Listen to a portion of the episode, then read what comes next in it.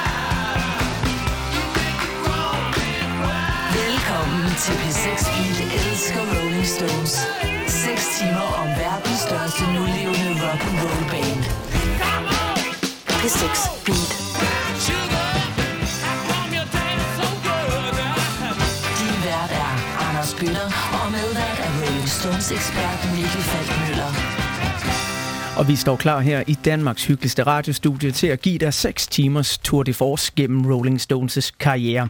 Rigtig hjertelig god formiddag og velkommen til P6 Speed elsker Rolling Stones. Vi skal i dag hylde den evige ungdom, sex, drugs and rock and roll. Med andre ord, vi skal være sammen med rullestenene. Mit navn det er Anders Bøtter, og min medvært i de næste 6 timer, det er Mikkel Falk Møller. Hjertelig velkommen til, Mikkel. Mange tak, Anders. Er du øh, tanket med kaffe og klar til øh, den her øh, store udfordring, som øh, vi skal igennem nu? Det er, jeg står med, med frisk kaffe her, lige landet fra Japan, og har Rolling Stones i hovedet, så det er skønt det hele. Mikkel, du er musikjournalist og har udover dit øh, arbejde her på DR blandt andet skrevet for magasiner som Gaffa og Soundvenue, og du har siddet i redaktioner til øh, forskellige rockleksikon og så videre. Du har set Rolling Stones intet mindre end 13 gange. Mm-hmm. Og vi skal lige have fastslået, hvor, hvor, hvor gammel er det, du er nu? 37. 37, og du har set den 13 gange. Ja. Jeg har set Rolling Stones en gang. Der var jeg 17 år gammel, og det er sådan mit største Stones øjeblik, kan man mm. vist roligt sige. Jeg ved, at du øh, har mødt bandet. Er det dit største øjeblik med Rolling Stones, eller er der et andet? Altså, jeg vil sige, øh, der er selvfølgelig en, en del, men det her med at møde bandet, der kan det ikke blive større. Altså, det er nok det, det vildeste, jeg har prøvet, og jeg havde så meget gelé i benene, øh, inden bandet kom ind i, i det her lille lokale, inden de skulle spille i parken i 2007. Øh, jeg stod så nærmest og, og hyperventilerede, øh, og var helt oppe i, i det røde felt, så det var, det var klart øh, det største, jeg har prøvet. Jeg var så heldig at øh, blive inviteret af pladeselskabet EMI, øh, fordi at på det tidspunkt, der arbejdede jeg på P3 som vært, og der var jeg nok det eneste, der spillede øh, Rolling Stones meget imod øh, musikchefen, øh, så, som ikke var så glad for det. Men i hvert fald så havde de opdaget, at jeg spillede meget Rolling Stones, og så blev jeg inviteret med ind og møde dem, øh, inden de skulle spille øh, koncerten i parken. Øh, og det var jo kæmpestort, og øh, jeg er især stor øh, fan af Keith Richards, guitaristen. Øh, så da han kom ind, så kunne jeg altså ikke være med at, at nærmest sådan hop, hoppe op på ham og, øh, og give ham en krammer, og så sige, Keith, I love you. Og så Keith, han stod med solbriller og hat og smøg, og så stod han bare, og øh, så gav jeg ham bare en krammer. Det var Så fantastisk. han, han tog godt imod dig. Det gjorde han, det gjorde han. Også de andre, altså de var søde alle sammen, og Mick Jagger var lidt mere reserveret, der fik man sådan lidt et halsslattent øh, håndtryk, men, øh, men en, øh, en, sød, en sød og rar mand, og øh, faktisk så så de sådan lidt mere almindelige ud, når man så dem face to face, end øh, når man ser billeder af dem, hvor det kan se meget, meget havet ud. Jeg er glad for din øh, entusiasme her. Den skal vi nok få brug for i løbet af de næste 6 timer, Mikkel. Dermed hjertelig velkommen til P6 Beat, elsker Rolling Stones. Vi øh, fortsætter, hvor det hele startede. Det her, det er nummeret Come On.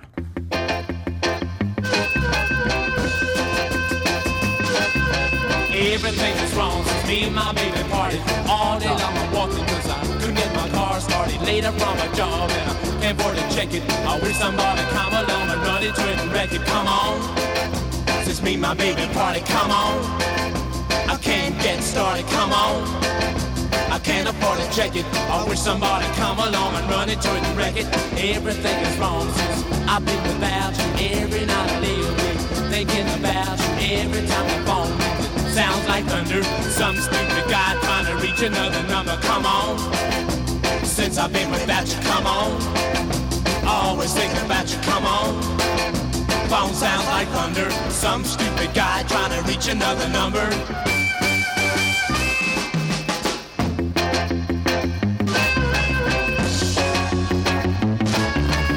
Everything is wrong since I last saw you, baby. Really wanna see you and don't mean maybe. I'm doing everything trying to make you see that I belong to you, honey. You belong to me. Uh, Come on. I wanna see you, baby. Come on. I don't mean maybe. Come on. I'm trying to make you see that I belong to you and you belong to me. Uh, Come on. I gotta see you, baby. Come on. I don't mean maybe. Come on. I've gotta make you see that I belong to you and you belong to me. And come on, come on, come on, come on. Fra de glade, uskyldige dage. Det her, det var den første single, som Rolling Stones nogensinde udgav. Come On. Du kan også byde ind med din Rolling Stones-historie her i P6 Beat Elsker Rolling Stones. Det er som altid, når vi sender P6 Beat Elsker. Du skal være med. Det skal du ind på vores Facebook-side. Find P6 Beat. Du skal fortælle os, om du har mødt Stones, ligesom Mikkel har, om du har været til koncert med dem, hvor det var ekstra memorabelt. Du kan sende billeder ind til os, og så kan du selvfølgelig også byde ind med dine top 3 Rolling Stones favoritter. Det foregår inde på vores Facebook, som sagt, og på sms. Skriv en sms til 1212 P6 mellemrum, og så din besked eller dine tre yndlingsnumre. Mikkel, nu fik jeg jo lige præsenteret dig kort her øh, lige før, og øh, du er som sagt øh, 37 år, men har fulgt det her band igennem øh, ja, det meste af dit liv. Ikke? Mm. Og øh, jeg kunne godt øh, tænke mig at høre, når man nu er 37, så falder du så øh, for Rolling Stones som en ung teenager på dit værelse i Aarhus, på et tidspunkt, hvor bandet vel ikke sådan er, er på sit allerhøjeste. Kan du huske, hvorfor du faldt for dem? Hvor, hvorfor var det, det var fedt dengang? Ja, altså for det første så er jeg jo sådan lidt flasket op med dem, kan jeg sige, fordi mine forældre, øh, gamle hippier som de er, øh, havde en ordentlig pladesamling med en masse Stones-albums, øh, så der gik jeg på strand, strandhugst, eller hvad det hedder, øh, da jeg var ung, øh, eller ung teenager, og, og for, ja, øh, fra omkring 10-11 år. Jeg synes, det var meget spændende at både at høre og kigge på de her øh, fascinerende pladecovers. Øh, det var jeg sådan selv sådan fandt ud af, at de faktisk stadig eksisterede. Øh, det var sådan, da jeg var 14 år, fordi der øh, skulle Rolling Stones ud på deres første turné i 8 år. Det var i... Øh, i 1990, øh, de havde udgivet Steel Wheels albumet, deres comeback album i 89, hvor de var på en kæmpestor tu- turné i USA. Og i 1990 så rykkede de den turné til Europa, som hed Urban Jungle. Der skulle de spille i det, dengang, der hed Idrætsparken i København i 1990. Øh, og det var altså en kæmpe stor begivenhed. Jeg kan huske blandt andet H&M havde sådan en særlig Stones tøj-kollektion, og alle snakkede om Stones hele tiden. Øhm, så der var de faktisk på alles læber, selvom de på det tidspunkt også blev udråbt som nogle øh, fuldstændig elgamle dinosaurer. Men du voksede jo så op på et tidspunkt, hvor Rolling Stones får et øh, tiltrængt comeback, kan man sige. Og jeg kan huske dem fra 90'erne, fordi de kom og gæstede det, der dengang hed Idrætsparken, og jeg var til koncert derinde. Men hvad med den dag i dag? Altså, fordi man kan sige, jo jo, øh, vi sender jo også 6 timer her, fordi de kommer på Roskilde Festival, og fordi de er et af de største rockbands. Men er der stadigvæk unge mennesker, der hører dem den dag i dag? Det er der. Det sjove med Rolling Stones, det er, at de på en eller anden måde har formået sådan at, at at bibeholde deres gamle fans, samtidig med, at de altid har formået at få nye fans. Øh, så i dag, når man tager til Stones-koncert, så er det altså øh, alle generationer, som tager ind og ser dem, og det er familiebegivenheder. Sidste år var jeg blandt andet over at se dem i, i London i Hyde Park med min far, som er 65, og min lille søster, som er 16. Så der var vi altså også nærmest tre generationer afsted, og nogle var altså nærmest fem generationer afsted. Og når jeg har rejst rundt i verden, øh, så går jeg jo også altid lidt på udkig efter, om øh, hvor store Stones er. Øh, sidste år var jeg i Argentina, og der er de kæmpe, kæmpe store. Der er det som om, det er et nyt band. Øh, folk render rundt i t-shirts med Stones, øh, unge folk, øh, teenager og folk i 20'erne. Øh, og jeg kigger smilede en aften på vej i byen, fordi altså, der var altså fem bar, der jeg gik igennem Buenos Aires, hvor de altså blæste ud med Stones-nummer, som om, at det var et eller andet nyt band, der lå på hitlisterne alle steder. det er fantastisk at høre. Ja. Jeg har bedt dig om at øh, vælge et nummer her i P6 Beat Elsker Rolling Stones, som ligesom opsummerer bandet, fordi der er jo så mange numre, og der sidder sikkert rigtig mange lyttere derude, som har lige præcis deres favorit. Og vi kommer rundt om en hel masse her i dag. Vi kan ikke nå at spille det hele, det kan simpelthen ikke lade sig gøre. Desværre. Vi kunne også godt lave en 6 timers greatest hits, hvis det var det, vi ville. Men du har valgt nummeret, der hedder Get Off of My Cloud. Det er fra 1965. Det er altså et nummer, som er næsten 50 år gammelt. Hvorfor er det lige det nummer, som øh, du synes opsummerer Rolling Stones?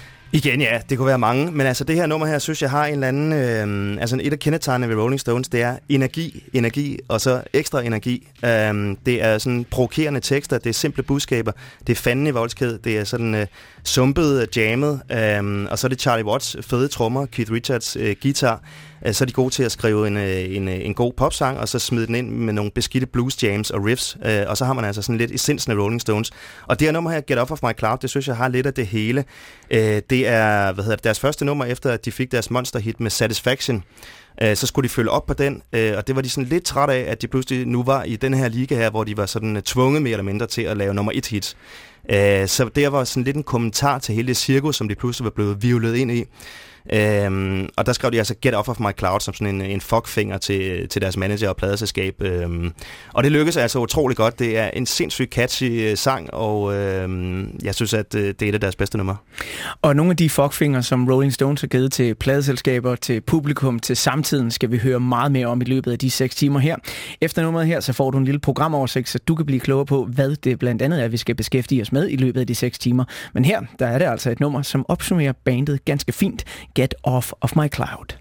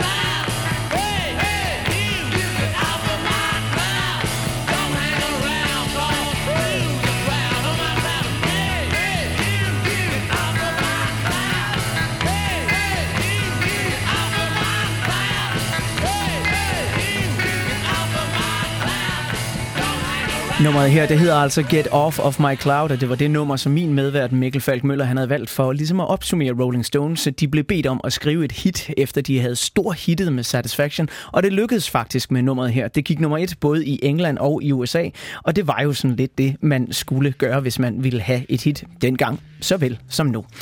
Vi skal øh, have en lille programoversigt over de næste 6 timer her i øh, P6 Beat Elsker Rolling Stones. Først og fremmest, så skal du huske, at du skal være med til at præge programmet. Det skal du ved at gå ind på vores Facebook, uploade dit Rolling Stones-billede. Du skal byde ind til vores Rolling Stones top 10, som vi tager i den aller sidste time. Du kan vælge tre yndlingsnumre og kun tre ind på vores Facebook. Du kan også prøve at sende en sms til 1212. Skriv P6 mellemrum og så din Rolling Stones historie. Vi kan allerede nu sige jo, som øh, jeg også var inde på før, at vi ikke kan nå alt om Rolling Stones. Men vi skal prøve at nå det vigtigste, det mest interessante og det sjoveste om Rolling Stones her i 2014. Og så skal vi rundt om al musikken. Vi har igennem den seneste tid efterlyst seks danske teenager, der i 1965 stillede spørgsmål til Rolling Stones. Hvordan det er gået med den efterlysning, det kan du høre senere. Vi har også sat tre ord på Stones for at prøve at beskrive dem.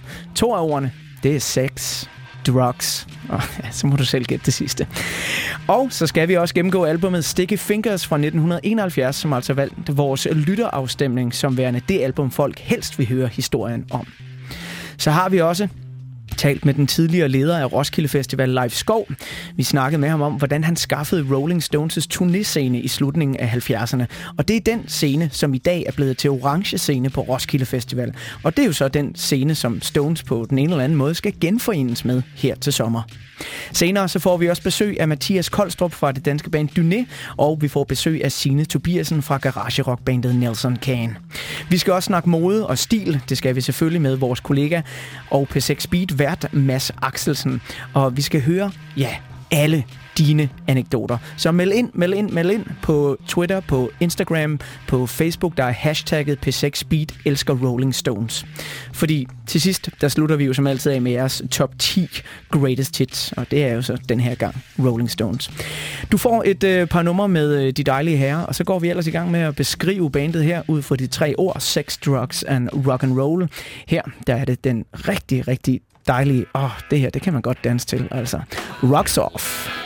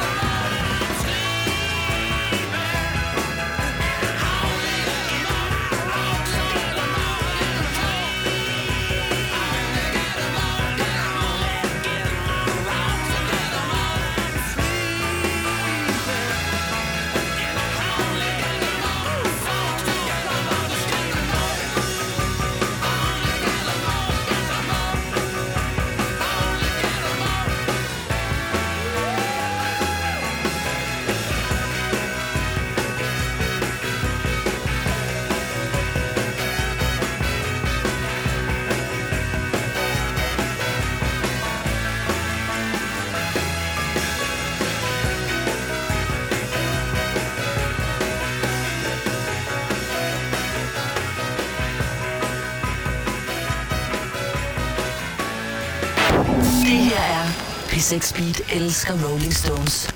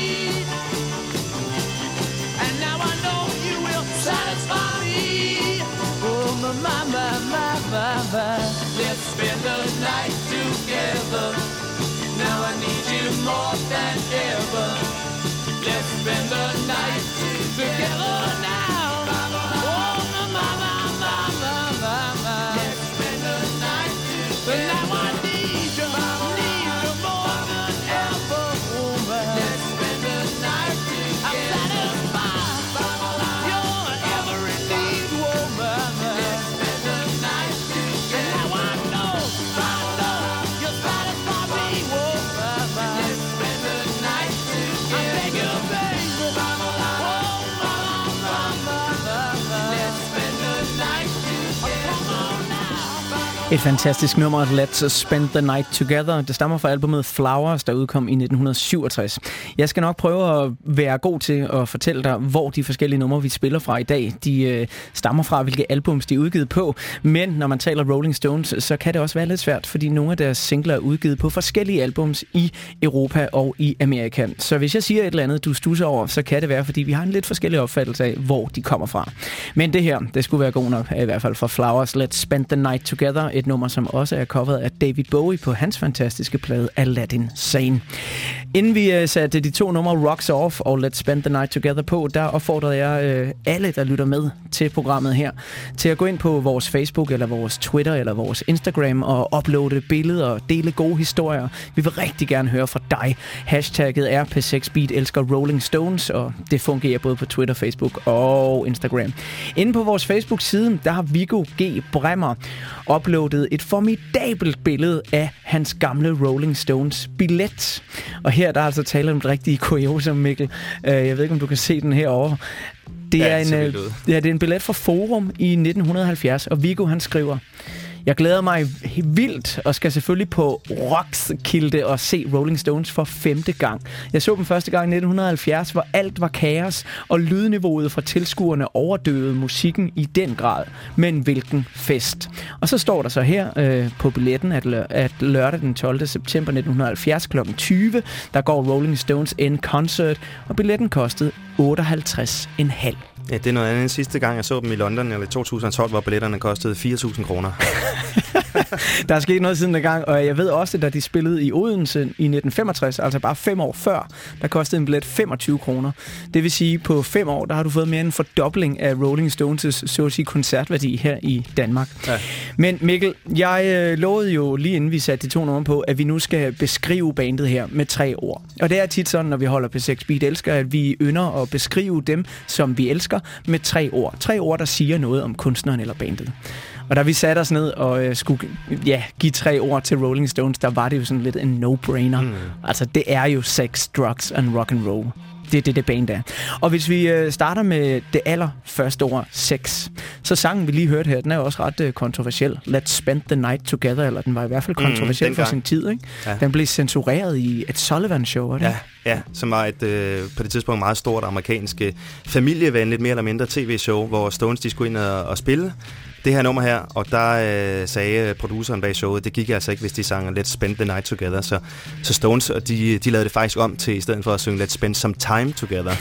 Hvad der var sådan lidt, synes jeg, lidt svagt af Stones, men ja. ellers var de altså ikke blevet spillet på programmet. Nej, det, og det var det, som øh, senere The Doors lærte af, og ikke lod censurere. Nå, mm. men altså det første ord i sætningen, det er jo sex. Og jeg har sådan luret lidt på, Mikkel, hvis det her program nu havde handlet om The Beatles, så havde det første ord måske i virkeligheden været kærlighed, altså love. Hvorfor er sex så vigtigt et ord, når man snakker om The Rolling Stones? Ja, altså nu nævner du lige Beatles, og de, de hittede jo altså med sådan nogle mere uskyldige sange. I Wanna Hold Your Hand var et af deres store hits, øh, mens øh, Stones havde sang Let's Spend the Night Together, eller, eller endnu værre. Uh, I Just Wanna Make Love To You, som de også sang i en af deres tidlige uh, hitsingler. Og der skal man lige huske på, altså, at uh, i denne her tid her, der var England altså meget boneret. Altså, det var sådan lidt efterkrigstid uh, præget, og uh, øh, konservativt, og øh, der var de altså ikke vant til, at man bare sådan øh, sang om sine lyster i fuld offentlighed. Hvis man gjorde det, så var det inden for, for, for husets fire vægge, hvis man overhovedet udlevede sine lyster der. Og der var Stones altså meget kontroversielle og sang om, at øh, de altså bare ville øh, i seng med, øh, med pigerne og, øh, og ud og fyre den af og get your rocks off og så videre. Øh, så på den måde, så, øh, så var Rolling Stones altså et af de første bands, der sådan eksplicit øh, gik op i at synge direkte om øh, den menneskelige seksualitet og, lyster og drifter. Og det slap altså en hel masse kræfter løs i, i datidens ungdom, som man bestemt ikke var vant til på det tidspunkt i, i England eller i USA. Ja, vel nogle kræfter, man bestemt ikke havde lyst til at beskæftige sig med et offentligt rum. Helt sikkert, altså det var meget kontroversielt, og, og autoriteterne på det tidspunkt, de, de formelle autoriteter i samfundet, de prøvede at gøre, at gøre hvad de kunne for at, og, og nedbryde uh, Stones, altså, og, og de kunne heller ikke lide til koncerterne, hvor pigerne de stod og vinede og skrålede, og, og faktisk blev så hysteriske og ophidsede, at de nogle gange tissede i bukserne under koncerterne, men, mens drengene kom op og slås med politiet i stedet for. Det, var, det, det, var sådan nogle, det var sådan nogle, sådan nogle drifter, som man ikke havde set før. Ja. Nu øh, lidt øh, senere, så øh, skal vi dykke lidt ned i arkiverne og høre, hvordan det blandt andet lød 1965, da nogle fans blev interviewet. Der kan man især også høre tidsbilledet, hvor bonert det er. Nummeret, jeg har valgt til at beskrive sex, og jeg håber, du er enig. Det er så ikke helt fra den tidlige tid. Det er fra Some Girls, der blev udgivet i 1978, ja. så vidt jeg husker. Ja. Men øh, inden jeg sætter nummeret på, helt kort, der er lige den der ene sætning, man skal hæfte sig ved i Some Girls. Hvordan er det nu, den går? Jamen altså, det er jo titelnummeret for deres album fra 78, øhm, og der, der synger den gode Mick Jagger jo på et tidspunkt en linje, hvor, øhm, øh, som, som handler om, hvor han ramser en hel masse forskellige piger op, øh, kinesiske piger, hvide piger osv., og så, og så når han kommer til de sorte piger, så synger han, at øh, black girls just wanna get fucked all night, og det var en kæmpe provokation af en gang. Og det er det måske stadig det det her stadig. i din radio. Some Girls af Rolling Stones.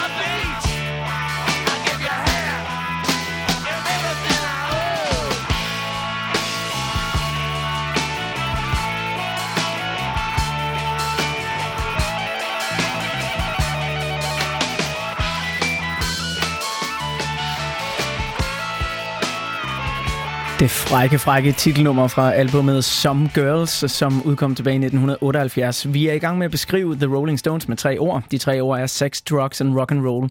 Og Mikkel, lige om lidt, så skal vi til drugs, men vi skal lige have rundet sex der til allersidst. Fordi nu, øh, mens øh, nummeret her, der står spillet, så øh, kommer vi jo i tanke om den her lille historie, der er med en eller anden berømt sexscene. Er det mellem Mick Jagger og Keith Richards' kæreste, eller er det ja, omvendt? Det, det er rigtigt. Det var en øh, sådan lidt art-kunstfilm, øh, der skulle indspilles i, øh, i slut 60'erne øh, hvor Mick Jagger øh, og Keith Richards øh, daværende kæreste Anita Pannenberg var blevet hyret til at spille hovedrollerne. Og øh, der, skulle altså den, der skulle den altså have fuld hammer med, med nøgenscener og eksplicite sexscener mellem de her to, øh, Jagger og, og Keiths kæreste. Keith øh, siger, siger sig selv, var ikke meget begejstret for, at hun skulle altså have hovedrollen i denne her film her. Fordi hun havde altså så, viste sig så, altid haft et godt øje til Jagger. Oh, no. Og jeg kan lige tilføje, at faktisk var hun kærester med Brian Jones, før hun blev kærester med Keith Richards. Så hun oh. har været hele vejen rundt i Stones-lejren. Og det er ret typisk for det band, men det kan vi snakke om senere. Uh, men i hvert fald så skulle de indspille den her film her, øh, og det viser sig selvfølgelig, at den var for øh, skandaløs og kontroversiel, øh, så den blev altså først, øh, blev først udgivet nogle år senere. Men øh, så gjorde han det, den gode instruktør øh, slash producer, han, øh, han klippede altså noget, øh, nogle af de her seks scener ud øh, til cirka 30 minutter, og så sendte den ned til en øh, pornofilmfestival i Amsterdam, hvor pornoen lige var blevet frigivet, og der vandt den her film altså så en pris som bedste pornofilm. så Mick Jagger, han er altså også pornostjerne. Uh, det, altså, det, det undrer det nogen, skulle jeg til at sige. Ikke rigtigt. Det næste ord, som vi skal til, øh, som sagt, at beskrive Rolling Stones, det er drugs, eller bare stoffer.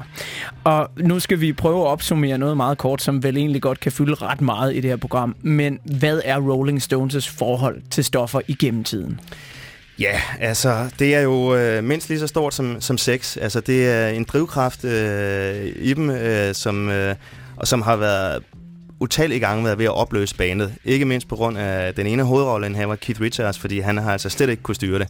Og i de senere år har det været den anden guitarist, Ronnie Wood, som bestemt heller ikke har kunne styre hans, øh, hans hverken druk eller stofmisbrug.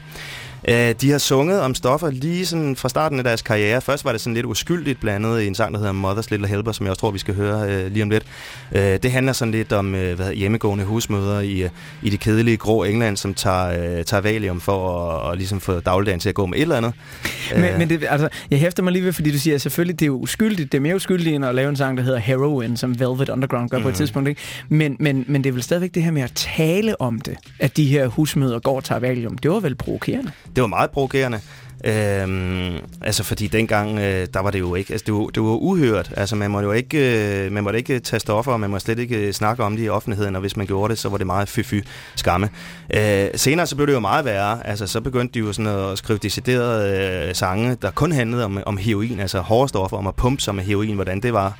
Øh, de har jo haft næsen øh, ned i alt, altså alt hvad der findes. Keith Richards, han blev jo kaldt det, det menneskelige laboratorium, fordi han har taget så mange stoffer, og han var fulltime øh, narkoman narkoman i 10 år. Øhm, og alle i bandet har været inde og ude af stoffer, bortset måske fra Charlie Watts, som så havde en periode i 80'erne, hvor de andre var stoppet. Og senere har der været Ronnie Wood, som indtil helt for nylig har været på utallige afhængighedsklinikker. Så det er utroligt, at de, at de har overlevet og stadigvæk øh, kan stå. Og de har skrevet sange om det øh, lige fra start til slut, og de, de, de nævner stadigvæk drugs i deres sange, så det er en kæmpe drivkraft for dem. Og noget af den drivkraft skal vi altså høre her, som sagt øh, på nummeret fra 1978, Mother's Little Helper. What a drag it is getting old.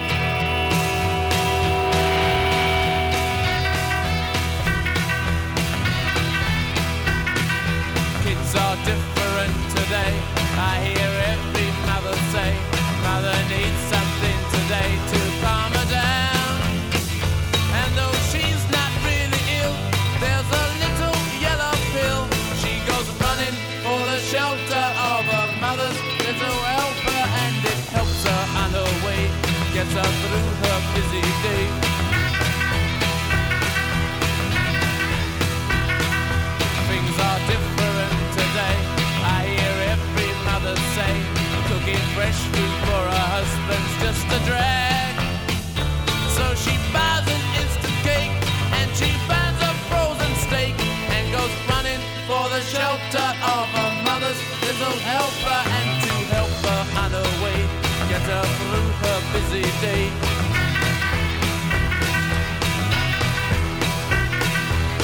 Doctor, please,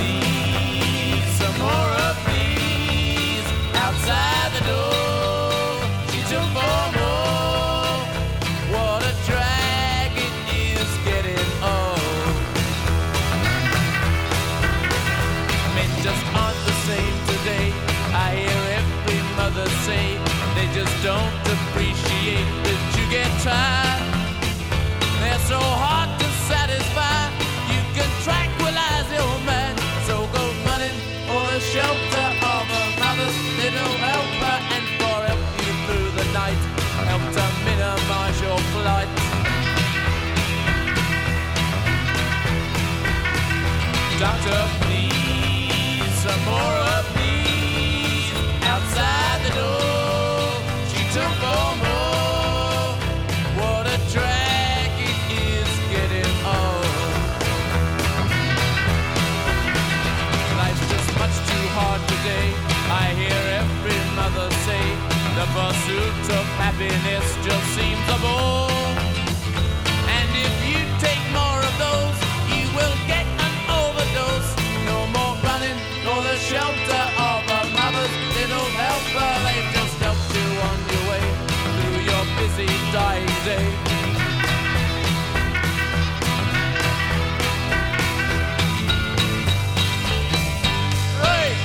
Fra albumet Aftermath fik du her historien om mødre, husmødre, der går derhjemme og tager Valium, Mother's Little Helper. Og øh, det var jo så det andet ord, drugs, altså stoffer, ikke Mikkel?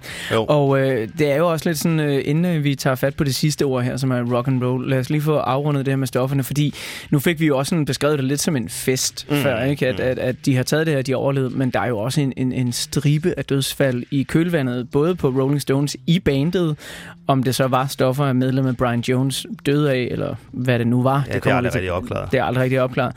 Men, men altså, de har vel også inspireret folk til, til at tage stoffer? I den grad, altså fordi uh, Rolling Stones har jo også været idoler og forbilleder og rollemodeller for, for mange, som de har arbejdet sammen med og kendt. Og, og, og i og med det her med, at det har set så sjovt og festligt ud, at de har haft det så fedt, så har uh, andre jo også gerne vil tage stoffer og være en del af det her, især hvor, hvor man prøvede at, at leve op til Keith Richards eskapader.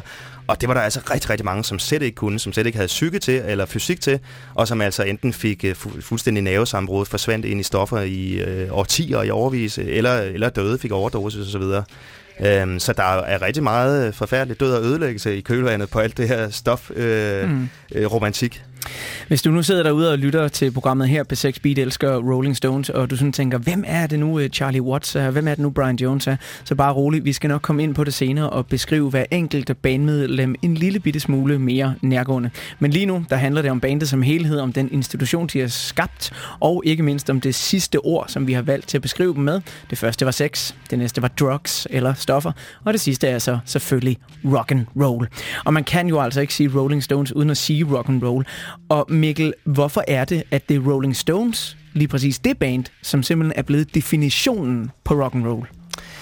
Det er jo lidt, øh, det er jo lidt underligt begreb, det her rock and roll. Altså, fordi øh, er, det, er det musik, eller er det sådan en livsstil, eller hvad er det egentlig? I dag, der bliver man jo brugt sådan meget som sådan en reference til at være rock and roll. Det er rock and roll, så er man sådan en superstjerne, så lever man sådan i, op i de højere luftlag og har det skide sjovt hele tiden. Øh, og det har Rolling Stones jo bestemt også gjort i, i de sidste 50 år. Øh, Keith Richards, han har engang sagt, uh, Mick is rock, I'm roll. Uh, og det kan måske sådan, uh, det kan måske sådan uh, beskrives lidt ved, at uh, Mick han er sådan lidt mere den kontrollerede, der er stenen, holdepunktet i, i Stones, mens Keith han er sådan en mere flabolerende type, der, der ruller rundt og, og, og er mere impulsiv. Um, men altså, rock and roll, det er jo det er jo de gamle 50'er rock and roller, altså Jerry Lewis, Little Richard, Chuck Berry, øh, Elvis og så videre, som, øh, som definerede rock and roll, Buddy Holly og så videre. Øh, og dem elskede Stones, det var noget, de hørte, da de var teenage-drenge. Og så øh, forfinede de denne her sorte rock and roll kombineret med blues, øh, sydstats blues fra USA, Muddy Waters, Robert Johnson, øh, Willie Dixon. Øh, og så lavede de deres egen version ved at, øh, at sy de her elementer sammen til øh, en hvid britisk R&B rock and roll, som, øh, så, hvor de fik deres egen stil. Øhm, og den stil, den hittede altså så stort, og er siden blevet rollemodel for, hvordan man skærer en, øh, en rocksang i dag. Og det er der rigtig, rigtig mange eksempler på fra, fra bands lige fra den gang op til punktiden til helt nye rockbands. Øhm, så på den måde kan man sige, at de har defineret sådan musikgenren rock and roll. Selvfølgelig også sammen med nogle af de andre, hvor Beatles altså også var med, The Animals og The Kings og The Who og, og den her British Revolution fra fra midten af 60'erne. Mikkel, jeg står her med øh, en øh, gammel bog, der er udgivet i 1967 af forlaget Danpop fra Svendborg. Det er en bog, jeg har hugget af mine forældre. Og hvis man slår op under Rolling Stones, så øh, står der sådan set også. Ja, den er fin, den bog. Ja, den er fin, ikke? Der er sådan et spraglet hippiefarver, der er Meget noget pink og noget orange og så holdt det psykedelisk. Men øh, inden vi så hører rock and roll nummeret, så skal du lige høre, hvad, hvad den allerførste linje om The Rolling Stones i den her bog er, som altså er udgivet i 1967. The Rolling Stones er ikke så meget en gruppe, som det er en livsform.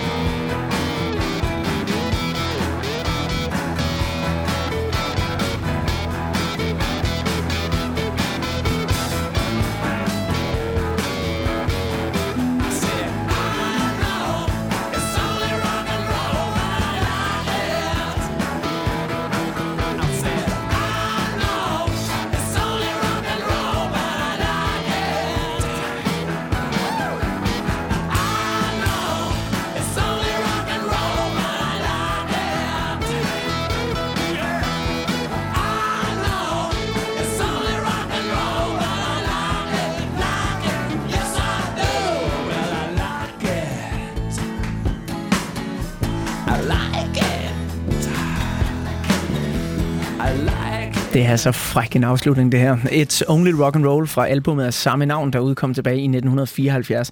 En øh, bestemt Stones favorit. Der er ikke så længe til, at øh, vi skal have en lille radiovis. På den anden side af den radiovis, der øh, får vi nogle dejlige gæster på besøg. Hvem det er, det kan du høre lige efter den her lille anekdote, som Peter Strunk han har delt med os på Facebook. Peder han skriver, i efteråret 89, der hørte jeg en sang i radioen med et fedt riff. Jeg fik ikke fat i navnet på hverken gruppe eller sang. Men gruppen var The Rolling Stones. For satan, er de ikke uddøde, tænkte jeg. Sangen var I Can't Get No Satisfaction. Jeg løb ned i den lokale Fona og nærmest råbte, jeg skal have alt, hvad I har med Rolling Stones. De havde så kun en tredobbelt CD-opsamling, The London Years. Den købte jeg, så stormede jeg hjem for at lytte. Da jeg var derhjemme, så fandt jeg så ud af, at jeg ikke havde en CD-afspiller. Så jeg måtte løbe ned i Fona og købe mig sådan et apparat. Og jeg stoppede ikke med at lytte, før jeg havde været igennem The London Years et par gange. Jeg var kort og godt solgt til Stones. Siden da er min kærlighed bare vokset og vokset, og jeg glæder mig som et svin til den 3. juli. Maybe the last time? Well, det tænkte jeg også i sommeren 1990, og jeg har stoppet med at tænke det. It's only rock and roll, but I like it. Frem øh, til øh, du får en øh, radiovis, så kan du lige høre lidt om, hvad øh, det er, vi skal i næste time. Vi får nemlig øh, gæster på besøg. Ude foran studiet, der står allerede Sine fra bandet Nelson Can. Det er et dejligt garage orkester som øh, hvis du ikke kender det, så øh, fortjener du virkelig at kende det.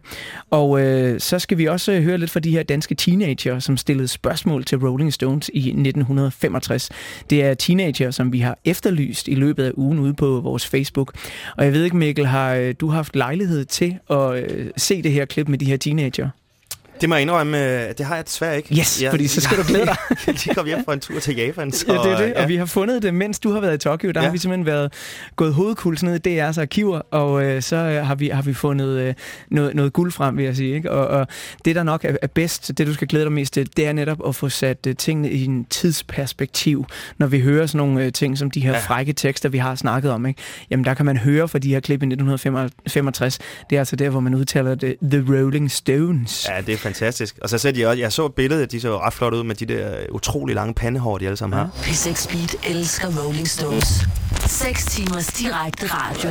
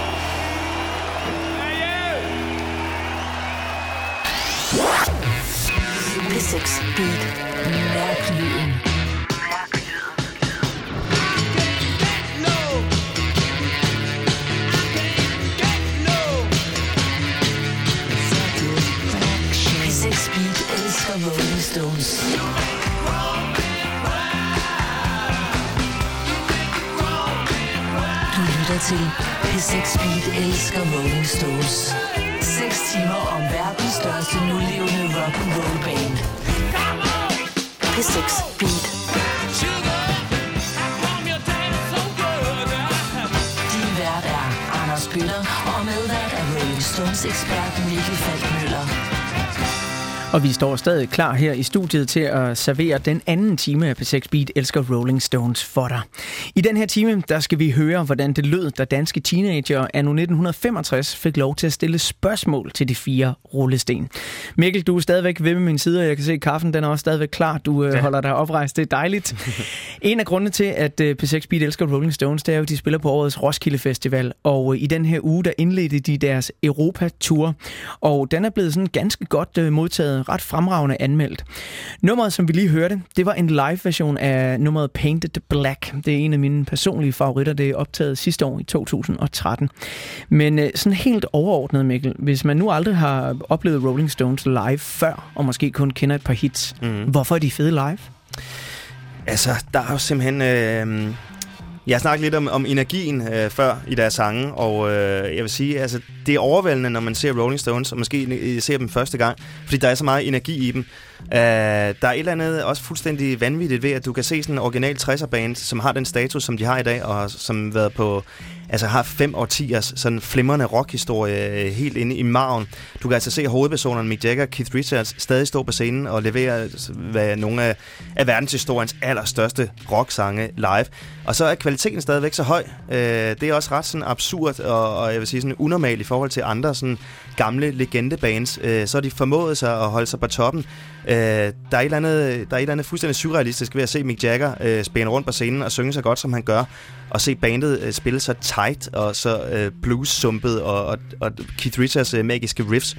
Øh, det er sådan en intakt øh, liveband på en eller anden måde, selvom de selvfølgelig også har nogle backup-musikere med, som de har haft øh, faktisk med i 25 år siden deres store comeback. Mikkel, du er jo øh, musikjournalist, 37 år gammel, og du har set dem 13 gange. Sådan lige on top of your head. Hvad er den bedste koncert, du har set med Rolling Stones?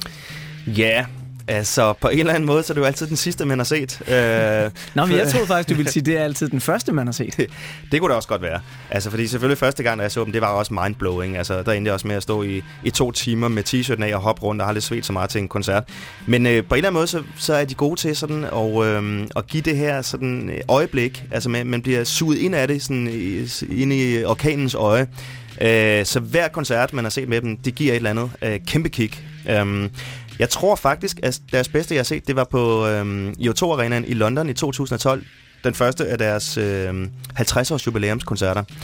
Øh, det var deres første koncert i fem år, så alle var sådan lidt sådan, hey, Øh, kan de overhovedet stadigvæk? Det har man jo sagt i 40 år cirka, ikke? øh, men her der var der nerverne måske ekstra, øh, ekstra store, fordi de ikke har spillet sammen i fem år. Men det kunne de altså, og øh, så var det altså også første gang, jeg har set bandet, hvor ingen af bandmedlemmerne har været på stoffer eller været øh, fordrukne.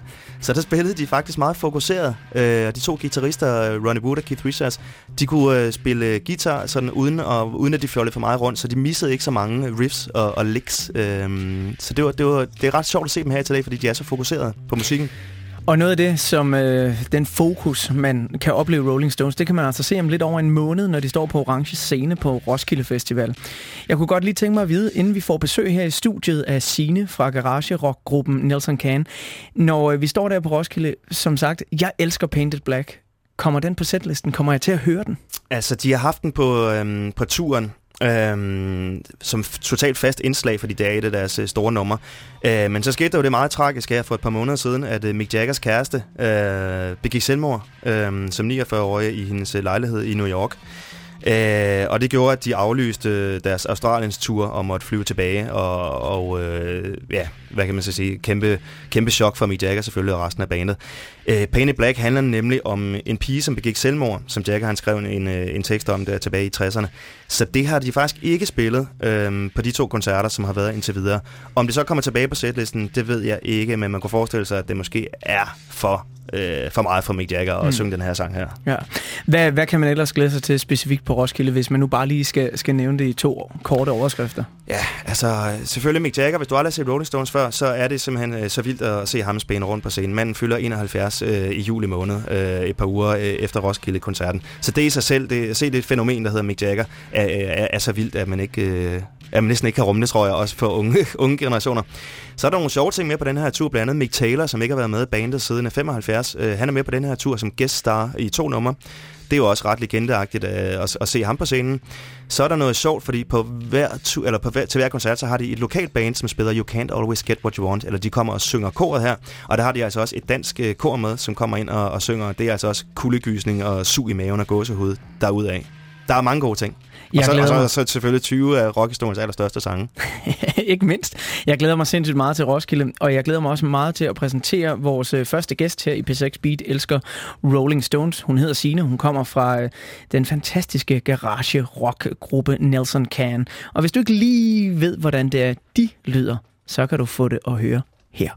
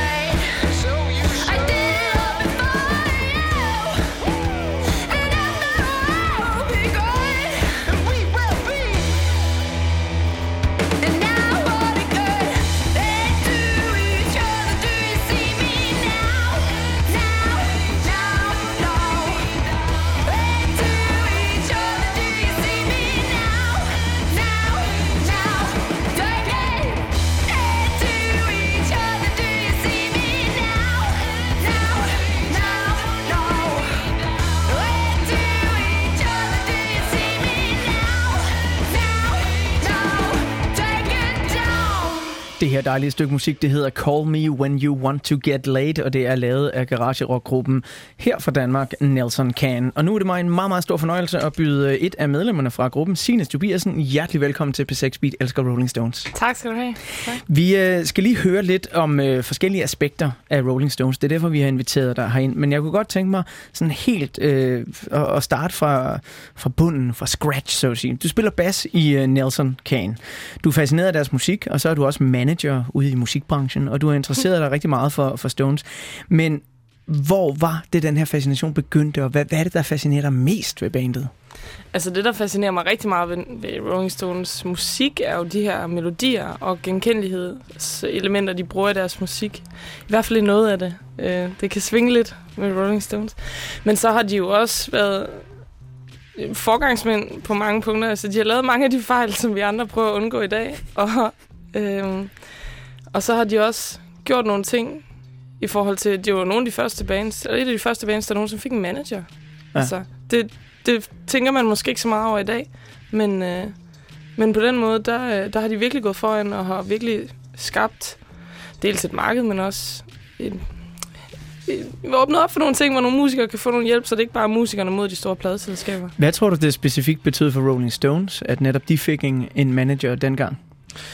Selvfølgelig har det betydet øget indtægt, og det gjorde jo, at han gik ind og netop forhandlede med nogle af de her pladeselskaber og sørgede for, at Rolling Stones fik nogle af de rettigheder til deres musik, som de ellers ikke havde, og fik noget mere selvbestemmelse.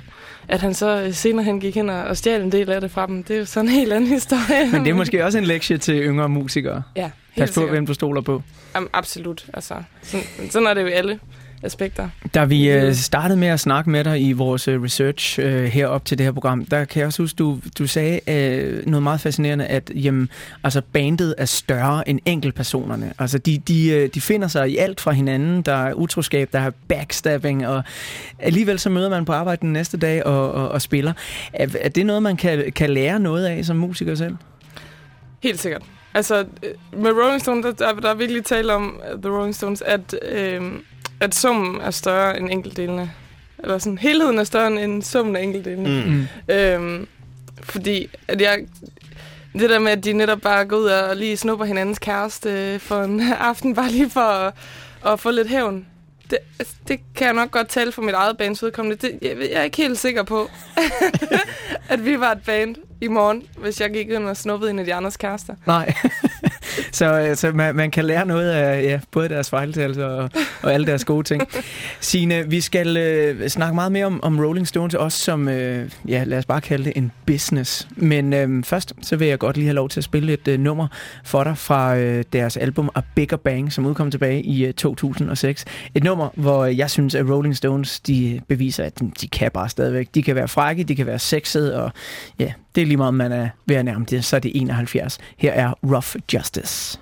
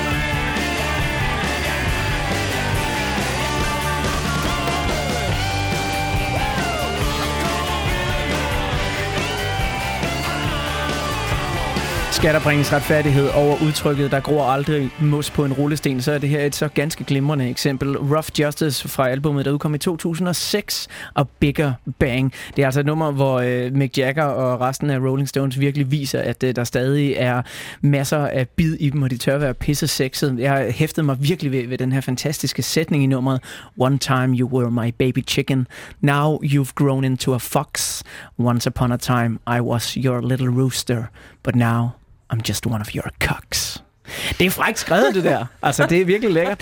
Som øh, man kan høre her i baggrunden, så har vi stadig besøg af Sine fra Nelson Can. Og øh, Sine, jeg synes lige, vi skal se lidt på, hvad Rolling Stones har betydet for selve musikbranchen. Vi var inde på det lige før, sådan med managers og så videre. Mm. Men øhm, jeg vil lige starte med at spille et lille klip for dig af et andet band. Det her, det er britiske The Verve.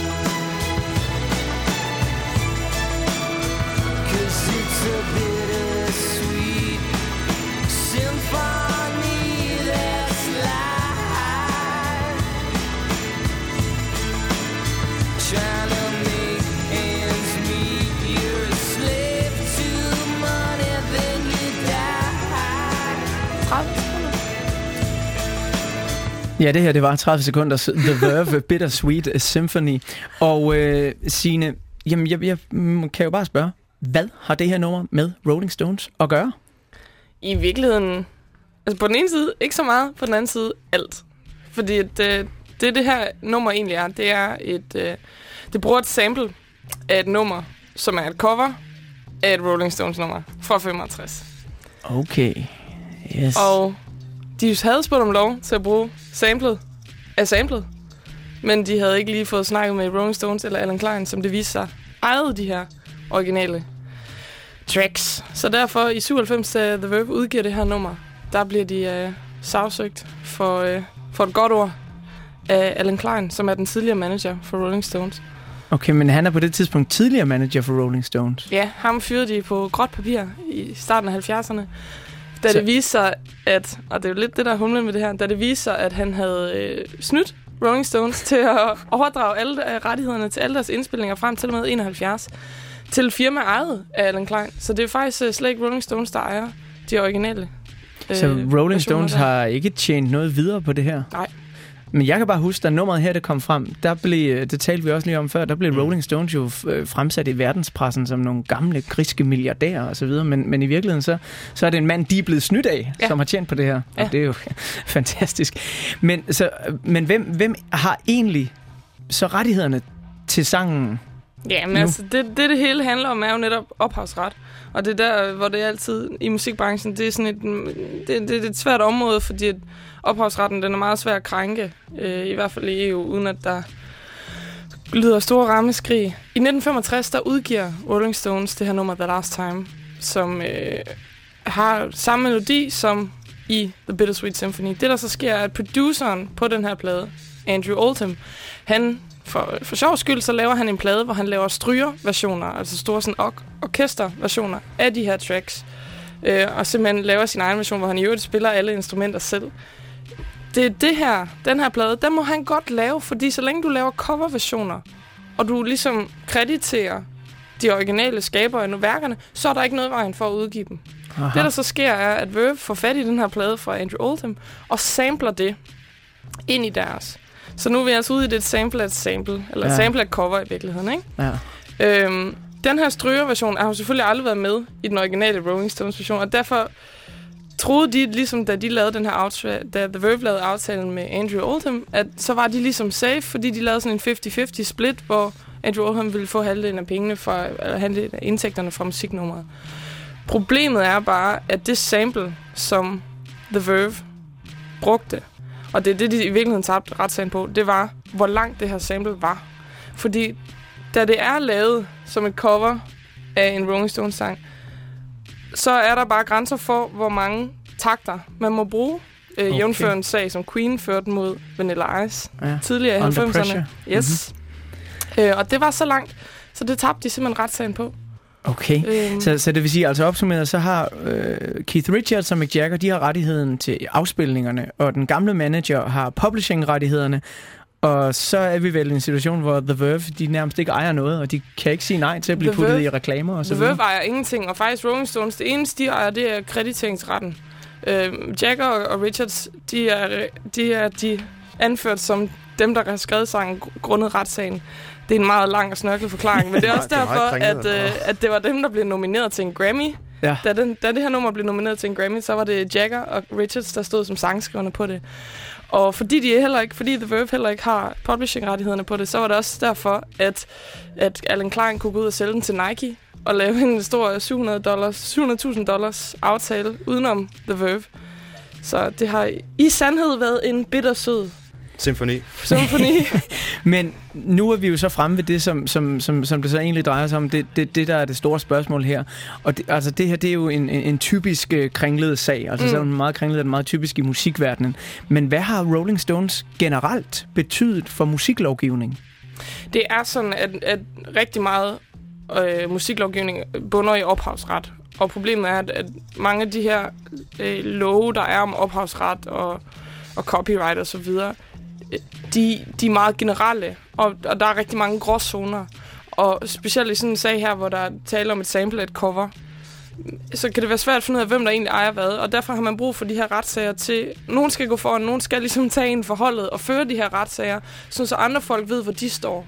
Ligesom at man... Præcedens. Præcedens, præcis. Altså ligesom den her sag, som der var mellem Queen og Vanilla Ice tidligere i 90'erne.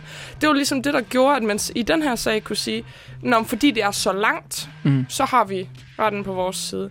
Så hele tiden, så, som de her sager kommer, så får folk en bedre forståelse af, hvor de står i forhold til lovgivningen. Så Stones, de har simpelthen dannet præcedens for, hvor meget man må sample af et nummer. Nej, Og- det var Queen, der gjorde det. Det var Queen, der gjorde det.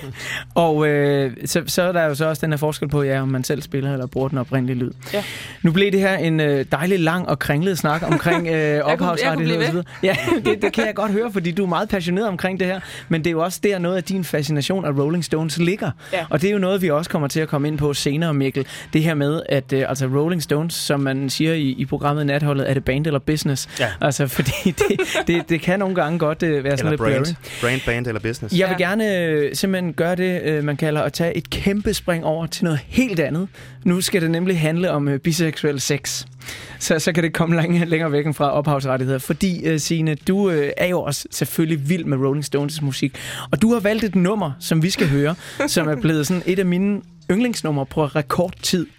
Ja. Jeg må bare slutte af med at spørge dig, hvorfor skal vi høre Cocksucker Blues? Jamen, det skal, det, jeg vil faktisk godt lige øh, dedikere den lidt til Maria, trommeslageren i vores band. Fordi at det var hende, der gjorde mig opmærksom på det. De skrev det her nummer, fordi at de var inde i en kontrakt med Decca, som de ikke uh, kunne komme ud af. De havde simpelthen skrevet sig op til et, et antal album, som de skulle udgive. Og uh, det havde de ikke lyst til, og så valgte de i stedet for at skrive nogle sange, som de var stensikre på, at Decca ikke havde lyst til at udgive. Og det her, det er altså et af dem. Og det øh, glimrende nummer, det øh, har vi fået med her i programmet på grund af dig, og derfor vil jeg gerne sige tusind tak, fordi du kom. Selv tak. Og tak for alle dine indspark om ophavsrettighed.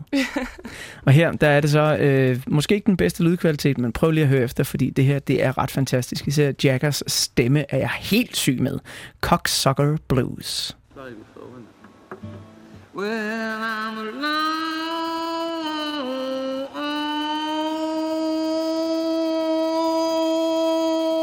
some schoolboy, and I just came into town.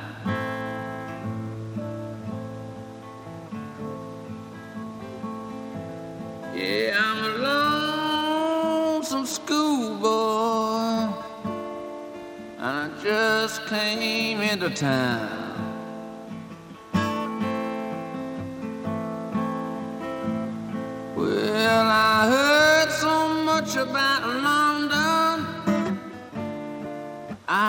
Decided to check it out.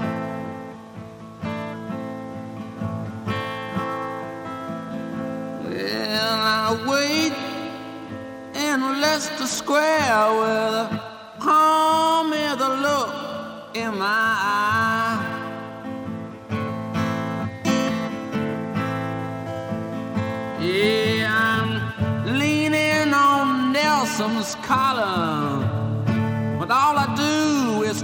to the line.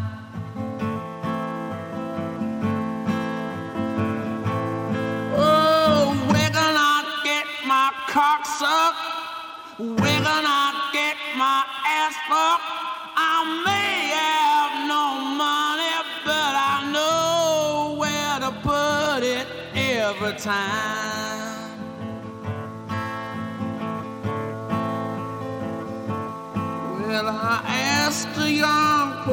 Policeman if it only locked me up for the night.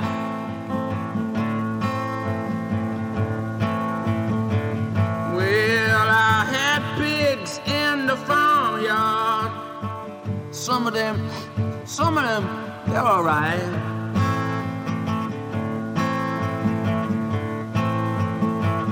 Well, he fucked me with his truncheon, his helmet was way too tight.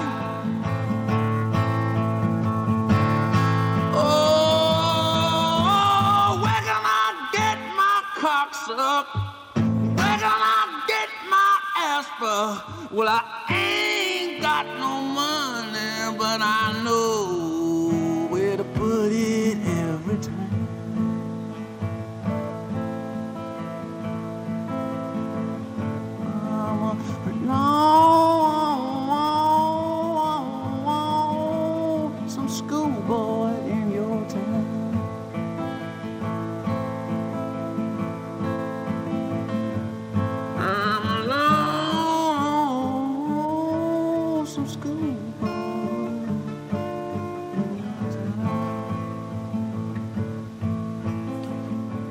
stykke Rolling Stones musikhistorie. Det her, det var Cocksucker Blues, et nummer, som uh, gruppen skrev, måske for at slippe fra pladeselskabet Decca.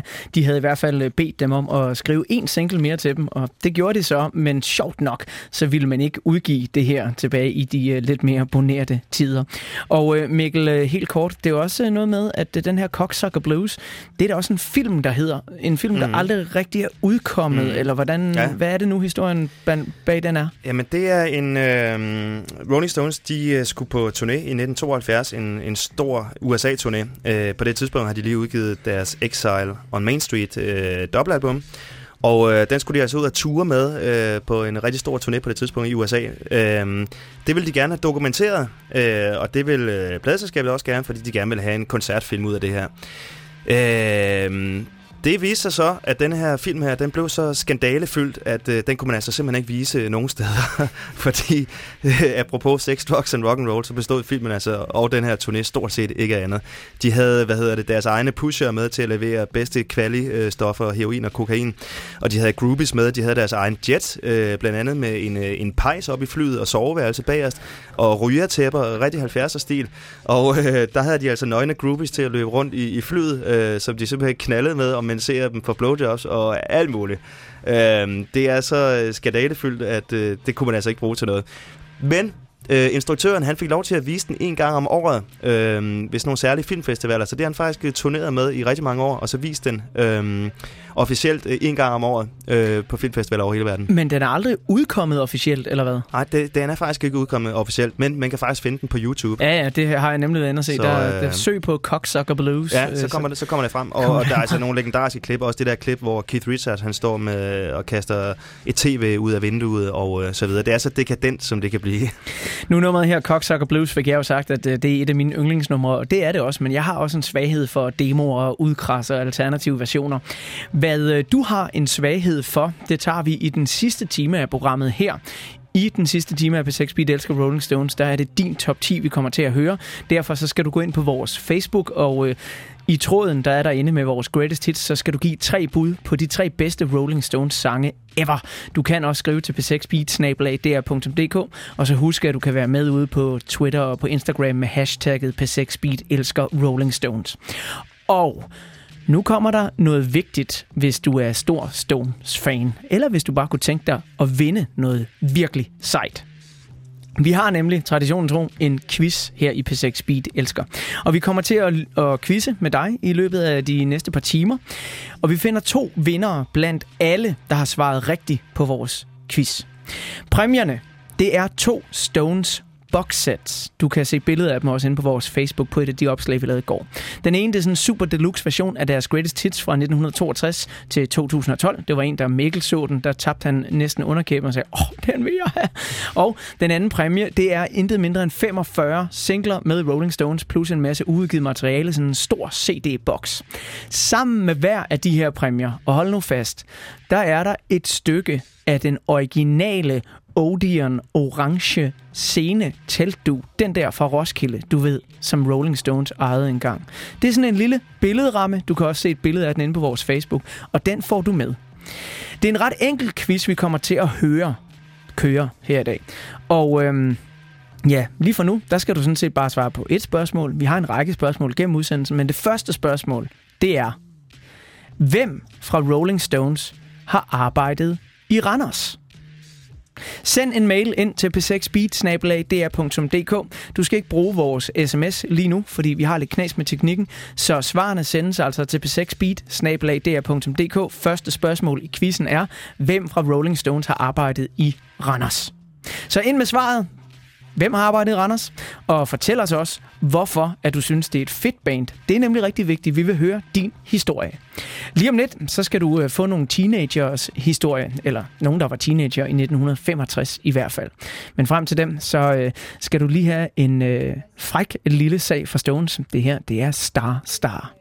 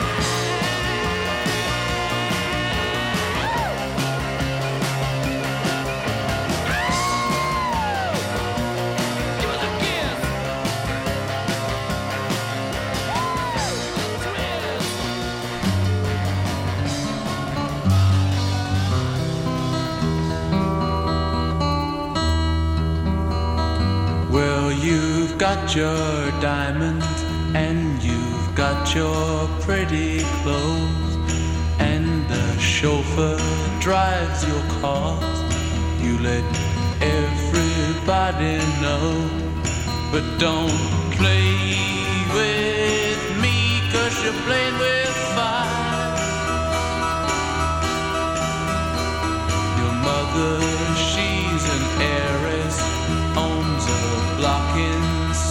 John's Wood, and your father be there with her if he only could. But don't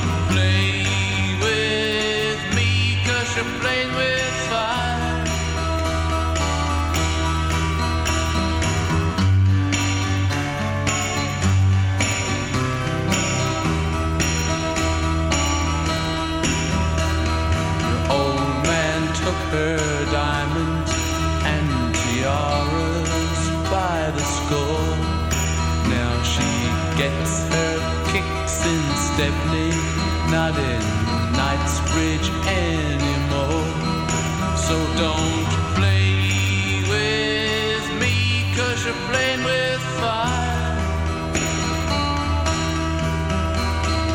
Now you've got some diamonds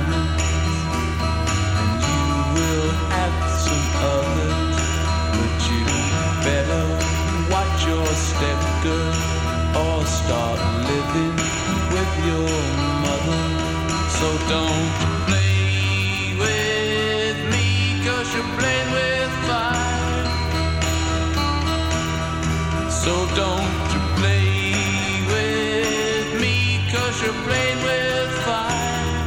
Det her meget, meget smukke nummer, det hedder Play With Fire, og det er blandt andet at finde på den singlebox, der blev udgivet, der hedder Rolling Stones Singles 1963 til 1965. En meget, meget anbefalesværdig box. Nu der øh, skal vi tage en tidsmaskine tilbage til 1965.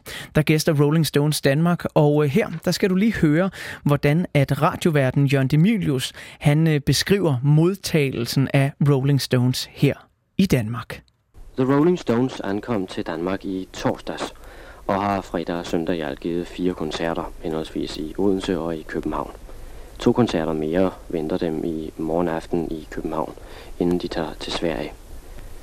Der var selvfølgelig en stormende velkomst til dem fra en masse af deres fans, som var mødt op i lufthavnen, og adskillige stod hele dagen foran deres hotel, bare for at få et enkelt glimt af dem. Og nogle af de teenager, som øh, gav en stormende velkomst til Rolling Stones, da de gæstede Danmark i 1965, dem øh, fik Danmarks Radio fat i dengang. De var som sagt meget, meget store fans af Rolling Stones, og det var i alt seks unge mennesker, som så fik muligheden for at stille en række spørgsmål til deres store idoler. Spørgsmål, som DR's øh, reporter så stillede videre til The Rolling Stones. Og vi har lavet en efterlysning af de her teenager. Men først, så synes jeg lige, at vi skal høre, hvordan det lød i 1965, når teenager stillede spørgsmål til Rolling Stones. Før vi møder Rolling Stones, har vi kaldt seks teenager heroppe på tagterrassen, for lige at høre, hvad ville I spørge de fem herrer om, hvis I havde lejlighed til at spørge og tale engelsk og alt muligt. Vi starter fra en af. Hvad siger du, Marie?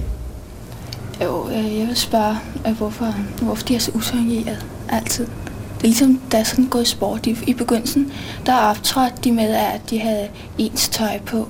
Men efterhånden, øh, sådan de er blevet berømt for, at de er så useriøse og ulækre, så gør, så øh, så gør de netop noget for at blive det. Jamen det, at du har lagt mærke til det, og alligevel står herinde for at modtage dem, har det så ikke gjort sin virkning, at de er anderledes end de andre, mere usundhed? Nej, ikke helt. Nej, måske noget.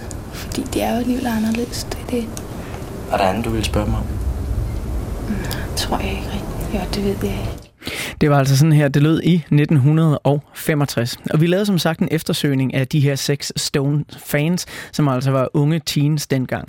Og vi har faktisk fundet frem til hele tre af dem. Og den ene af dem har jeg nu igennem på en telefon, og derfor så er det mig en stor glæde at byde hjertelig velkommen til Marie Kokke. Velkommen til P6 Beat Elsker Rolling Stones. Tak skal du have. Marie, du er 65 år i dag, og du er jo grangivligt nok kommet videre fra den her sådan lidt generte teenager, der sad på SAS-hotellet og stillede spørgsmål. Men øh, hvis du lige er med på at skrue tiden 49 år tilbage sammen med mig, og vi starter på øh, den her dag, hvordan endte du så egentlig med at sidde og stille de her spørgsmål til Stones? Jamen, øh, jeg var jo fan, øh, og øh, jeg havde sågar ligget i, øh, i kø for at få billetter. Øh, jeg havde overnattet for at få billetter til koncerten, for at få de bedste billetter billigst og så langt fremme som muligt. Og så var vi øh, en gruppe på fire i alt, pjekket fra skole, tog ind øh, for, for at se dem. Vi havde en af vores veninder havde set dem, øh, øh, havde mødt dem på SAS-hotellet sammen med sine forældre dagen i forvejen, og det var vi syge misundelse over. Så vi tog ind, og så var der et hav af piger rundt omkring, og også øh, drenge. Så vi vandrede lidt rundt for at se, om vi kunne komme øh, måske tættere på via en bagvej. Og øh, der mødte vi, så stod vi der, sådan en rigtig klynge teenager, som står helt tæt sammen og havde stort set samme tøj på og samme hår. Og så blev vi spurgt, om øh, vi ville interviews, og det sagde vi ja til. Og øh, så kom vi op. Først blev vi lovet, at vi måtte møde dem, men øh, det kom vi ikke til. Øh, vi, øh, vi, ja, vi, øh, vi kom så op og stillede de her spørgsmål, og som du kan se, så er vi noget benovet. ja, man kan også høre det på klippet, altså i, i sådan helt, ja, helt men jeg generte. kan, jeg kan genkende min egen stemme, og jeg er virkelig generet på det klip. Ja, det er jo dig, vi hører på, på, på klippet her. Ja, det er det. Men jeg ja. må jo lige høre, Marie, altså det siger sig selv, at øh, du er, eller var dengang i hvert fald, meget stor fan af Rolling Stones. Men hvordan var dit forhold til musik sådan helt generelt? Jo, men øh, det var ikke Stones alene, jeg var fan af. Jeg startede meget tidligt med at høre Muddy Waters og Sonny Boy Williamson. Jeg var meget optaget af musikken, den rytme og den kropslighed, der var i musikken.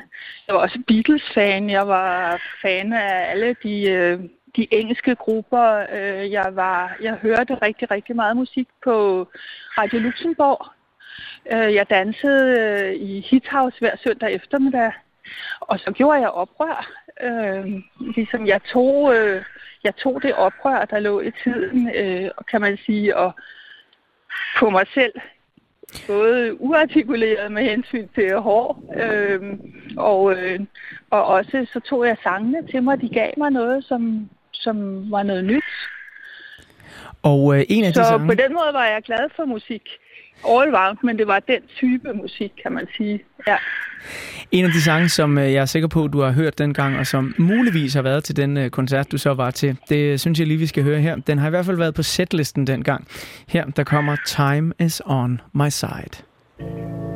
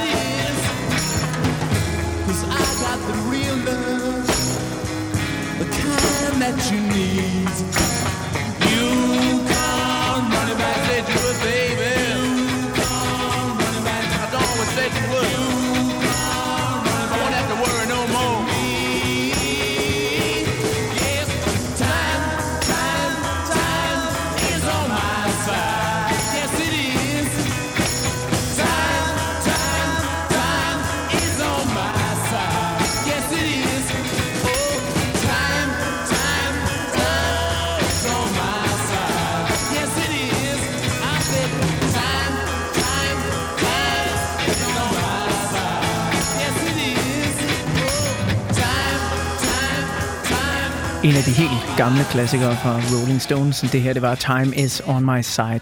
Jeg har stadig Marie Kok med på en uh, telefonlinje. Marie var en af de seks teenager, der fik lov til at stille spørgsmål til Rolling Stones. Eller ikke direkte til Rolling Stones, men til en DR-rapporter. Og uh, den DR-rapporter stillede dem så videre til Rolling Stones. Vi fandt det her klip i DR's arkiver, og så sendte vi det ud på vores Facebook og efterlyste de her seks teenager sidste uge. Og Marie, jeg må lige spørge dig, hvad tænkte du, da du så det her klip i sidste uge? Og ja, allerførst så grinede jeg. Øh, og så tænkte jeg selvfølgelig også, at det var, det var fantastisk at blive konfronteret med sin fortid, kan man sige, så levende, fordi det både fordi det var i tv. Jamen, så tænkte jeg, hvorfor siger jeg det, jeg siger? Altså, hvad er det for et spørgsmål, jeg stiller? Øh, jeg forsker i kulturstudier og i læring, så for mig var det også sådan, jeg tænkte, hvad, hvad er det for noget? Og jeg tror meget, at jeg stillede det spørgsmål øh, af flere årsager. Dels fordi det muligvis var det, som, øh, som mine forældre var et omkvæd. At øh, hvorfor skulle man se så usoneret ud for at være smart?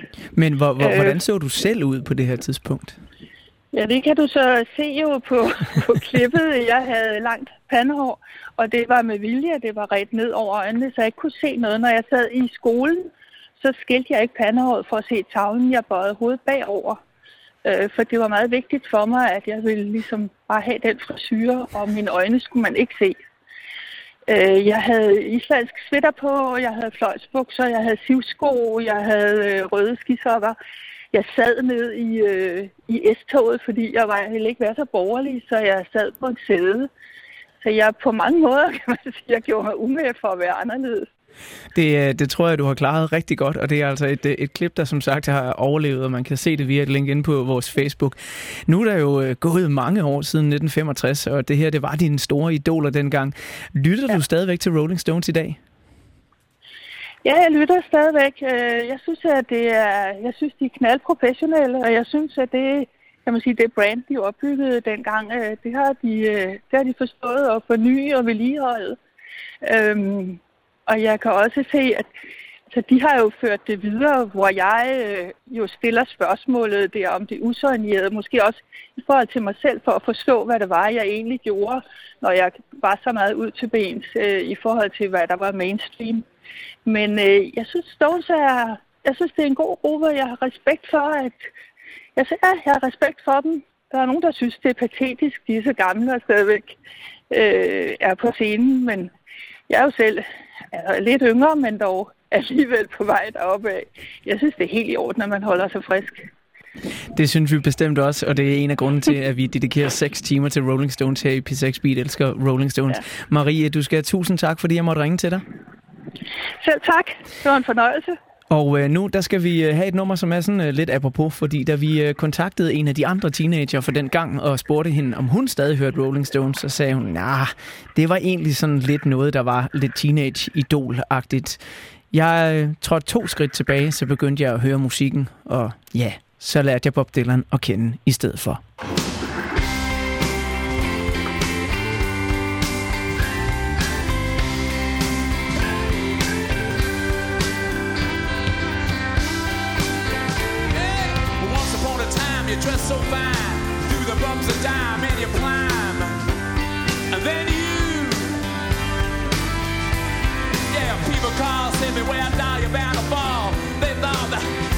Just uh,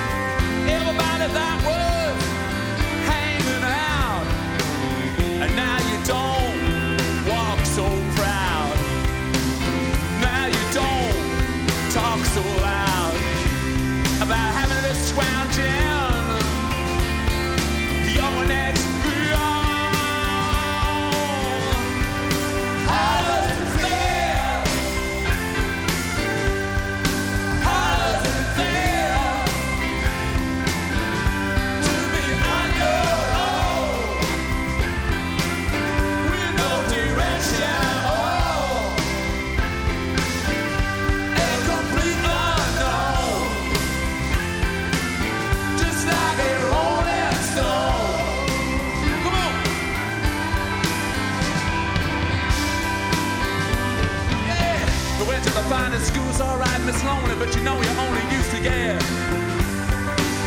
juiced to death. Nobody taught you how to live out on the street, but now.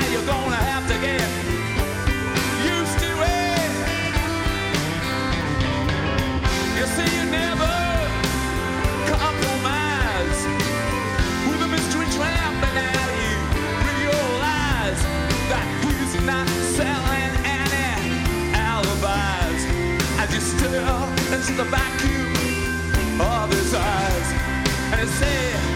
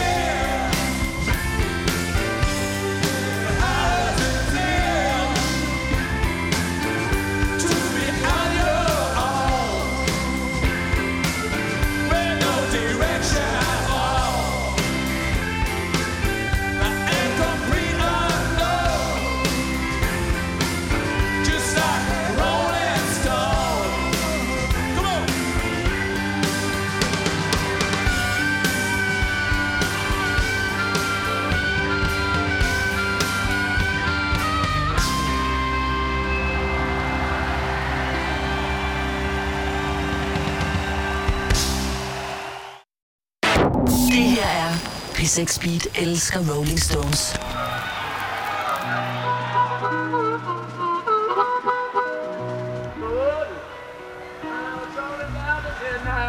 Everybody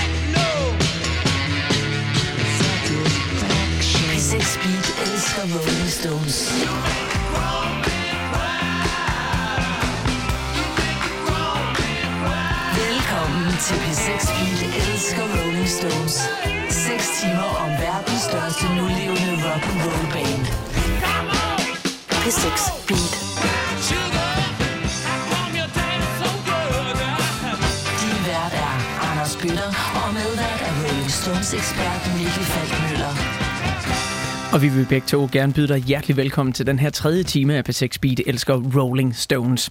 Vi er godt i gang med øh, den her udsendelse, og det er vi ikke mindst på grund af alle de mange fantastiske historier, som vi får fra dig, der sidder og lytter med.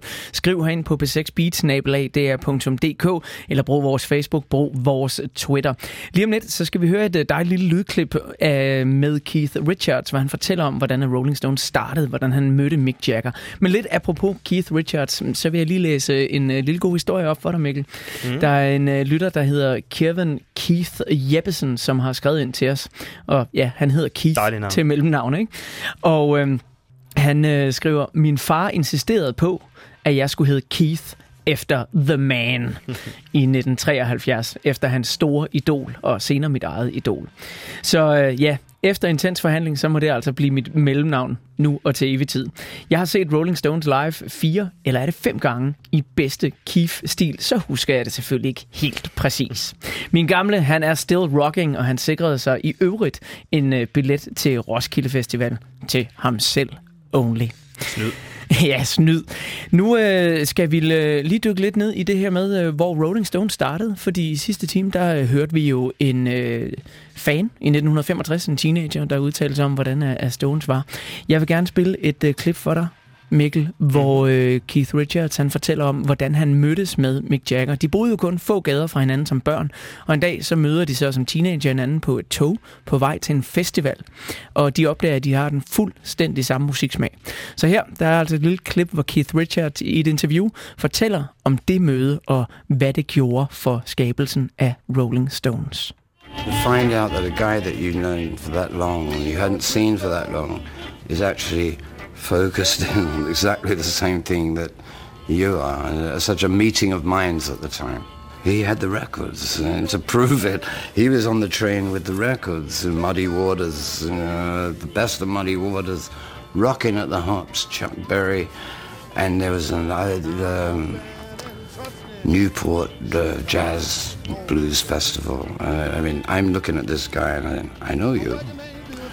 But what you got under your arm is worth robbing. So what was it? You're one of us. You're, so instead of robbing him, we talked and uh, shared ideas, and that's how it really came about. Mm. Så i stedet for at berøve Mick Jagger for hans fantastiske plader, så besluttede de sig altså for at sta- starte et band. Det er jo en helt formidabel historie, Mikkel. Og så elsker jeg også lige Keiths stemme her, totalt slingerne. Der er ikke noget at sige til, at han også er med i Sørøverfilm. vel? Hvis vi lige ser på øh, starten i 1960'erne, hvad er det for en musikscene, som Rolling Stones kommer ind på? Altså, øhm, det er jo en ret sådan, hvad kan man sige, poleret scene på det her tidspunkt her, fordi vi er i starten af 60'erne. Det er før der er ungdomsoprør, og det er før sådan, øh, det er lige omkring her, hvor Øh, begrebet teenager er blevet opfundet. Øh, det er sådan, hvor man går på mælkebar, som det hed engang, og, og lyttede til musik, og, og teenager, der mødtes. Øh, det var meget sådan pænt øh, med, med bobbet hår, og øh, som vi også hørte i klippet tidligere med hende og Marie her, altså hvor man også gik til, øh, til søndags eftermiddags dans. Øh, så der var ikke så meget sådan øh, sex, drugs og rock and roll på det her tidspunkt her, hverken i England eller USA eller Europa. Øh, musikscenen var sådan præget af, af sådan øh, hitfabrikanter. Der var en stor musikfabrik på det tidspunkt, som hed Tin Pan Alley i USA, som på, mere eller mindre sådan styrede hitlisterne, hvor der sad professionelle sangskrivere, og så skrev til artister, øh, til sangere. Øh, så øh, hvad kan man sige, artisterne på det tidspunkt skrev ikke særlig mange af deres numre selv. Øh, de fik dem af andre. Og Rolling Stone startede også som et coverband. Øh, det skal man lige huske på, fordi de var faktisk ikke, de kunne faktisk ikke finde ud af at skrive sange, da de mødtes. I modsætning til Beatles, som var ret hurtige til selv at skrive deres numre, så øh, kunne Rolling Stones ikke skrive sange på det tidspunkt. Men det, de gjorde, det var, at de tog øh, covernumre af for eksempel Chuck Berry, øh, og Muddy Waters og deres blueshelte fra USA og, og de tidlige rock'n'roller, og så indspillede dem på deres egen måde og gav dem det her hvide snit, øh, hvid øh, rock'n'roll, øh, som kunne appellere til de hvide teenager og derfor være kommersielle og komme ind på hitlisterne. Lige om lidt, så skal vi lige høre lidt om, hvem de forskellige medlemmer er. Vi tager dem lige sådan hurtigt igennem. Men her der skal vi høre noget af det, som de netop var inspireret af, altså bluesen fra Amerika.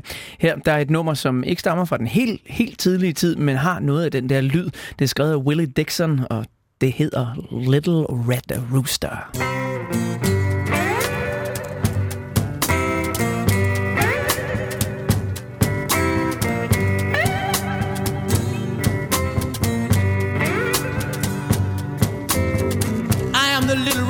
rooster. Too lazy to crow for day.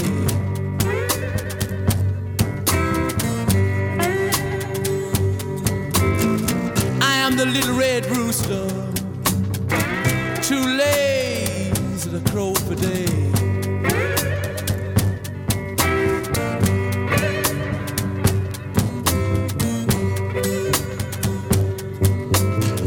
Keep everything in the farmyard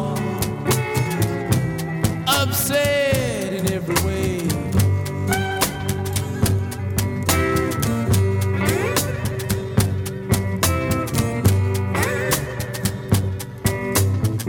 The dogs begin to bark.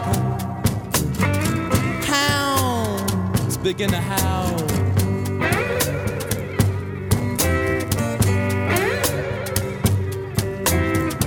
Dogs begin to bark.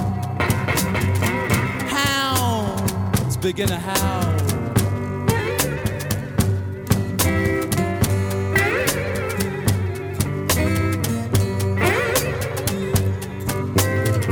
Watch out, strange camp people. Little red roosters on the prowl.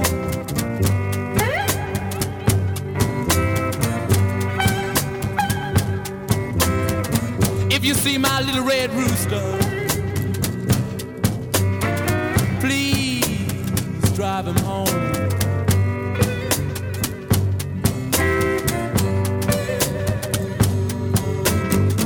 If you see my little red rooster,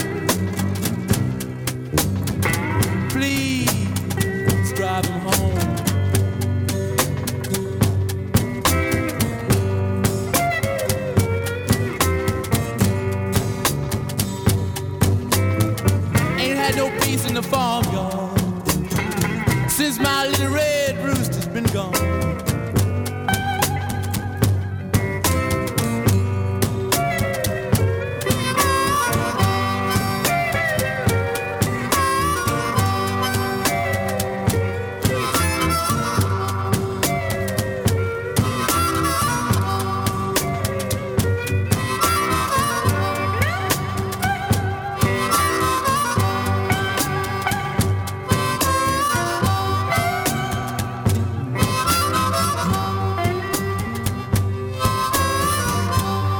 Rigtig dejlig, slæbende blues-klassiker fra Rolling Stones' bagkatalog. Det her det er Little Red Rooster, skrevet af Willie Dixon og indspillet en gang i 1964.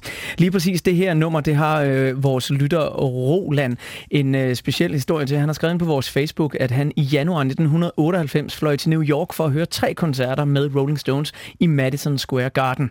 Til en af koncerterne, der virkede Ron Woods guitar ikke, da de skulle i gang med et nummer. Det var ude på den såkaldte B-scene, en lille scene midt i publikum. Panikken begyndte at brede sig sådan lidt langsomt, mens der blev arbejdet på sagen. Og så endte Mick Jagger så med at sidde ved siden af Chuck Lewell ved keyboardet.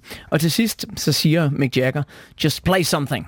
Og Chuck Lewell begynder at spille blues. Keith Richards løfter hovedet og begynder langsomt at spille. Og sådan fik vi altså en 100% ikke planlagt Little Red Rooster, og glæden ved at se bandet stadig kunne improvisere. Det er også øh, en øh, fantastisk dejlig ting at gøre, altså nu, øh, man behøver netop at sige, at det kan være svært at improvisere til sådan nogle store koncerter som det her. Mhm. Som lovet, Mikkel, så skal vi lige lidt rundt om de forskellige bandmedlemmer. Det bliver ikke sådan overdrevet langt, vi skal bare lige have sat nogle navne på, men den første her, synes jeg alligevel lige skal have lidt ekstra kærlighed. Mikkel, hvem var Brian Jones? Brian Jones, han var jo faktisk grundlæggeren af Rolling Stones, og det skal man jo lige huske på. Øh, det var ham, der også fandt på navnet. Øhm, og øh, så var det også, øh, hvad kan man sige, altså det var sådan set hans band. Øh, han var sådan en, øh, en, en ung, ekscentrisk fyr øh, i starten af 60'erne, hvor han spillede bluesgitar på nogle bluesklubber øh, rundt omkring i London. Og øh, han blev hurtigt sådan anerkendt for hans øh, flotte guitarspil, og så også hans, hans look. Han havde sådan langt, øh, apropos pandehår, som vi også snakkede om tidligere, eller Marie der øh, tidligere. Øh, han, han, så, han så godt ud og, og så videre, havde meget sådan øh, stor karisma. Han manglede så et band godt nok, og øh, så havde han så set Keith og Mick, som var begyndt at spille øh, på samme bluesklub. Øh, og han synes, at øh, Mick Jagger var, var overdrevet sej, og, og Keith han, han spillede godt. Øh, så han spurgte, om de ikke ville være med i hans band, øh, eller være med til at lave et band, og det ville de gerne. Og øh, det kaldte de så for Rolling Stones. Og Hvor det fik tog de det navn fra? Ja, det tog de nemlig fra en uh, Muddy Waters sang. Øhm, og rygtet går, eller øh, legendehistorien går på, at de simpelthen bare sad på gulvet i- på et eller andet tidspunkt og øh, og drak nogle øl og snakkede, og så lå der altså et, øh, en Muddy Waters Greatest Hit, hvor et af sangene hedder Rolling Stone, så skrevet uden G godt nok, men med sådan en apostrof. Mm. Øh, og det sagde de så, det lyder sgu fedt, øh, fordi de manglede et hurtigt navn, de skulle annoncere en koncert. Og øh, nu skal vi lige høre et øh, nummer lige om lidt, som kunne være sådan lidt et typisk øh, Brian Jones nummer. Men siden Brian Jones' død, han øh, druknede i sin egen swimmingpool, og om der har været stoffer involveret eller alkohol, det vides jo ikke 100 procent. Mm-hmm. Men øh, der vil jo være de, som, som, som ligesom vil sige, jamen med Brian Jones, der mister Rolling Stones en del af den her vildskab. Altså der, jeg kender folk, sådan, som er mere dedikeret til punk og garage rock, som simpelthen ikke hører noget med Rolling Stones nærmest mm. princip, efter at Brian Jones ikke er med mere. Kan, kan du følge sådan den der meget skarpe opdeling, at der er en før Brian Jones og efter Brian Jones? Ja, både og, fordi altså fasen, den, øh, altså, hvad kan man sige, det blev altså lidt faset ud, fordi Brian Jones, han øh, kom så meget ind i øh, stofmisbrug, øh, at han faktisk ikke rigtig var med på, øh, altså de sidste to år var han stort set ikke med, altså på pladerne. Han kom måske og spillede noget macaracas, eller spillede noget. Han var god til at opfinde nogle nye instrumenter, som de brugte Rolling Stones, men han havde ikke nogen, altså han havde ikke nogen indflydelse på bandet. Og hvad kan man sige, det store, den store tragedie for Brian Jones, det var, at han, han aldrig lærte at skrive sange selv. Øh, det blev Mick Jagger og Keith Richards, som blev bandets sangskriver, og da de kunne begynde at levere hits og skrive sange, så fik han altså, så røg han altså ud på et sidespor og øh, blev altså sådan et øh, lidt tragisk øh, skæbne i bandet. Vi vender kort de andre bandmedlemmer lige om lidt. Hvis du er mere interesseret om Brian, i, i Brian Jones, så skal du søge efter det på internettet. Du skal også huske at tjekke tjekke bandet Brian Jonestown Massacre ud. De har simpelthen taget deres navn efter ham. Men her, der er det altså en uh, salut til Brian Jones. Ære være dit minde. Det her er Ruby Tuesday. She would never say where she came from. Yesterday don't matter if it's gone. While the sun is bright, or in the darkest night, no one knows. She comes and goes.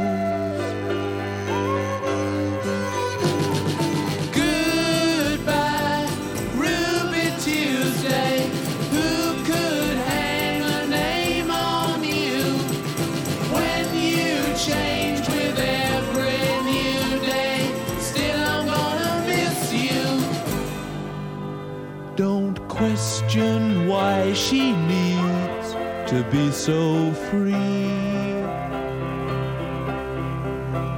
She'll tell you it's the only way to be. She just can't be chained to a life where nothing's gained or nothing's lost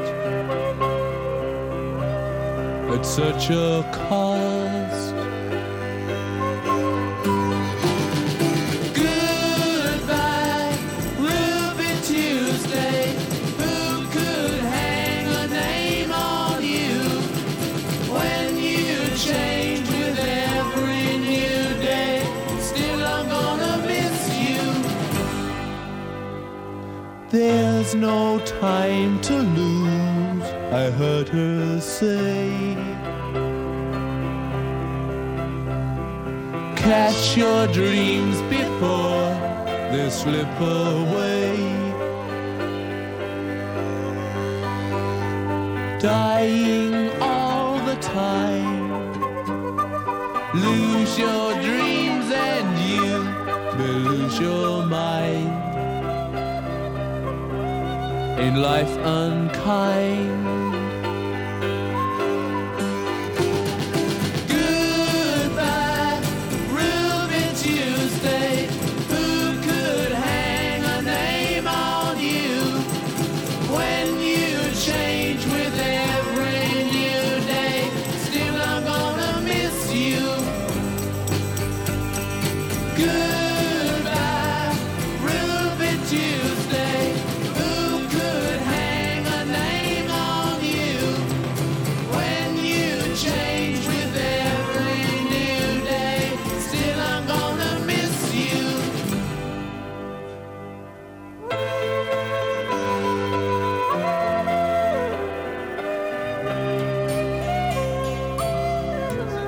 Fra albumet Flowers, der udkom tilbage i 1966, fik du her Ruby Tuesday, et meget, meget, meget smukt Stones-nummer. Mikkel, nu skal vi lige, inden vi får øh, den næste gæst på besøg, mm-hmm. forsangeren fra Dyné, Mathias, vende de øh, forskellige bandmedlemmer i Rolling Stones. Og jeg øh, har allieret mig med min lille popbog her fra 1967, og øh, hvis vi lige skal beskrive tromslageren, som de siger det i 1967, så er Charlie Watts en mand, der før han arbejdede i et reklamefirma, samtidig med at han slog på trommer i et jazzband i London Soho-kvarter. Og til at beskrive, hvordan Charlie Watts øh, spiller på trommer, der har jeg lige et par sekunder af nummeret her, du skal høre.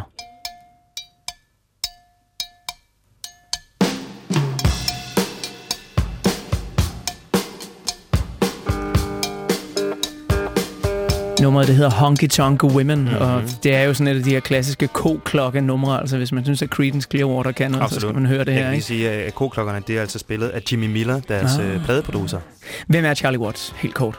Charlie Watts, han er på det her tidspunkt, eller, eller på nuværende tidspunkt, det ældste medlem af Rolling Stones. Han er lige et par år ældre end de andre, øh, 73 år gammel. Og han øh, er som sagt, som du også nævnte, jazz-fanatiker. Øh, han har aldrig ønsket at være rock- eller popstjerne. Han vil meget hellere spille jazz, men han siger, at øh, det er jo det mest øh, velbetalte trommejob, han nogensinde er blevet tilbudt. Så øh, det er han så blevet ved med. Han er også uddannet grafisk designer, og... Øh, Øh, hvad hedder det? øh, Så, så har han også... Øh, altså, han, han er meget sådan, hvad kan man så sige, øh, familiemenneske. Han er den eneste, som har haft den samme kone gennem alle årene. Øh, han bor ude på landet i England, øh, har et, øh, desuden en hestefarm og går op i hundevædeløb. Øh, er, er en ekscentriker, og så går han meget op i meget fint tøj fra Savile Row. Han er altid den mest velklædte i Rolling Stones. Mm-hmm.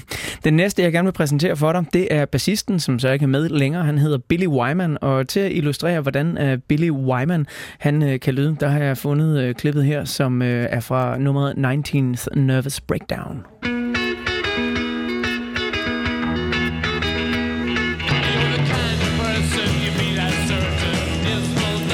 Det groover altså derudaf, og jeg skal huske at sige, at det er jo ikke fordi, vi ikke vil spille hele numre af dem her, men øh, vi bliver simpelthen øh, nødt til at prioritere den kæmpe liste af numre, vi har. Ja. Når man hører ham her, hvad er det Billy Wyman han gør for øh, Rolling Stones? Jamen, han har jo sådan en, øh, en særlig groovy måde at spille bas på. Øh, han var faktisk ikke så god til det i starten, fordi han har ret små hænder. Øh, men, øh, men han har udviklet en, en særlig rytmestil, som harmonerer rigtig godt med Charlie Watts og Keith Richards spil. Det er en meget stærk øh, rytmegruppe, så da han gik ud af bandet i 1990, øh, der, der havde de altså et problem. Og øhm, så nu nævnte du så selv øh, Keith, Kef, the Man, ikke? og jeg har fundet et, øh, et lille nummer frem, som jeg bestemt nok ikke synes er Rolling Stones' bedste, men det siger meget om Keith Richards. Little Tits and Ass. Ja, fantastisk Og jeg hører guitarlyden her, ikke?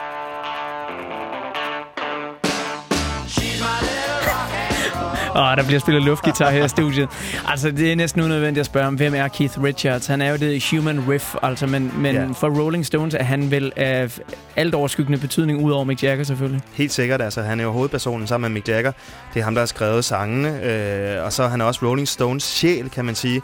Øh, han er sådan, står for det autentiske i bandet, mens Mick Jagger måske står for det mere sådan, hvad kan man sige, øh, businessagtigt. Så er han altså the human soul i, i, i Stones. Og så er han jo selvfølgelig ex-junkie ad libitum, øh, og, og lever en livsstil, som øh, man slet ikke kan forestille sig. Og så øh, kommer vi jo så til the man himself, Mick Jagger, altså den, øh, den, den, den omvandrende jumping jack flash. Han kan fandme synge, mand. Mm-hmm.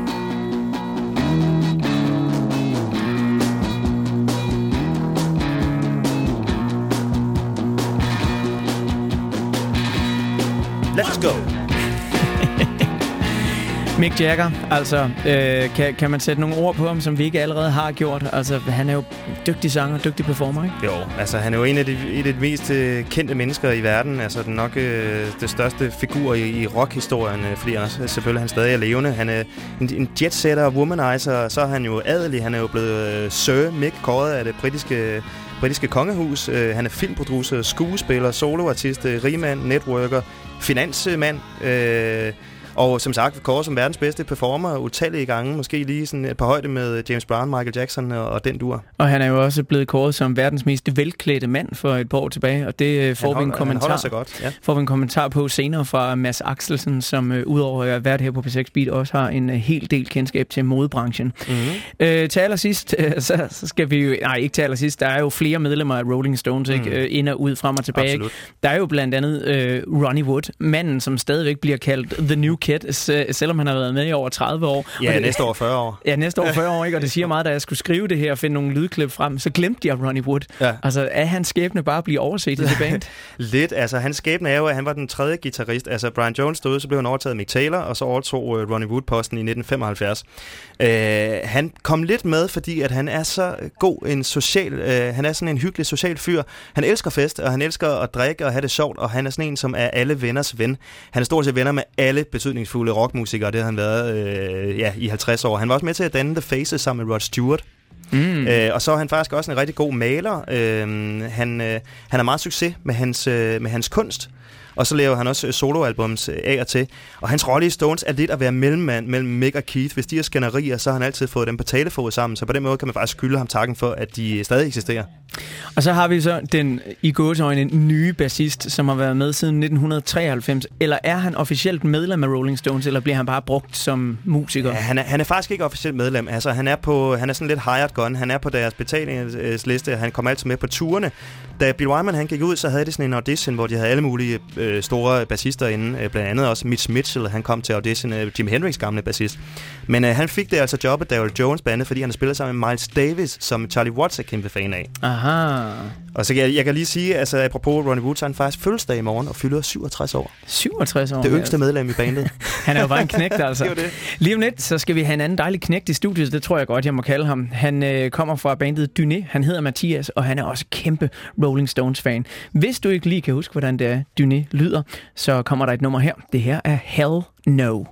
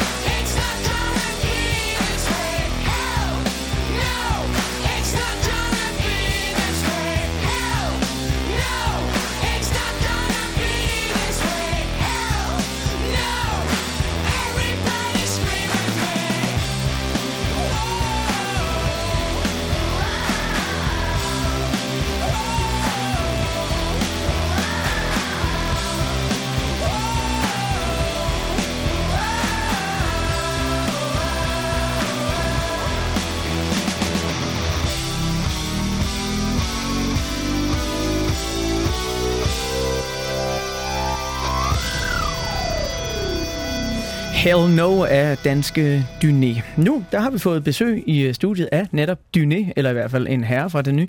Mathias Koldstrup, velkommen til P6 Beat, Tak skal du er sanger og musiker i øh, bandet, som vi lige hørte her. I har øh, udgivet tre albums. Du er 25 år, og til trods for det, så er du meget stor fan af et band, der ved nogen mene peakede en gang i 70'erne. Jeg kunne godt tænke mig bare lige at høre kort. Øh, Dyné, dit band, gav koncert i Odense i går. Blev det sådan en øh, rock and roll aften i stil med Rolling Stones? Altså, det gjorde det jo. Nu øh, jeg tror vi er lidt mere elektronisk, end øh, de nogensinde har nået at blive, heldigvis. Øh, men, øh, men vi har da helt klart et par, et par parts indimellem, som virkelig er, er fuld rocksmadder. Og øh, det er jo noget af det sjoveste at spille overhovedet, ikke? Det er når vores guitarist får lov at give en fuld skrald på spaden. Jeg synes, nummeret her, vi hørte Hell No, der, der er masser af den der spade, som, øh, som der virkelig kvalificerer som, som rockband også, altså Det med, sige. med stort er. Vi har inviteret dig hen, fordi du er stor Stones-fan, og jeg kunne godt tænke mig lige at starte det her med at læse en uh, sms op, du skrev til os, da vi spurgte dig om dit forhold til bandet her. Ja. Du skrev, jeg elsker at se musikken i det historiske perspektiv. De var et af de mest markante bannerførere for en ny ungdomskultur, der har sat rødderne for den frihed, generationer efter dem har nyt. Hvad er det præcis, du mener, at Rolling Stones har gjort? Jamen, øh, de var netop en del af, af den her ungdomskultur. I 50'erne havde vi jo en... Øh, den efterkrigstiden var det, man kaldte, i hvert fald i Tyskland, de blinde side, altså den grå tid, den blege tid, hvor alt var pissekonformt, og folk og, øh, du ved, den etablissementet var, var enormt konservativt, og de havde skulle få nok eventyr i krigen, ikke, under krigen. Øh, og det, det skabte sådan en enorm øh, røvsyg verden at leve i, ikke? Øh, som, som ungdommen ligesom revolutionerede mod i 60'erne. Øh, I 68 peakede det jo virkelig ikke med The Summer of Love. og, øh, yeah, man. Og, øh, og det var Rolling Stones jo, altså dengang var det jo musik, man sådan samledes om, ikke? Altså Beatles var jo selvfølgelig øh, lidt svært at slå i den sammenhæng, ikke? Men, men Rolling Stones stod jo virkelig for at skære ud helt vildt. Og musik var det medie, man kunne samles om. Musik var det, man ligesom øh, ja, kunne høre. Ikke? Der var ikke så meget andet at, at stille op og gøre dengang. Mathias, jeg er sådan ret fascineret af, at øh, du står her som 25-årig og tager os med tilbage til 2. verdenskrig og, og efterkrigstidens øh, følger osv. Du er selv en øh, dreng, der voksede op i Skive. Hvor, hvordan øh, opdagede du selv Rolling Stones? Jamen, øh, jeg har en, en far, som øh, han hvad, 61 nu eller sådan noget, og han, øh, han havde en hel masse Rolling Stones plader.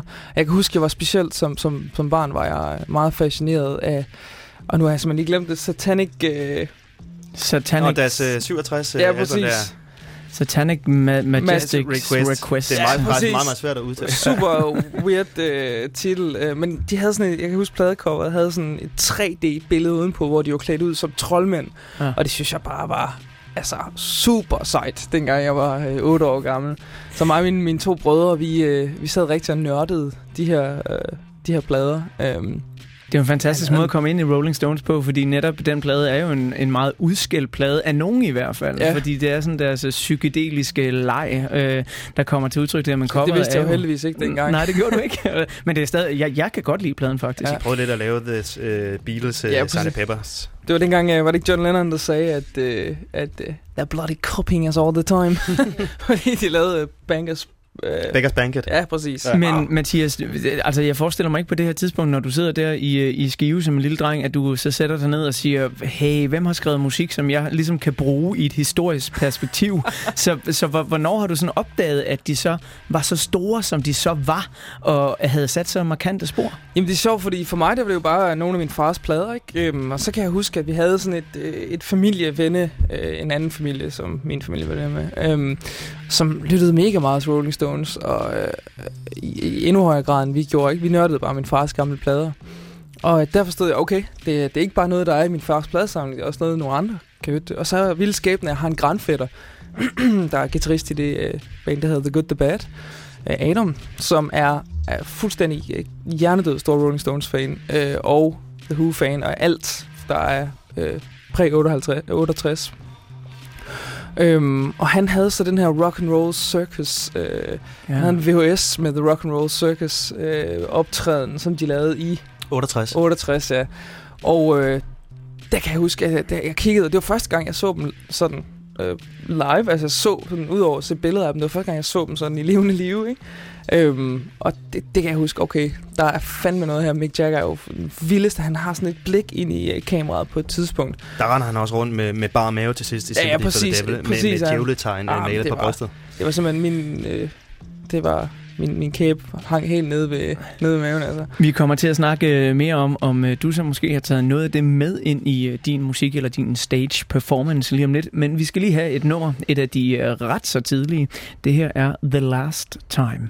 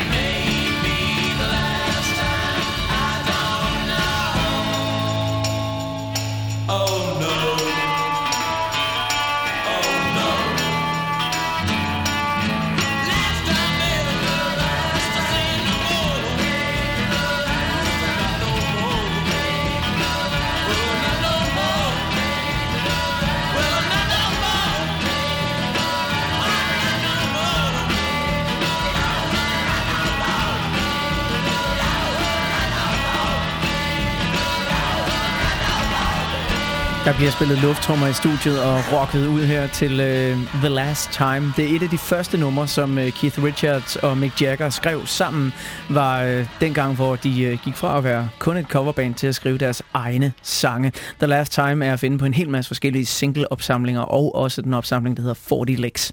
Jeg er stadigvæk besøg af Mathias Koldstrup uh, her i studiet. Du er forsanger i uh, det danske band Dyné. Og uh, inden vi hørte The Last Time her, så snakkede du lidt om, uh, Mathias, det her med, at uh, du havde set øh den her video, The Rock and Roll Circus, hvor man ser øh, bandet performe på scenen, og det simpelthen fik dig til at tabe kæben af bare benovelse. Hvor var de dog vilde at se på. Hvor tror du, den her sådan, altså, hvor kommer den her vildskab fra? Jeg ved ikke, altså det må være fordi, de er nogle vilde gutter, først og fremmest, ikke? Øh, men også fordi de har de er blevet inspireret af, af både Motown og, og sådan Chicago Blues og generelt alt, hvad der rørte sig af sort musik i USA. Øhm, og, der var vildskaben jo i overalt, ikke? Altså, øh, det var det Holy Ghost, hvor man bliver ramt af, af Gud midt under en performance og ligger og ryster, ikke? I, øh, i, i soulkirkerne rundt omkring. Øhm, og, og det har så øh, sat rødder videre i blues og Motown og, og hele den sorte musik. Og så har Rolling Stones så adopteret det også.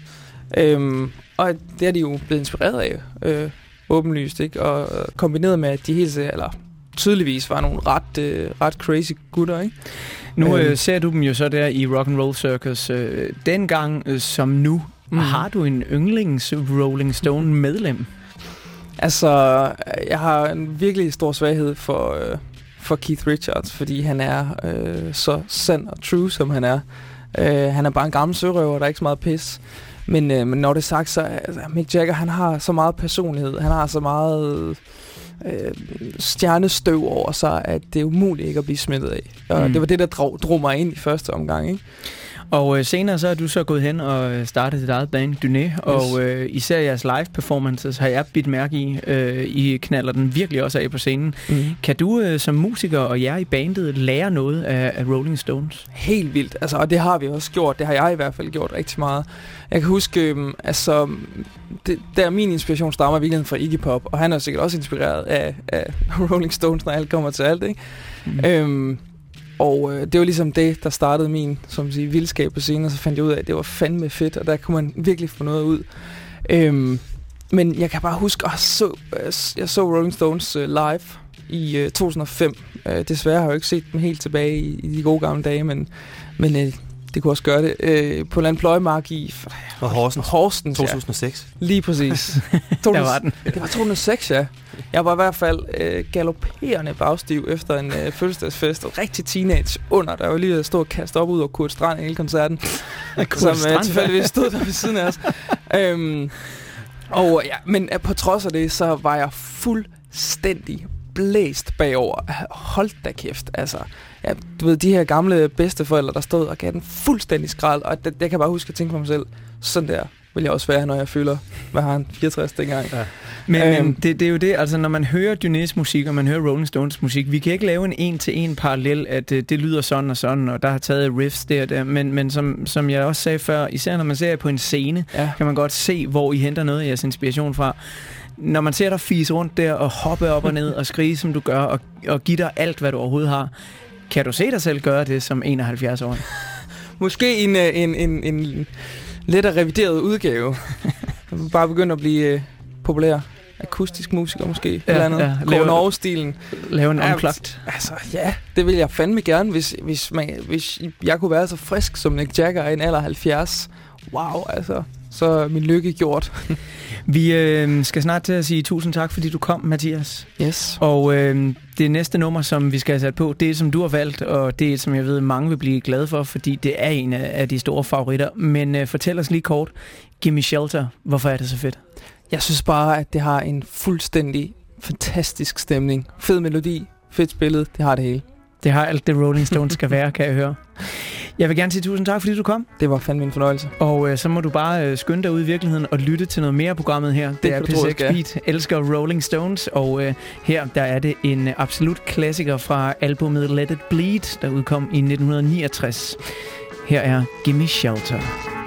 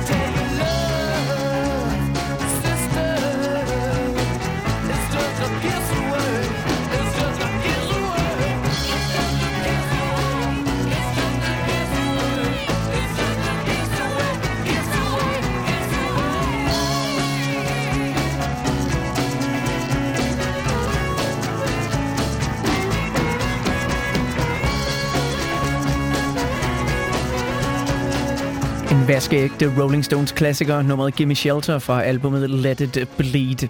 Der er ikke så forfærdeligt længe til klokken den er et, og du skal have dig en radiovis. På den anden side af den radiovis, der skal vi i gang med det, som vi kalder for albumtimen her i P6 Beat elsker Rolling Stones.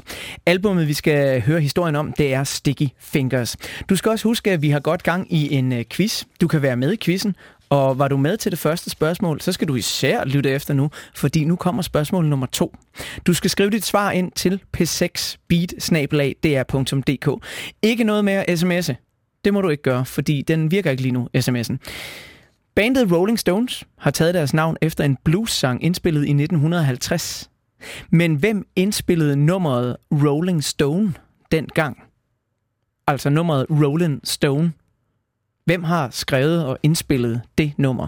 Altså det nummer, der ligesom har lagt grunden til navnet for Rolling Stones.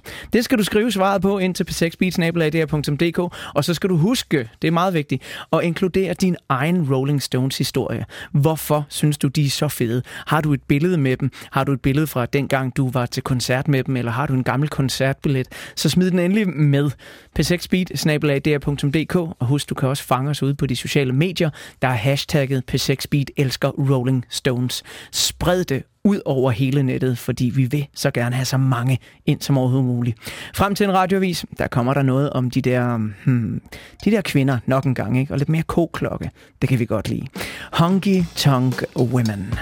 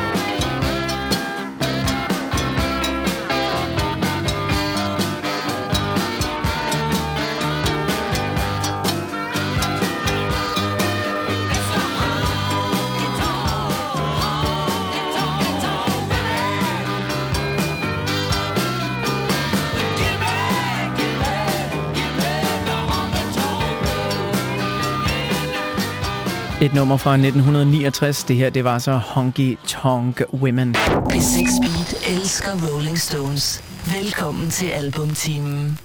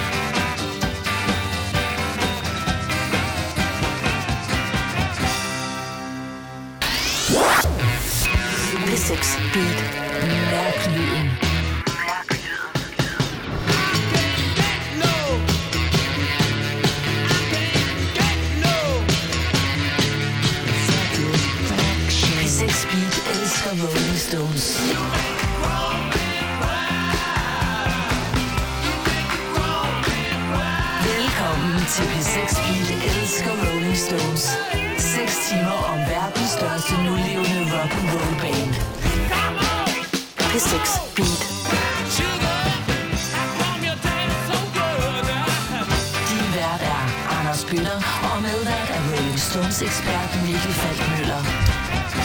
Og vi er stadig klar her i Danmarks hyggeligste radiostudie til at levere den nu fjerde time af P6 Beat Elsker Rolling Stones. Det er den her time, som vi kalder for albumtimen. Vi skal gennemgå et album, og det er et album, som vores lyttere, P6 Beats lyttere, har stemt ind som værende det mest interessante ud af de tre, vi havde udvalgt. Albummet hedder Sticky Fingers. Og jeg må lige huske at sige, inden vi går i gang med at fortælle historien om Sticky Fingers, at det er jo gerne sådan, at alle har deres helt egen private Rolling Stones favorit. Jeg er glad over Sticky Fingers, for det er et af mine favoritalbums, men jeg ved, at du, Mikkel, du er faktisk måske mere til Some Girls. Ja, altså det er jo ikke sådan, at jeg ikke kan lide Sticky Fingers overhovedet ikke, fordi der er nogle fremragende numre på. Men øh, hvis jeg selv skulle vælge et album, som er min egen favorit, så er det deres album fra 78, Some Girls. Og øh, der er også en lytter, der har skrevet meget affekteret på vores øh, Facebook, at han simpelthen ikke kunne forstå, hvorfor øh, albumet Get Your Yeah Yeahs Out ikke var med i udvalget af de albums, vi kunne gennemgå. Og øh, det er også et for, formidabelt fedt live-album, men jeg har det sådan, når vi laver en albumtime her, så er det originalkompositioner, vi går op i, altså hvornår udkom de mm. første gang.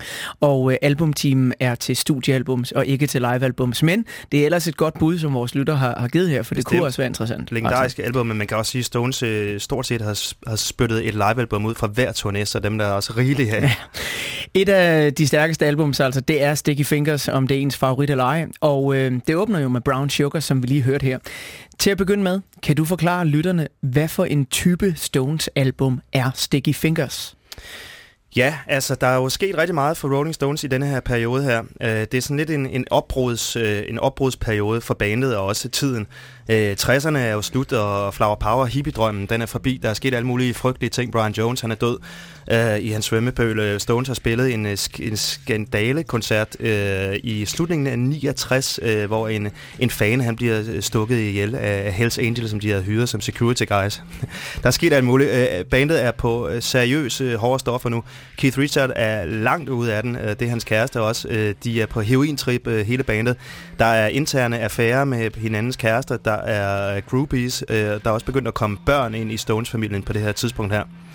Øh, albumet det er indspillet over et par år, så det er ikke sådan, hvor de er gået i studiet og øh, har sagt, nu skal vi lave et nyt Stones-album. Der er indspillet sådan løbende sange, som de så har samlet øh, til det her album her, øh, som, som fik titlen Sticky Fingers.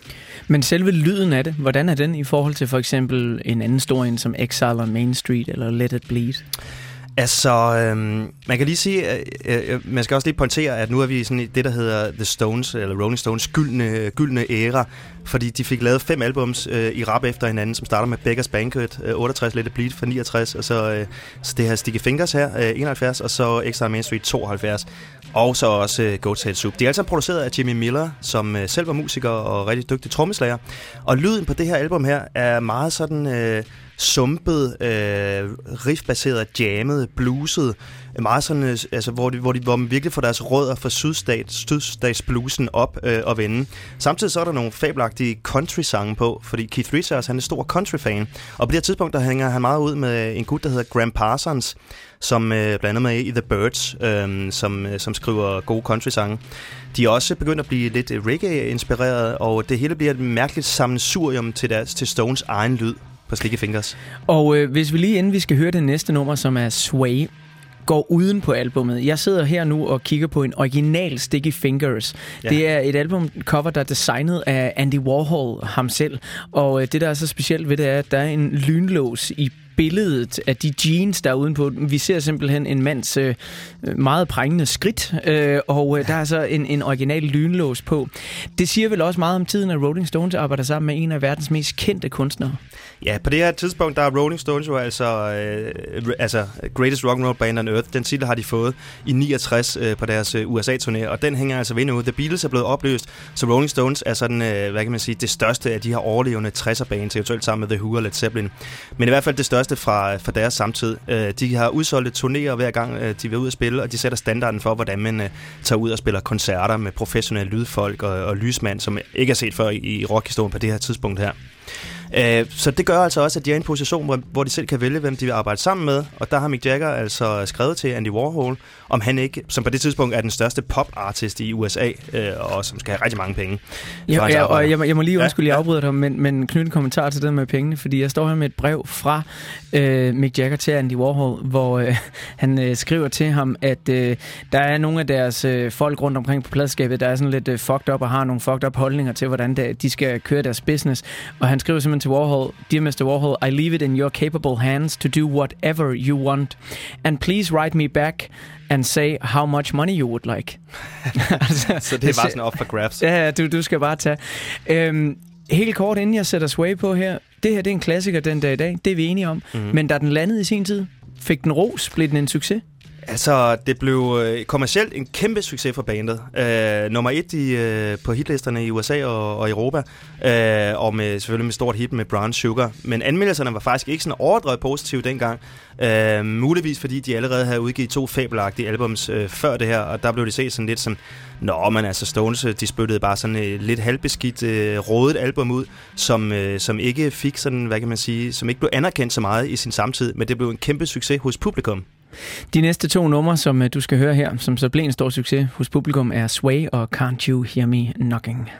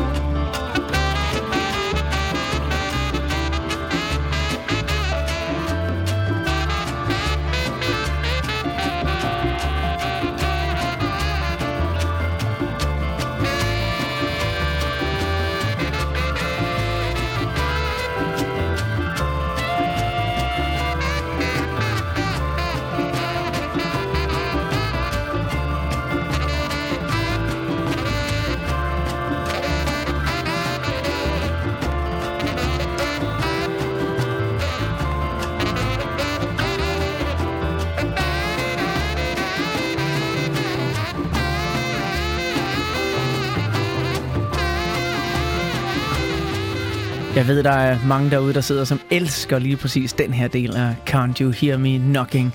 Men øh, når vi på en time skal gennemgå et album, der var næsten en time, så bliver vi nødt til at cut en hel og ja, tage en tog nogle gange. Men det er et formidabelt nummer, det her, fra albumet Sticky Fingers, som vi er godt i gang med at gennemgå her i den fjerde time af P6 Beat, elsker Rolling Stones. Og øh, mens vi øh, hører Can't You Hear Me Knocking her, Mikkel, så øh, gjorde du mig også opmærksom på en ting, og det er netop også noget af det, vi skal snakke om nu. Hvem personerne bag det her album, det er. Og noget af albumets lyd, det kommer jo, fordi der er en ny guitarist i Rolling Stones-folden. Mm. Hvem er det? Det er rigtigt. Efter Brian Jones han er gået til de evige rockmarker, så øh, får de en ny guitarist, som de har brug for meget, meget hurtigt, øh, fordi de øh, skal spille en stor gratis koncert i øh, Hyde Park i London. Øh, og det er deres første koncert i et par år, så nerverne sidder uden på tøjet. Øh, de skal bevise, at de stadig kan levere varen og være verdens største rockband, også live. Øh, så de får altså en helt ung guitarist på 19 år, som hedder Mick Taylor, som øh, har spillet i, på nogle, i nogle øh, andre bluesbands, blandt andet John Mayall and the Bluesbreakers, som var sådan lidt et arnested for, for mange rockguitarister på det tidspunkt. Øhm, han har en anden spillestil end Brian Jones, fordi han er sådan en ægte, hvad kan man sige, guitarhelt, øh, sådan en, en guitar-virtuos. Er det ham, vi kan høre her i i Det er det nemlig. Vi kan lige prøve at skrue lidt op et par sekunder.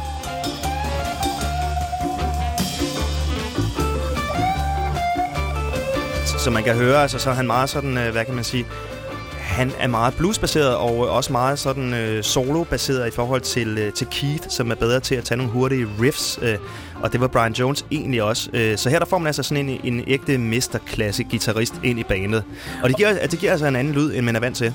Men når vi nu snakker om det her med lyd, så er der jo som regel også en producer, der sidder og drejer på knapperne. Øh, hvem gør det i det her tilfælde? Er det den samme mand, som har været med lige siden uh, Let It Bleed uh, nogle år forinden? Ja, det er det. Det er en, øh, en amerikansk øh, producer og trommeslager, som hedder Jimmy Miller, øh, som øh, øh, var med øh, på Beggars Banquet øh, og øh, også på Let It Bleed, og som også producerer Sticky Fingers. Øh, en af de gode ting ved ham, det er, at han selv er musiker øh, og en, en formidabel trommeslager. Øh, og han spiller faktisk også med på en del af numrene på de her albums, der udkommer i de her år. Øh, fordi at Charlie Watts faktisk har svært ved at fange nogle af de lidt mere, hvad kan man sige, øh, komplicerede trommespil. Øh, der kan han gå ind i stedet for at levere varen, øh, blandt andet på You Can Always Get What You Want, et nummer fra Let It Bleed-albumet. Øh, uh, øh, han, øh, han er en rigtig dygtig producer. Øh, han kan fange den her lyd, som Stones gerne vil have. Og så er han selv sådan en, hvad kan man sige, rock and roll type, som lever det her rock and roll liv ligesom Stones. Men det bliver også hans problem senere hen, fordi han bliver så, øh, hvad kan man sige, øh, influ- influeret af stoffer. Øh, han vil gerne leve op til Keith Richards, og det kan Åh, han jo selvfølgelig nej. ikke. Nej, og det ender altså med, det? på, det sidste album, han skal producere Go to Soup, der sidder han mest i studiet og tegner hagekors og, og tager øh, heroin, øh, og det går ikke helt galt for ham. Åh oh, nej åh oh, nej. Og det er altså nok sjovt nok også derfor, det nok er en mand, man ikke har hørt så meget om sidenhen. Altså når man beskæftiger sig med nogle af de store nogle gange, altså hvis vi ser på David Bowies bagkatalog, mm. så har vi hørt om øh, Brian Eno øh, bagefter, og jeg har hørt om Tony Visconti og så videre. Ikke? Men en mand som ham her, der jo øh, altså alligevel har produceret noget af det allerstørste for Helt Rolling sikkert. Stones, Ja. han øh, er sådan lidt forsvundet hen i glemten. Ja, altså han, han fortsatte faktisk med at producere, og han var også med til blandt andet, han producerede blandt andet Primal Scream store album Screamadelica, et band som i øvrigt Åh, er så- sindssygt, øh, hvad hedder det, Rolling Stones øh, inspireret. Ja. Men, det, men det er en anden historie. Øh, altså Rolling Stones på det her tidspunkt, der har de også lavet deres eget pladeselskab, som hedder Rolling Stone Records, og det er altså første gang, at de udgiver et album øh, uafhængig af andre. Øh, så på den måde har de fået sådan lidt overtaget, øh, altså har, har styr på deres eget brand og navn. Og det refererer jo netop også tilbage til den snak, vi havde tidligere med Sine fra bandet Nelson Can, der jo er meget imponeret over den her måde, hvorpå at Rolling Stones de så deres band som en forretning. Altså det, det var ikke kun øh, en samling af musikere, der gerne ville ud og være sammen med nogle piger og tage nogle stoffer og spille noget musik. Altså det, det var business lige fra starten af. Det er det her vel også et tydeligt tegn på. Ja. Jeg skal også huske at nævne, at øh, vi jo ikke når alle numrene fra Sticky Fingers, men øh, dem vi ikke når, håber jeg da at se i øh, vores lytter top 10, som du kan være med til at byde ind på. Gå ind på vores Facebook og skriv i kommentarfeltet, hvor vi beder om dine top 3 Rolling Stones numre. Blandt andet nummeret Wild Horses. Det er jeg ret sikker på ligger i top 10. Og derfor så øh, når vi ikke lige rundt om det, men vi når rundt om noget andet, Mikkel, og øh, det er det næste dejlige nummer her, som... Øh, jeg synes er et af de dejligste på øh, Sticky Fingers. Så er vi i hvert fald nede i syden i USA. Ja, fuldstændig. Ikke? Altså, det, det er lækkert. Det er sumpet, sumpet blues fra Rolling Stones. Her der er nummeret You Gotta Move.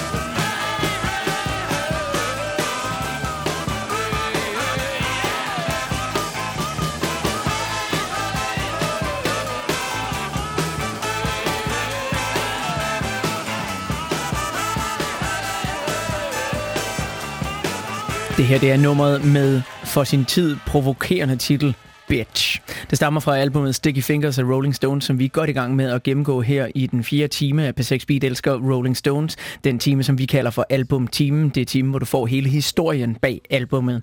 Men vi vil også meget gerne have din historie her i P6 Beat elsker Rolling Stones. Skriv her ind på p6beat.dk eller brug vores Facebook eller henvend dig på Twitter eller Instagram. Hashtagget er P6 Beat elsker Rolling Stones. Ind på Facebook, der er flere folk, der har skrevet. Øh, Jens Christian Jensen har skrevet til os. Et godt minde, jeg har, er, at jeg arbejdede i Irland i 90'erne. Og der mødte jeg Ronnie Wood i Dublin Airport, hvor jeg fik en autograf. Den hænger på mit køleskab endnu. Og så fik vi også en lille snak om Stones og deres musik. Det var et stort, stort øjeblik for mig. Sofie Hovgaard Nielsen skriver ind til os.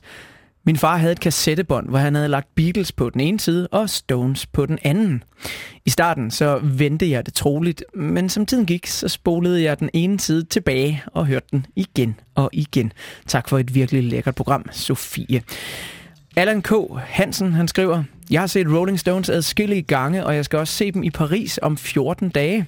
Jeg har to gange været lige ved at få en af Charlie Watts' trommestikker med hjem, men begge gange er den smuttet ud af mine fingre, eller er blevet skubbet væk lige før jeg kunne nå at gribe den, når han har kastet den ud til publikum efter en koncert. Har realistisk set nok misset mine chancer, og så må jeg jo bare i stedet for nyde lyden af den. Og øhm, det er virkelig dejligt at høre de her forskellige historier, så keep them coming. Bliv endelig ved, hvis du har et billede af dig og Stones, eller den første Rolling Stones-koncert, du var til, eller din gamle billet, så send dem herind, eller upload dem på Facebook. Mikkel, du er heldigvis stadigvæk øh, med mig, og øh, nu øh, hørte vi jo lige et nummer her. Bitch. Fantastisk rocket nummer. Virkelig dejligt. Og, og selv her i 2014, så, så virker det sådan lidt øh, harskt at kalde øh, en sangtitel Bitch. I starten af 70'erne, der må det have været sindssygt provokerende. Altså faktisk både og, fordi på det her tidspunkt, der er øh, altså pornografien er for eksempel blevet frigivet, og det er en meget sådan øh, dekadent, øh, løssluppen tid, øh, hvor sådan lidt, alt er lidt tilladt. Øhm, så kan det godt være, at nummeret hedder Bitch og så videre, og er sådan in your face øh, provokerende statements. Øh, men man skal heller ikke glemme, at øh, vi er altså også øh, i, i sådan en underlig tid, hvor det netop gælder om at sprænge alle grænser, og autoriteterne skal nedbrydes. Og det får altså fuldt gas her. Woodstock har været der. Folk går nøgne rundt, og der er øh, hvad hedder det, fri sex øh, og, og så videre. Og Rolling Stones øh, har blandt andet også holdt pressekonferencer, hvor de først, blandt andet i Danmark i 73, på en stripklub, hvor man inden fik lov til at interviewe Rolling Stones, så skulle altså først se et live sex show. så, Det, det var simpelthen adgangspasset. det var det. Så der skulle bonere danske journalister sidde med hornbriller og se live sex, inden de fik lov til at interviewe bander. Ja, så, så på det den tror måde, jeg, jeg vil have skrevet på min rider fremover, når jeg skal ud i DJ. Øh, så, så på den måde kan man sige, det, det er både provokerende, men samtidig så er vi altså i en brydningstid, hvor øh, alting er tilladt på en eller anden måde. Jamen det er, og noget af det, som der jo er ved Sticky Fingers, som vi også kommer ind på, det er, er nogle af teksterne.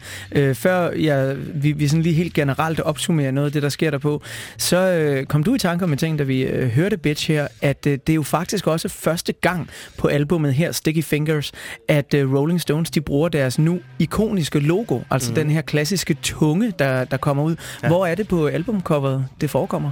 Altså, det er sådan blandt andet øh, bagerst på albumet, der er den, øh, den røde tunge, og så er det også på det, der hedder indersleevet, øh, indercoveret, der er den store røde tunge. Og det er sådan første gang, at, øh, at Rolling Stones øh, forlader det her logo her og viser det. Og øh, jeg tror ikke selv, de havde regnet med, at det ville blive så ikonisk øh, og så stort brand for bandet, som det er blevet siden. Altså i dag, der er den her tunge logo jo lige så stort, eller måske faktisk mere kendt end selve bandet og musikken. Mm. Du øh, kan købe t-shirt over det hele, og man ser øh, børn og så videre rende rundt med det her Stones-logo. Jeg har selv set en hund rende rundt med sådan en, en, en hundedragt med et Stones-logo på. Øhm, så det, det er sådan... Det er blevet nærmest større end bandet selv. Da jeg var en lille dreng, og jeg fik et af mine første skateboards, det var et, jeg arvede af en af mine fars venner, som jeg så meget op til, for han var meget sej. Andreas, han havde boet i New York i 70'erne, han havde sådan et uh, street skateboard. Det var ikke sådan et, man stod på rampe på, men det er sådan et, man kørte rundt i New Yorks gader med.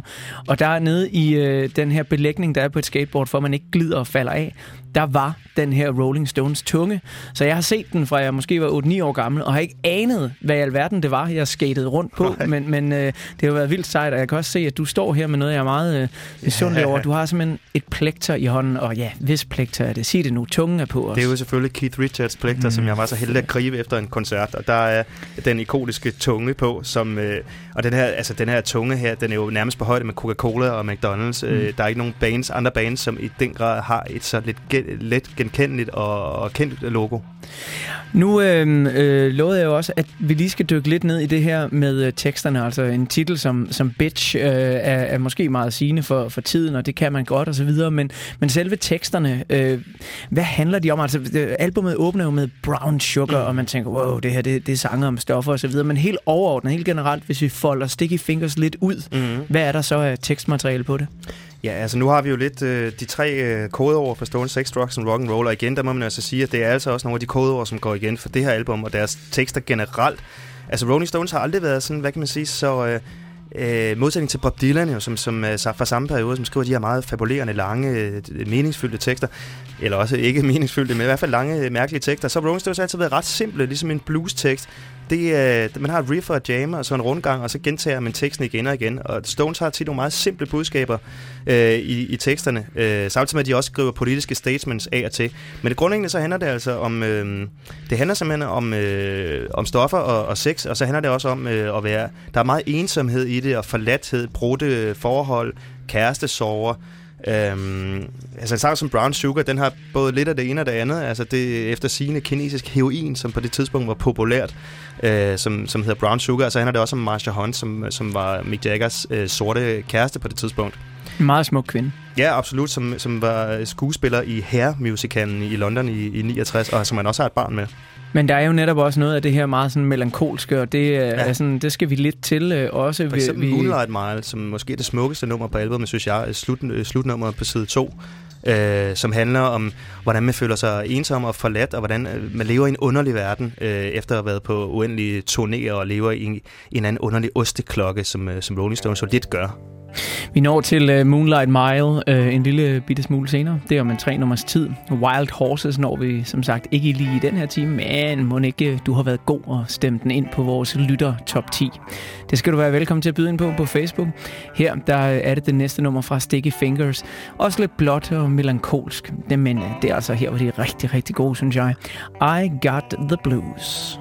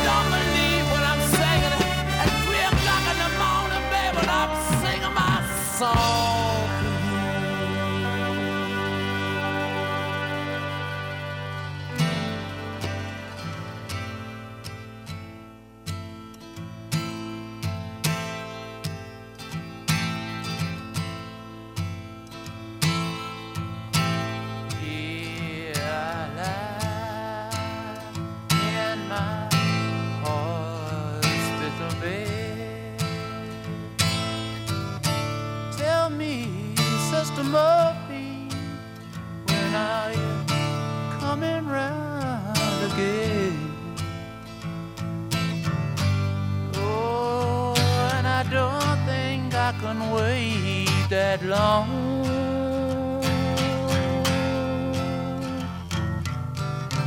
Oh, you see that I'm not that strong.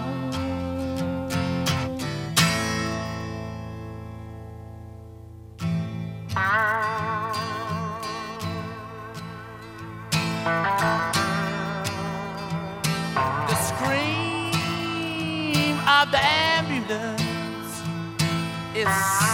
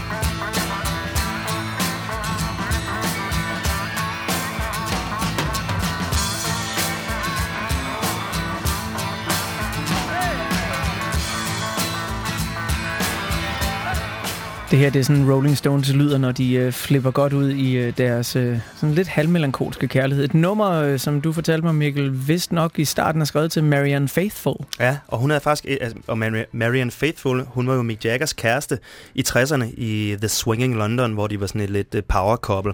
Hun var jo selv øh, sanger øh, og skuespiller, øh, og de var sammen i øh, 8 års tid, mener jeg, der var. Øh, og der skrev Stones altså det her nummer her til hende først, men det blev faktisk aldrig udgivet også, fordi det er jo ret kontroversielt øh, sang om hendes eget heroinmisbrug. Det er Sidste et ret, ret vildt nummer. Og, og, og nummer øh, kan jeg også lige nævne, at det er altså også, øh, han er også om øh, aborter, fordi både Keiths øh, kæreste og Micks kæreste, de aborterede på det her tidspunkt her, øh, begge to, om der også har været stoffer involveret i det. Det har det nok, fordi de endte som seriøse junkier, de her to kærester her. Vi har faktisk kun 10 minutter tilbage i vores lille gennemgang af Sticky Fingers her, så hvis vi skal nå at høre mere musik, så må vi simpelthen komme frem til et af de spørgsmål, der er meget relevante. Albumet er udgivet i starten af 70'erne, 71 har jeg Ja. ret? Ja.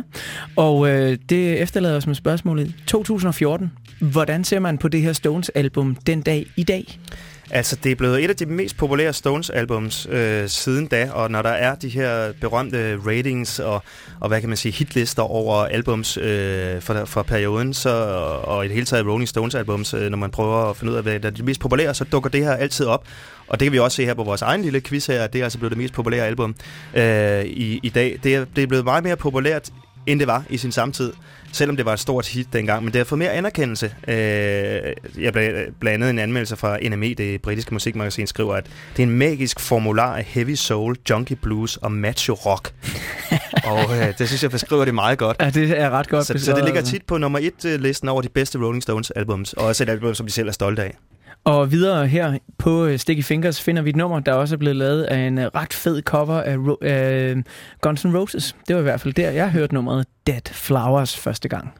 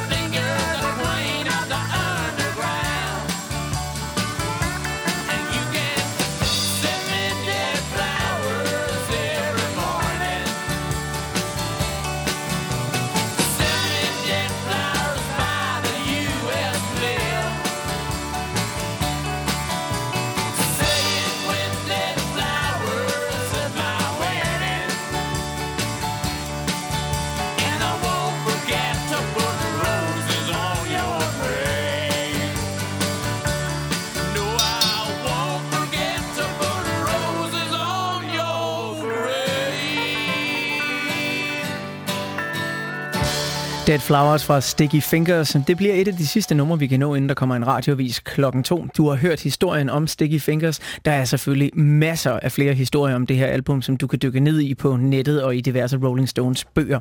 I næste time, der skal vi snakke lidt om alt det, der er rundt om Rolling Stones musik. Vi skal snakke lidt om deres brand, vi skal snakke lidt om deres forretningsmodeller og hvordan de er modeikoner også. Og så skal vi have afrundet vores quiz i næste time, og det sidste spørgsmål i quizzen, det kommer her. Vi finder altså to vinder i slutningen af næste time. Præmierne, det er et øh, Stones box set, faktisk hele to Stones box set. Den ene er en super deluxe version af deres greatest hits fra 1962 til 2012. Den anden præmie er 45 CD-singler med Rolling Stones, plus en masse uudgivet materiale.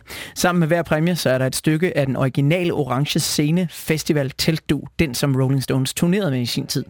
Det er en meget enkel quiz. Du skal bare svare på et spørgsmål, og du skal fortælle os nu, hvorfor du synes, at Rolling Stones er et fedt band, og så skal du have svaret på, hvem i bandet er Ollefar?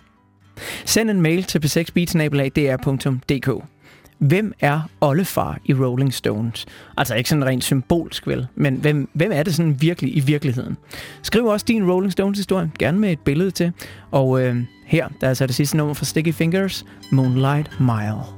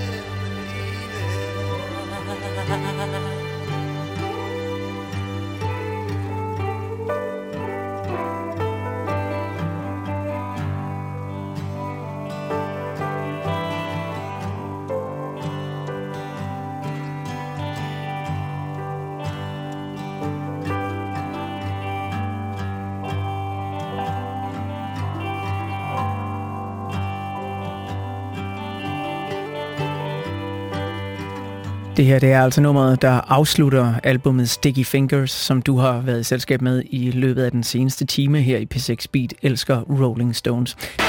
Det her er P6 Beat elsker Rolling Stones.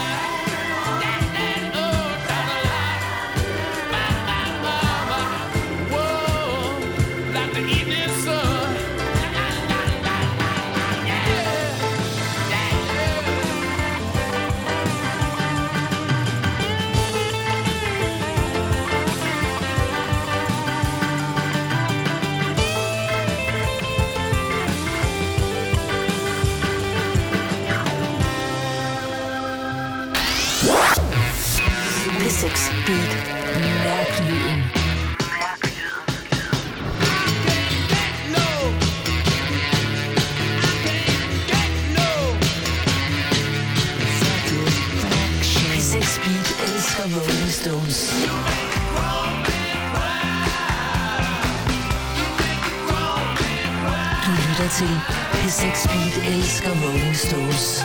6 timer om verdens største nulige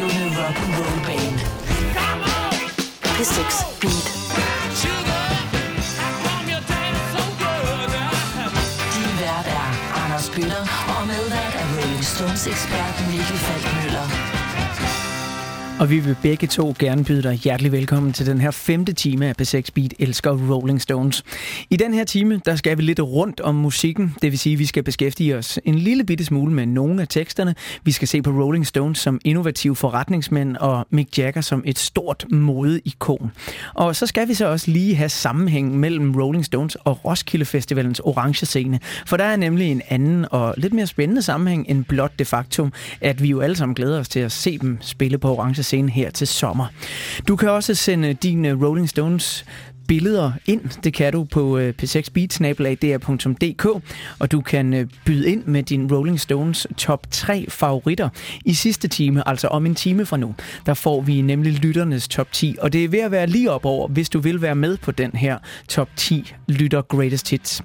Så øh, send en mail herind på p6beat.dr.dk eller endnu bedre, gå ind på vores Facebook og kom med dit bud i øh, tråden. Mikkel, du er stadig øh, med mig her, standhaftig på øh, femte time. Det er jeg glad for. Kaffen er stadig varm, og øh, vi er friske på at fortsætte. Jeg øh, kunne godt lige tænke mig at runde lige om lidt, øh, lidt af det her med, når Rolling Stones de så også får lidt mere dybde i teksterne, fordi nummeret, vi hørte her, Shine a Light, øh, der er jo helt bestemt noget at komme efter. Mhm. Og øh, vi har også øh, en øh, god lytter, som skriver en historie på Facebook, der rørte mig meget, øh, og, og det handler netop også lidt om, om den her dybde, bandet kan have, fordi det betyder rigtig meget for mange mennesker. Christina Lønge, hun har skrevet på vores øh, Facebook-væg. Min kære far var kæmpe Rolling Stones-fan. Han blev desværre alt for tidlig alvorligt syg. Og jeg kørte det halve af Sjælland rundt for at få fingrene i en ghettoblaster og hjem i barndomshjemmet for at hente CD'erne og hans elskede Rolling Stones t-shirt. Vi hørte Rolling Stones non-stop i de sidste to døgn af hans liv, der på hospitalstuen. Og han blev selvfølgelig begravet i en Rolling Stones t-shirt. Min far, han var nok i virkeligheden halvt menneske, halvt Rolling Stones. Man må sige, at øh, for mange mennesker jo, inklusive Christinas far her, ikke, så har det her band jo altså virkelig betydet ja. noget.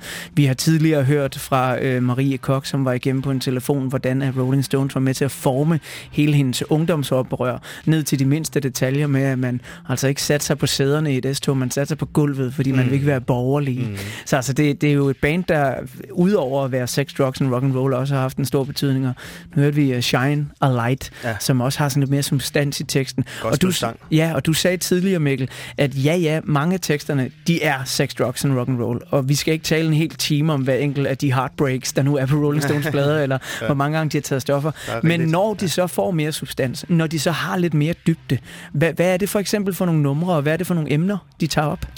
Ja, altså, øh, de, hvad kan man så sige, altså, selvom de jo rent sådan øhm, økonomisk og pengewise, så er de jo temmelig griske, det må man jo altså nok indrømme. Så man kan forestille sig, at de var meget sådan egentlig øh, konservative, øh, til trods for deres måde at opføre sig på.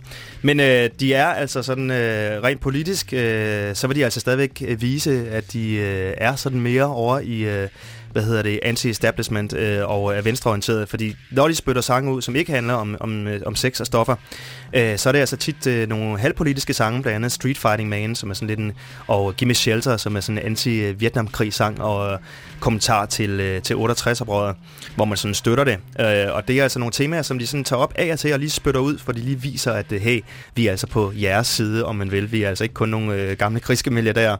Øh, blandt andet så lavede de også en, en anti-Irak-krig-sang øh, i 91, som hedder Highwire, øh, og også på deres... Øh, album fra 2006, en sang, der hedder Sweet Neocon, som er sådan en bisk øh, kommentar til øh, George Bush.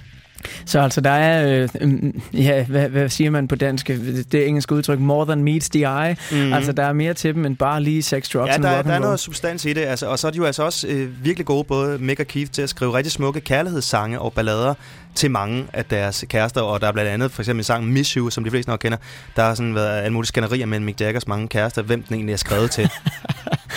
Nogle af de sange ved jeg, at vi kommer til at behandle i næste time, hvor der er lytter top 10.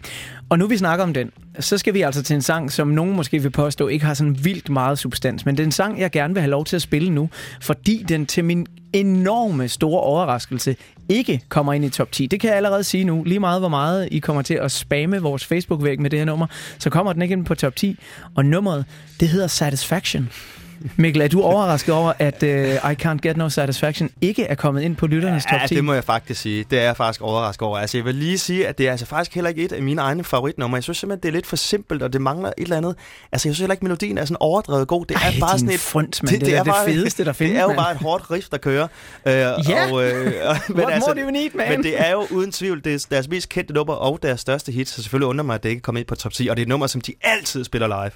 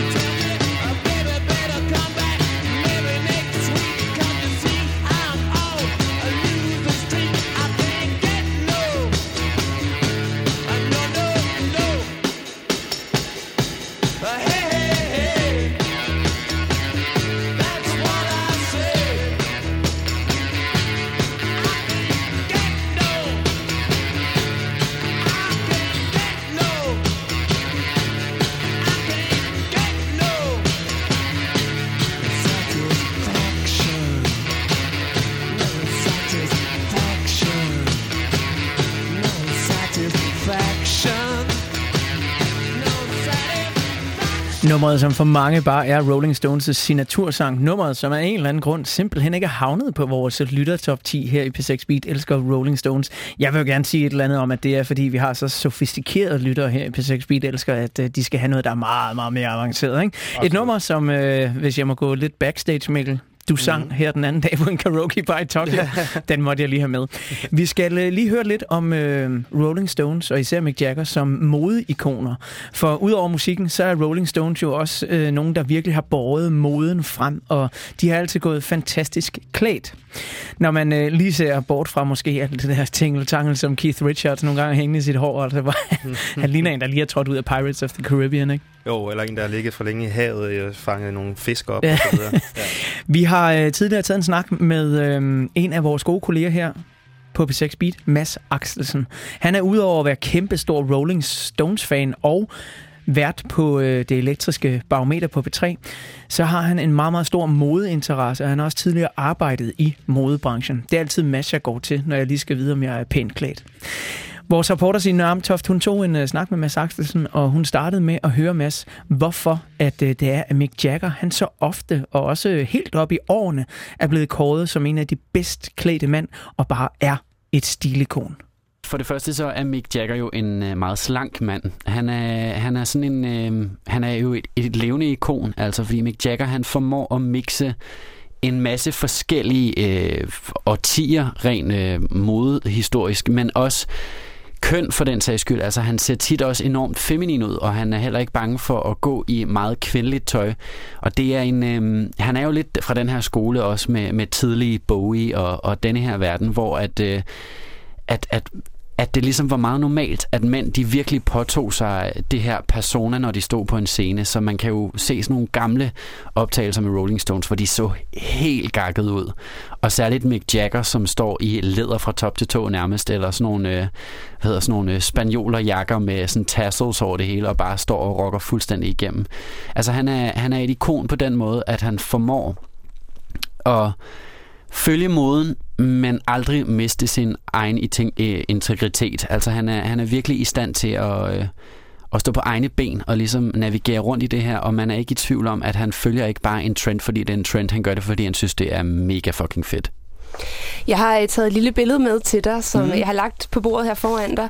Og øh, det er fra 1965, et sådan et pressebillede af Rolling Stones.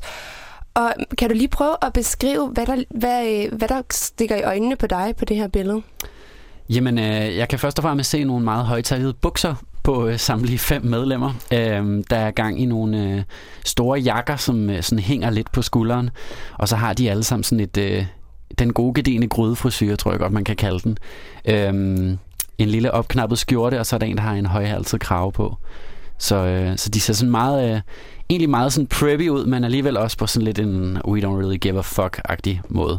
Er det, der, det her billede, som så er, øh, er mange, mange år gammelt, er det noget, kan man genkende noget i de, nogle nuværende bands?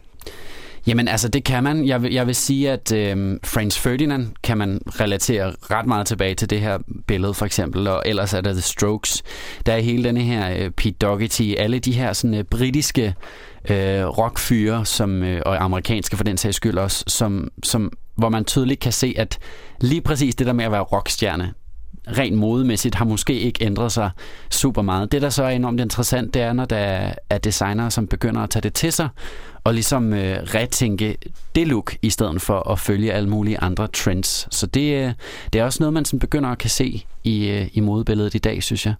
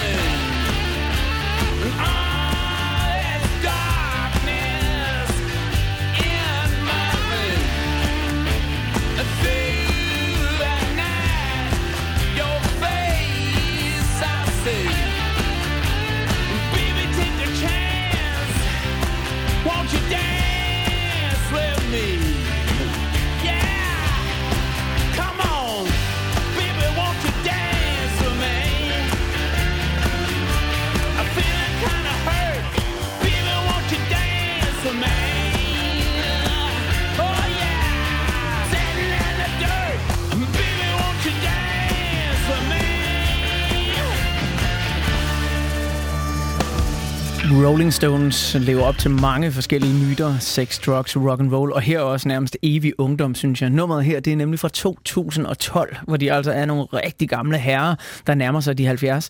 Det er et nummer, der hedder Doom and Gloom, som var et ud af de to nye numre, som de udgav i anledning af deres opsamling, der hedder Der fik jeg det vist udtalt rigtigt. ikke? En stor gorilla. Vi skal lige have øh, en øh, god lytter, som har skrevet ind til os på p6beatsnabelag.dk. Det skal du også være velkommen til at gøre, hvis øh, du har en holdning til Rolling Stones, eller især hvis du vil være med i vores øh, lytter top 10, som vi tager om godt og vel en halv time. Det er sidste udkald nu, hvis du vil nå at være med. Tina Dilling Petersen har øh, skrevet ind til os, og Tina hun skriver, Rolling Stones har en helt særlig betydning for min familie. Mig og min bror er begge to født ni måneder efter, at mine forældre havde været til Stones-koncerter i henholdsvis 1970 og 1973. Min ældste datter kom også til verden ni måneder efter, at vi så Stones i parken i 1995. Og jeg var gravid igen under Stones-koncerten i 1998. Stones, det er, det er altså noget, man kan gå hen og få børn af, Mikkel. Det er et meget fertilt orkester. Ja, vi skal passe på, når vi står her i 6 timer og snakker om dem. Lige pludselig er der De en er af os, der, der er gravid. Ja, det det. Vi øh, skal lige rundt om øhm, Rolling Stones' øh, alle de der ting, du ved, der ikke lige handler om musikken, men om økonomien. Vi har berørt det, da øh, Signe fra Nelson Can var herinde. De var et af de første bands, der fik en, en rigtig manager, som ligesom tog sig af businessdelen af det og så videre. Ikke? Men her i 2014, nu turnerer de rundt øh, i hele verden stadigvæk. De kommer til Roskilde Festival, men de kommer så også med en opsamling i 2012, hvor der kun er to nye numre på. Mhm. Er det her stadigvæk et band, eller er det bare blevet en business? Ja, det er jo sådan et spørgsmål, der altid popper op, øhm, og som der er delte meninger omkring.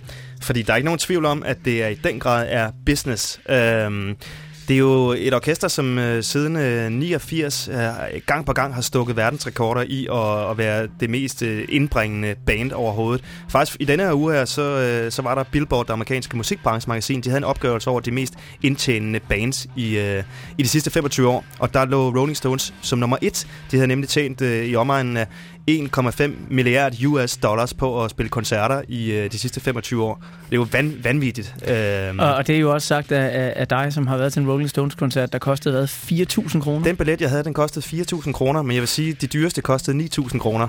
Okay, ja. Så du har siddet på de billige rækker, så at sige. Ja, nærmest. Altså- men, men altså, jeg, jeg, altså, det sjove med Rolling Stones, det er jo netop, at øh, altså, jo, billetterne er ekstremt dyre, øh, men det har de altid været. De har altid sådan, øh, sat barn for, hvor meget man kan tillade sig at tage for en koncertbillet. Og de har altid fået smæk for det, men de har altid solgt koncerterne ud alligevel. Så på Ja. en eller anden mystisk måde, så er, de ikke, øh, så er det ikke gået ud over deres sådan, image eller fanbase, fordi folk har altså købt billetterne. Men der er noget andet, som måske, det ved jeg ikke, på det tidspunkt er gået ud over deres image. Jeg er i hvert fald allerede, eller allerede siger øh, også her i 2014 næsten farvet, når jeg hører det. De er det første britiske rockband, som tog i skattely i Frankrig. Det er rigtigt. Og jeg tænker, når man tjener milliarder, altså så kan man da godt lige hjælpe lidt til, ikke? Med at betale nogle skatter, men det var de ikke interesseret i. Nej, altså, men faktisk øh, på det her tidspunkt, altså, og det har været i, i slut 60'erne, start 70'erne, der fik de et nyt management team, øh, og der øh, gik de deres økonomi igennem, og faktisk på det tidspunkt, så var bandet ved at være bankerot. Øh, så de blev faktisk mere eller mindre tvunget til, sagde øh, med deres management, at flytte ud af England, fordi topskatterne var så høje, de skulle betale 99 procent af al deres indkomst i skat. Okay. Øh, så det var også lidt for at overleve, kan man sige. Men øh, så tog fanden altså ved dem efter det, fordi så fandt de ud af, hvordan de kunne gøre deres business fremover. Og øh, de har altså flyttet rundt på deres penge og har forskellige selskaber i Holland og på de hollandske antiller, og øh, hver gang de skal indspille og turnere og op til turnere, så de har altid taget nogle steder hen, hvor de ikke har været så længe, for at beholde øh, så mange penge som muligt selv. Så de ved også godt, hvordan de skal skære kagen. Og, øh, og Mick Jagger, han er jo altså selv gået på London School of Economic, og, og, og er rigtig dygtig forretningsmand. Så øh, har jeg en lille overraskelse med til dig nu, når vi lige skal have afrundet vores snak her om øh, øh, Rolling Stones' økonomi. Fordi tilbage i 1964, der indspiller de faktisk en øh, reklame for Kellogg's. Og det er et nummer, som øh, der aldrig øh, er, er blevet udgivet. Altså, det er simpelthen fordi, de synger om Rice Krispies i reklamen. Så der, og det var øh, sådan cirka 25 sekunder. Ja. Jeg beklager, at lydkvaliteten er en smule dårlig her, men det er altså som sagt fra en tv-optagelse fra 1964, som vi har fundet et sted på nettet. Men jeg synes lige, at du skal høre,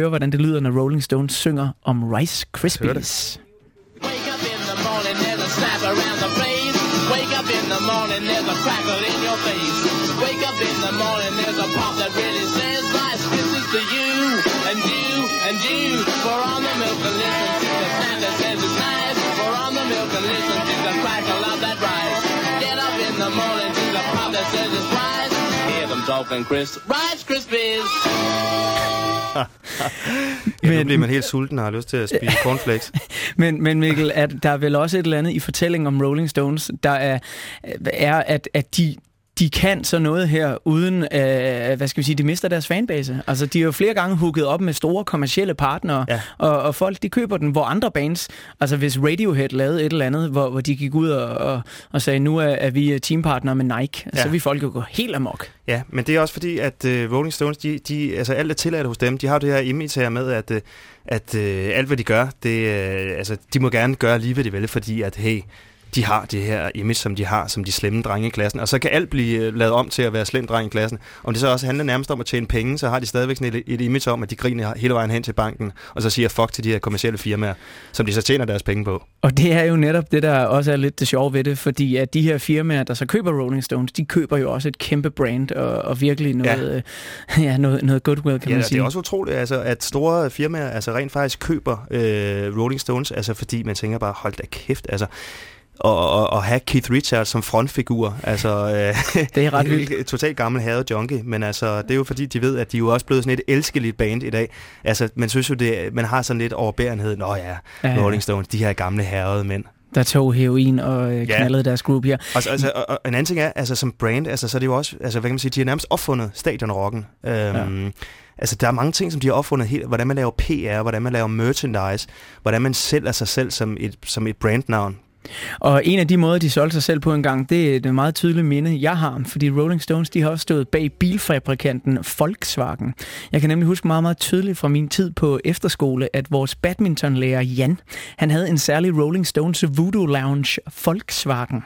Og den her øh, knaldrøde bil, som han havde, den fik eleverne lov til at vaske i al offentlighed, hvis vi havde lavet et vedmål med Jan om, at vi kunne tæve ham i badminton, og vi så tabte, hvilket vi jo altid gjorde. Så øh, for at mindes de gode tider med Jan og efterskolen og den her fucking Rolling Stones Voodoo Lounge Volkswagen, så skal vi her have et nummer fra det album, You Got Me Rocking.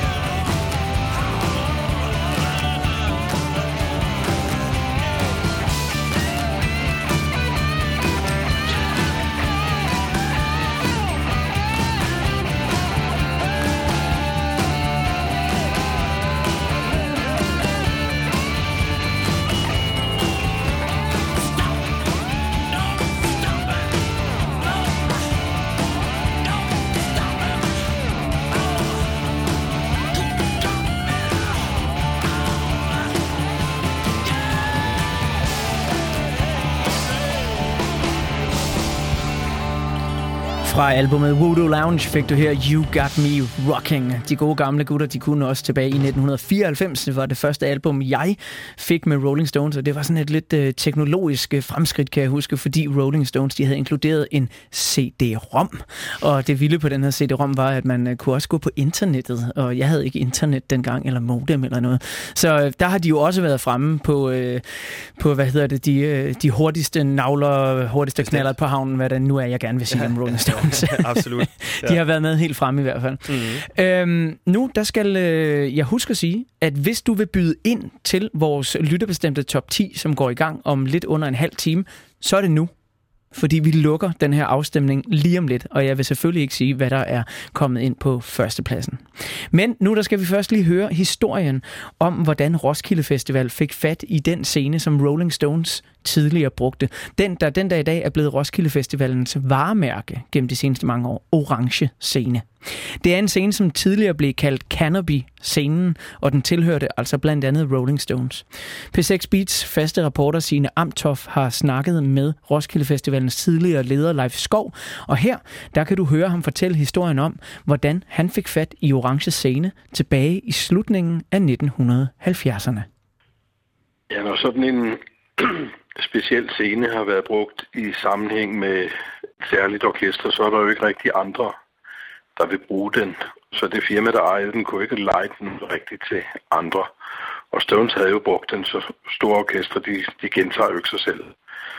Og jeg så den i en øh, engelsk musikavis, NME, øh, hvor den stod i Hyde Park, hvor Queen havde brugt, det, brugt den.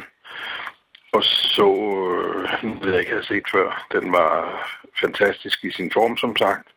Den var på grund af sin farve rødglødende som en ildkugle øh, om natten.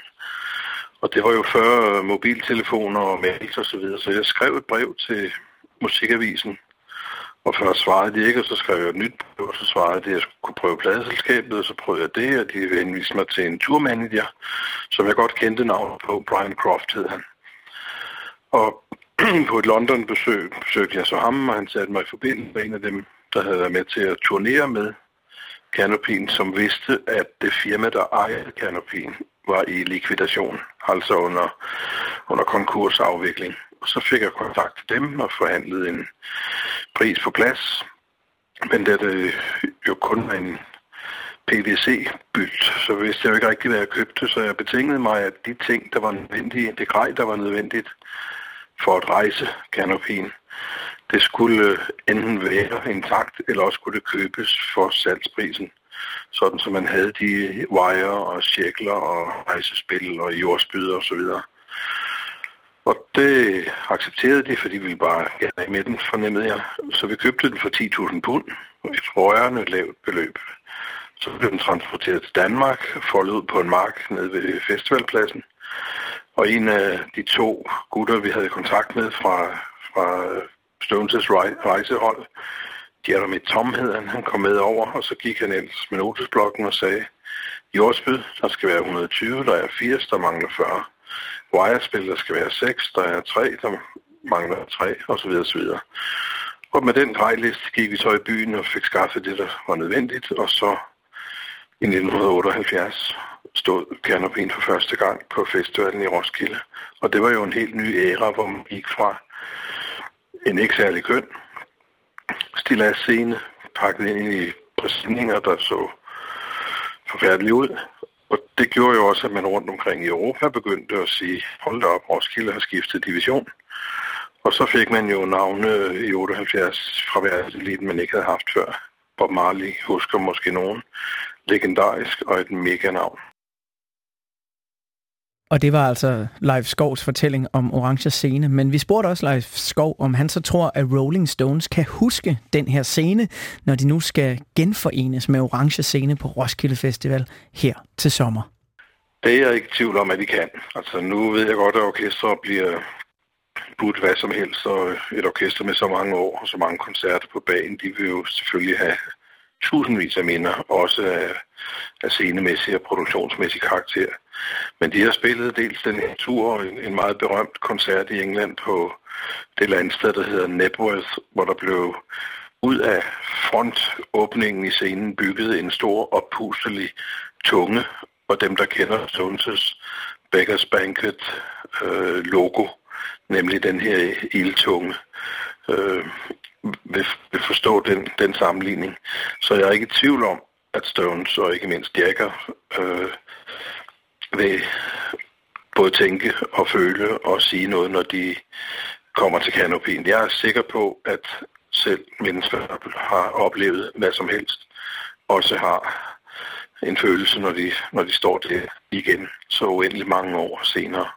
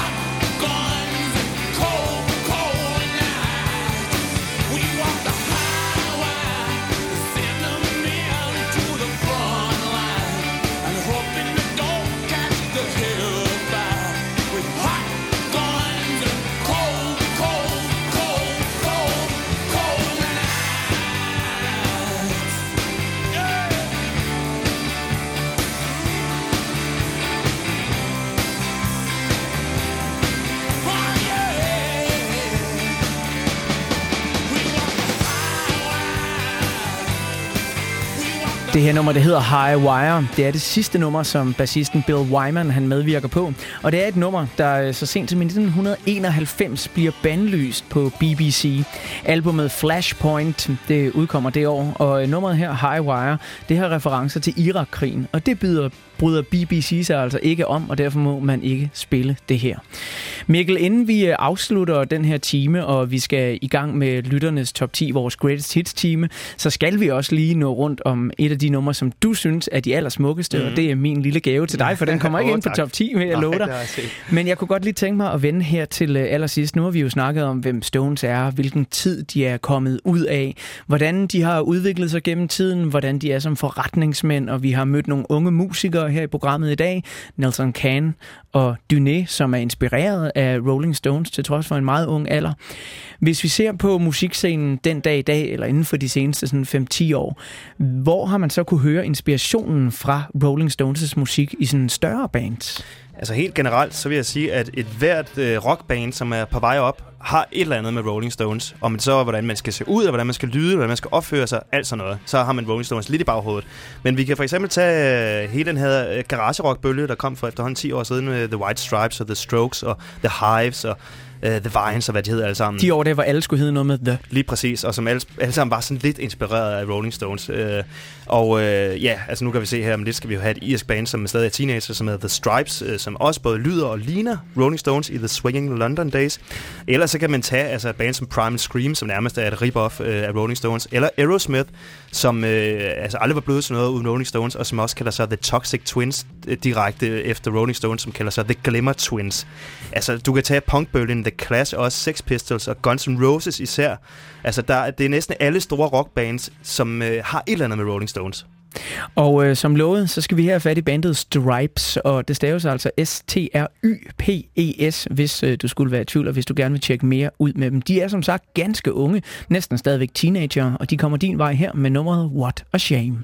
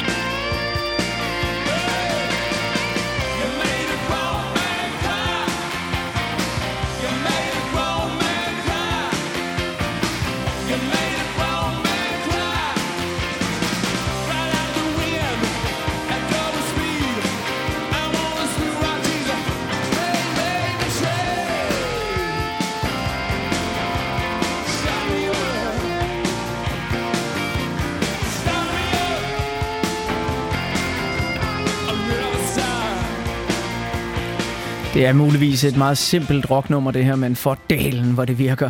Start Me Up live fra 1991. Et helt formidabelt Rolling Stones nummer.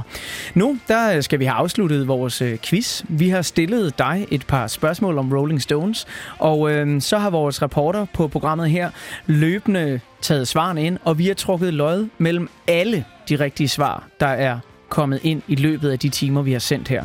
Og jeg vil gerne sige tusind, tusind mange gange tak for alle de historier, vi har modtaget. Jeg vil virkelig ønske, at vi simpelthen kunne læse dem alle sammen op ende til anden, men heldigvis så har vi fået så mange, at det simpelthen ikke kan lade sig gøre. Vi stillede et par spørgsmål. Det første spørgsmål var, hvem fra Rolling Stones har arbejdet i Randers? Det rigtige svar er trommeslager Charlie Watts, der også er grafisk designer og reklametegner. Det andet spørgsmål, det kom vi selv til at afsløre, men øh, så var det dem, der var ja, hurtigt ved havelån, der øh, kunne svare der. Vi spurgte også nemlig, hvem har indspillet det nummer, som har lagt navn til Rolling Stones, og det er Muddy Waters, der er det rigtige svar. Til sidst så spurgte vi, hvem i bandet er oldefar? Og det er Sir Mick Jagger, altså ikke bare sådan i overført betydning. Han er rent faktisk blevet oldefar. Og nu der skal vi øh, så have trukket løjet blandt alle rigtig vinder. Vinderen af singles-boksen, den her boks med 45 CD'er i, er Frank Jørgensen. Woo! Tillykke, Frank! Vi kontakter dig på mail, og øh, så får vi færdig din adresse, så du kan få din øh, singles-boks med Rolling Stones, og du får selvfølgelig også et stykke af den originale teltdu fra Roskilde Festival. Og vinderen af den store, store grrr, boks, den som min medvært Mikkel Falk Møller også meget gerne vil have fingrene i selv, oh yes. det er Lasse Mor. Tillykke til dig, Lasse! Og igen, tusind tak til alle, der vil være med til at quizze med os. Jeg øh, lovede dig, øh, Mikkel, at øh, vi skulle nå at spille øh, et nummer, som øh, du synes er et af de øh, allerbedste. Mm. Og øh, det er et øh, nummer, som du skrev til mig, da vi øh, snakkede sammen om programmet her. Øh, en af de allerførste mails, du skrev, der skrev ja. du bare, vi skal høre Beast of Bourbon. Jeg synes, at det er en af de smukkeste Stones-sange nogensinde. Hvorfor er det netop Beast of Bourbon, der, der sådan rammer dig? Jeg synes bare, det er en helt fabelagtig god melodi. Øhm, og så er der et eller andet særligt med guitarspillet. Det er også lidt sjovt, fordi øh, Ronnie Wood og Keith Richards, de har en særlig teknik at spille guitar på sammen. De kalder den selv for The Ancient Form of Weaving, altså den elgamle form at væve. Fordi det der guitarerne væver ind og ud af hinanden. Man kan ikke høre, hvem der spiller hvad. Og det her nummer er et sindssygt godt eksempel på det. Det er smuk tekst og sindssygt melodisk. Så vi kan høre det. Det er fra Some Girls fra 1978. Og øhm, det nummer, som er et af Mikkels yndlingsnumre, det leder os altså op til den sidste time af vores P6 Beat. Nu får jeg helt sug i maven her. Uh, ja, det er dejligt, ikke? Den kommer her, den hedder Beast of Burden. Lige om lidt, så kan du høre øh, lytternes udvalgte top 10 efter radioavisen.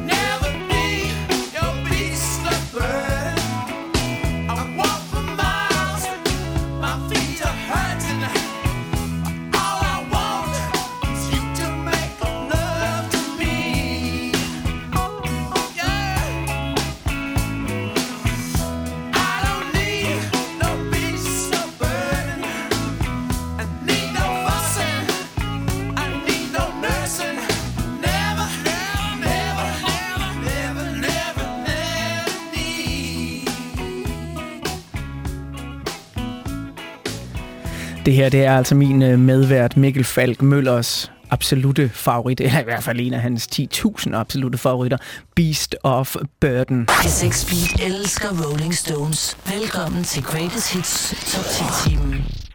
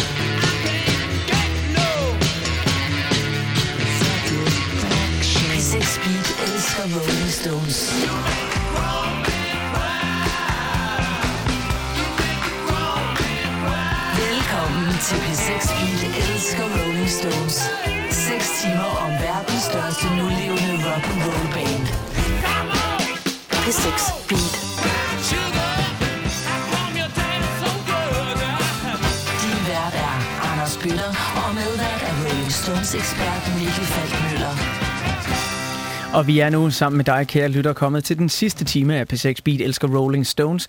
Timen, hvor det er dig, der bestemmer. Vi har sammensat en hitliste på 10 numre, som du har stemt ind på vores mail og på vores Facebook. Og tusind tak for alle stemmer. Det første nummer, det øh, kommer altså ind som nummer 10. Det var nummeret Miss You. Det var ifølge Mikkel Rolling Stones Goes Disco. Og, og, og nummeret, som jo øh, ja, flere af Mick Jaggers øh, ekskærester påstår er skrevet til dem. Og apropos det her med Miss You, så har Lea Damgaard øh, skrevet ind til os en, en meget smuk historie. Lea, hun skriver, Rolling Stones har altid været en del af mit liv. Min faster, der var meget stor fan af Rolling Stones, og har været med til at introducere mig til den fantastiske musik, døde sidste år. Hun var meget syg og svag, men den sidste dag hun levede, der bad hun om at få lov til at høre Rolling Stones, hvorefter hun lå og rockede i sin sygeseng. Så nu er Rolling Stones også blevet bandet, der gjorde min fasters sidste dag på jorden rock and roll. Og Lea fortsætter. Da jeg var teenager, så tog min far og min faster mig med til Stones-koncert i 2006. Det var den største oplevelse nogensinde. Og vi aftalte, at hvis vi fik muligheden, så skulle vi alle tre afsted næste gang Stones kom til Danmark. Og som sagt, ja, sidste søster, sidste sommer døde min faster så, som sagt. Men min far og jeg ved, at hun vil være med os i ånden, når vi drager til Roskilde Festival den 3 juli. En meget smuk historie fra Lea om, hvordan musikken den lever videre til trods for fasterens død. Nu der skal vi til øh, nummer 9, Mikkel. Har du nogen øh, anelse om, hvad det er, jeg vil smide hovedet på dig? Øhm, nej. Nej. Det, jeg er jo spændt at se, hvad lytterne har valgt. Kan du kende den her? Ja, det kan jeg godt. Det er signaturriff. Det er, ja, men det er signaturriff, og det er, Det en er, fantastisk det er. Kites yndlingssang live, kan jeg lige sige. Oh, fedt. Og det er altså øh, lytternes top 10, vi er i gang med. Her der er nummer 9, Jumpin' Jack Flash.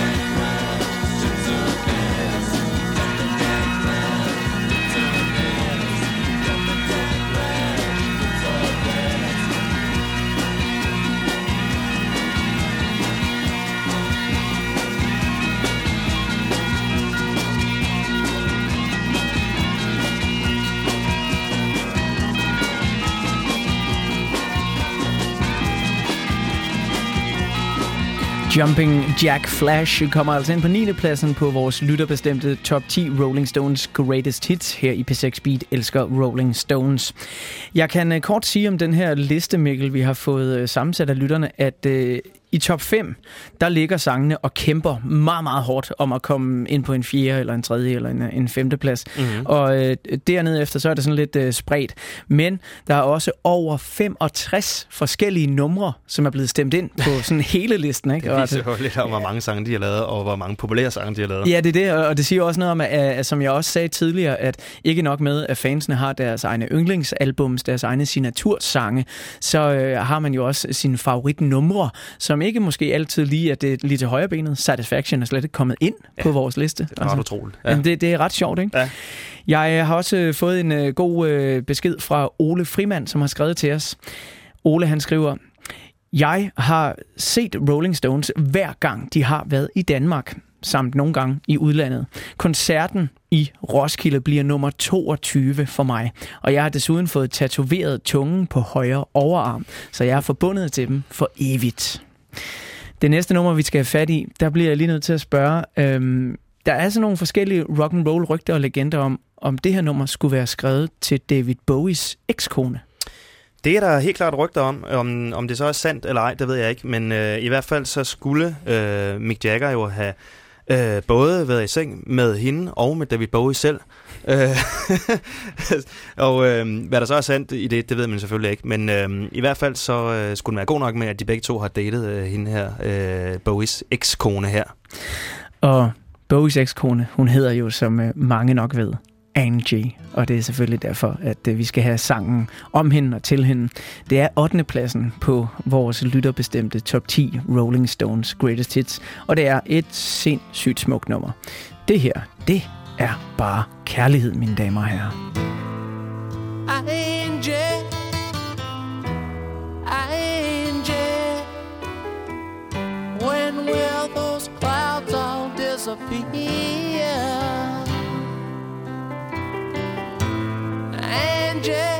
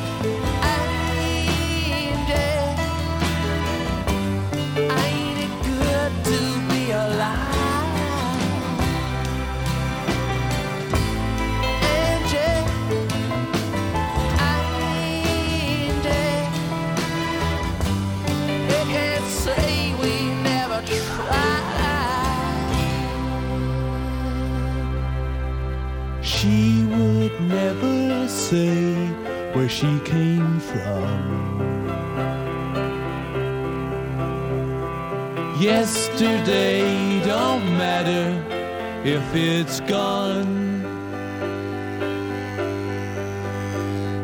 While the sun is bright, or in the darkest night, no one knows. She comes and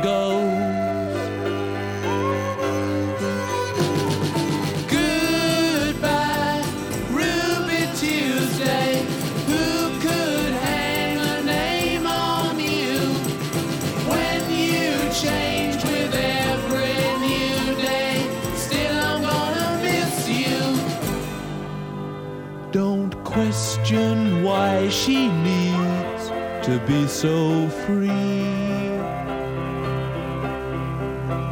She'll tell you it's the only way to be. She just can't be chained to a life where nothing's gained and nothing's lost It's such a cost.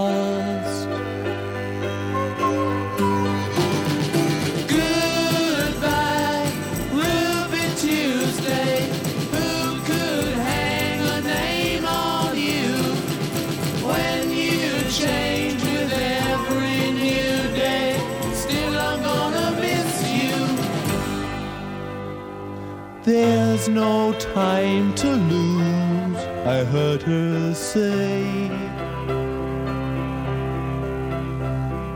Catch your dreams before they slip away. Dying all the time.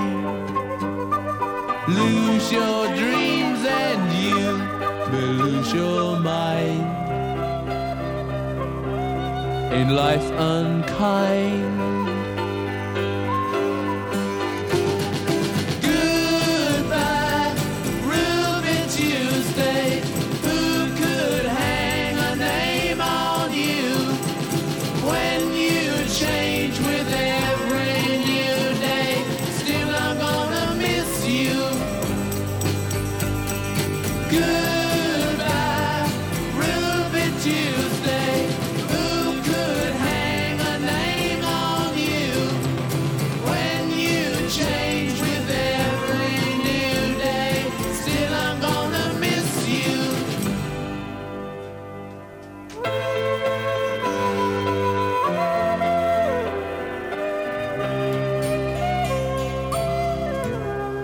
Smukke, smukke Ruby Tuesday kommer ind på en syvende plads på vores lytterbestemte top 10 Rolling Stones Greatest Hits.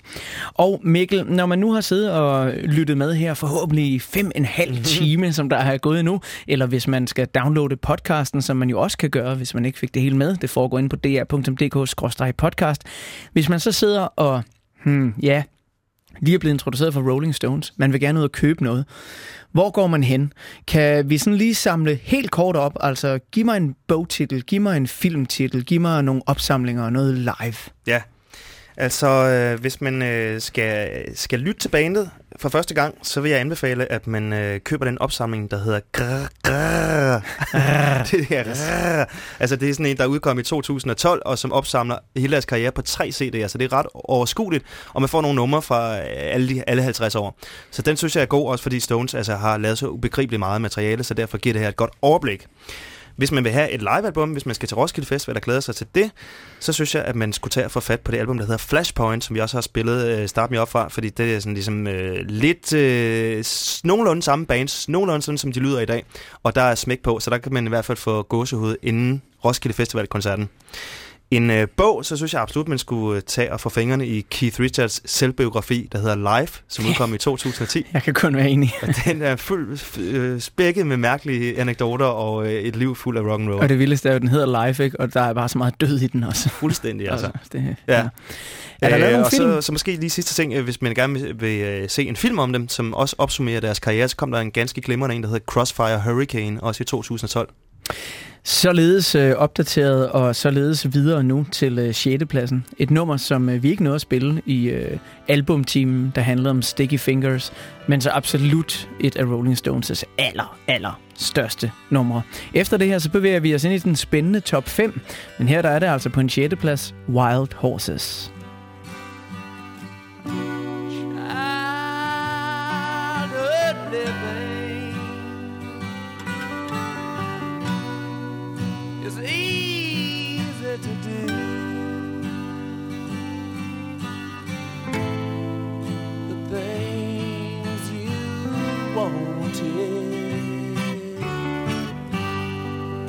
I bought them for.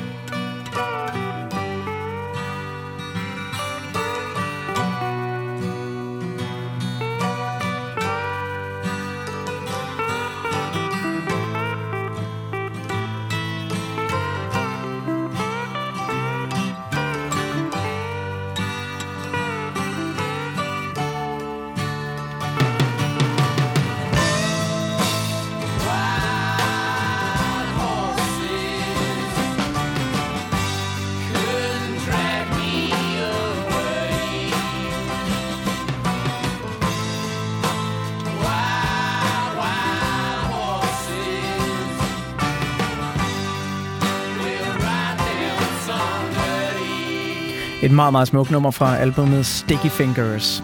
Wild Horses kom ind på en 6. plads på vores lytterbestemte top 10 Rolling Stones Greatest Hits. Og det betyder altså nu, Mikkel, at øh, vi øh, bevæger os ind øh, i øh, top 5. Mhm. Mm-hmm. Og det er der, ifølge vores producer Signe Amtoft, at der virkelig har været kamp til stregen. Og nogle af numrene her, de er meget lange inden for top 5, og nogle af dem har vi faktisk øh, allerede spillet mm. her i programmet. Faktisk så, øh, så åbnede vi øh, hele den her 6 timers lange Tour de Force ud i Rolling Stones med nummeret her, ja. som altså er kommet ind på femtepladsen, Sympathy for the Devil. Så det kan være, at vi ikke spiller hele nummeret, men øh, vi skal nok øh, være søde ved det. For ellers det kan man i hvert fald så også høre det på Roskilde, fordi de spiller de 100% sikkert. Yes! Please allow me to introduce myself. I'm a man of wealth and taste. I've been around for a long, long year. Stole many a man's soul and faith. I was around when Jesus Christ had his moment of doubt and pain. Made damn sure the pilot washed his hands and sealed his face.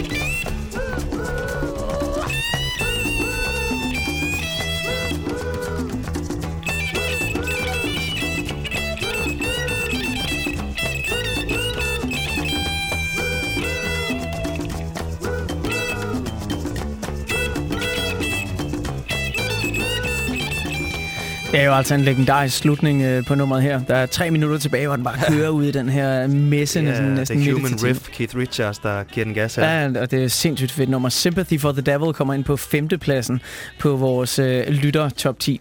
Jeg kunne godt lige tænke mig at læse en lille øh, ting for dig, Mikkel, bare lige hurtigt. Det her, det er skrevet af Jørgen Mylius. Han hedder altså ikke Jørgen Dimylius øh, dengang, men øh, det er fra en bog, jeg har fundet, der hedder øh, Rolling Stones' historie. Og øh, Jørgen, han skriver dengang, Langt de fleste Beatles-numre er uendeligt lette at huske. Blot de spilles en enkelt gang, mens Stones' numre ofte skal genspilles nogle gange, før melodien sidder fast. Og dette særpræg plus deres specielle sammenspil har lige fra starten virket nyt og afvekslende inden for populærmusikken. Og så kommer det. Der er ingen tvivl om, at The Stones også en dag vil være en glemt popgruppe. Men alligevel synes jeg, at de dog har fået stabiliseret sig så meget, at de må få sætningen, de er kommet for at blive. Og øh, det Ja, er de jo altså sige? så. altså, jeg har selv set et interview, hvor Mick Jagger han bliver spurgt om, "Nå, hvor lang tid tror du, at jeres band det var? Så sidder han øh, med uskyldige øh, blå øjne og siger øh, højst to-tre år, ikke? Så der var ingen, der kunne vide, at de ville få denne her længde her, som den her karriere af det. Det næste, vi skal til, øh, det er et nummer, som har en helt særlig betydning for Danmark. Øh, du bliver nødt til at forklare det meget kort, Mikkel, for vi har ikke så meget Nej, tid. vi har ikke så lang tid. Vi skal høre She's a Rainbow, som er kommet ind på fjerdepladsen. Ja, og det er jo altså kun i Danmark, at det vil ske, fordi der er ikke så mange, der, der ellers kender det her nummer her. Og historien bag det er jo, at øh, der var en, øh, et dansk børne-tv-program i, øh, i 68, øh, 67, som hed Super Carla, og der blev det her nummer altså brugt som temasang. Så derfor så blev det et hit i Danmark, og ellers er det stort set ukendt i resten af verden. Altså det er fra, fra deres øh, ikke så vellykkede album øh, Satanic Majestic Request fra 1967, psykedelisk album. Og øh, ikke mindst, så synes jeg altså, at det her klaver, det er værd at, at hæfte så ved. Jeg synes, det, det er faktisk et sindssygt smukt nummer. She's er a. Rainbow, ind på fjerdepladsen.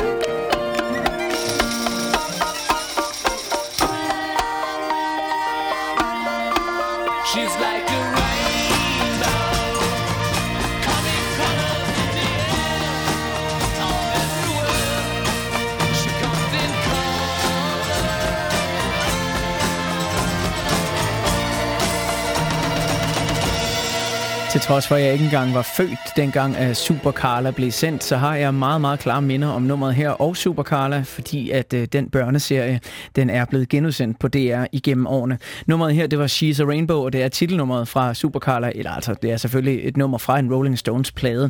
Jeg husker dengang, jeg var inde og se Rolling Stones i øh, Idrætsparken, som det hed dengang, Mikkel Parken. Mm. Der var jeg 17 år gammel, og så øh, er der på storskærmen lige pludselig sådan en interaktiv del af koncerten.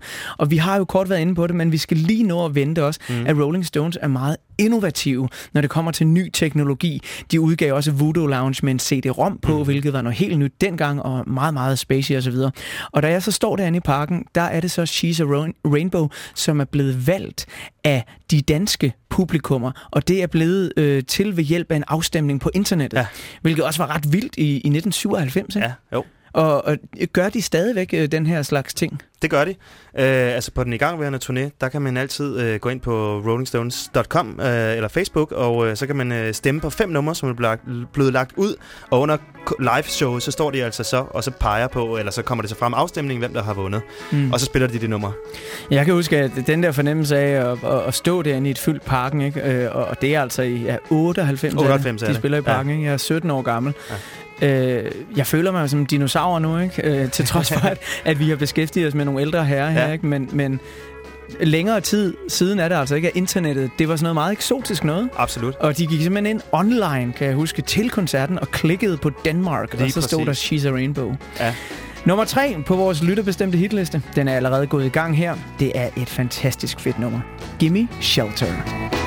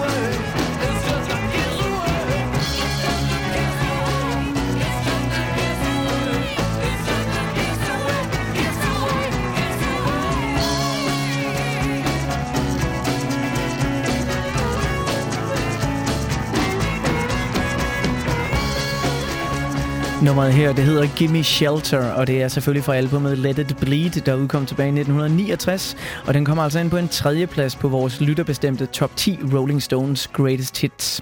Nummeret det er også blevet spillet tidligere, hvor Mathias, forsangeren fra Dyné, valgte det som sit absolute yndlings Stones nummer.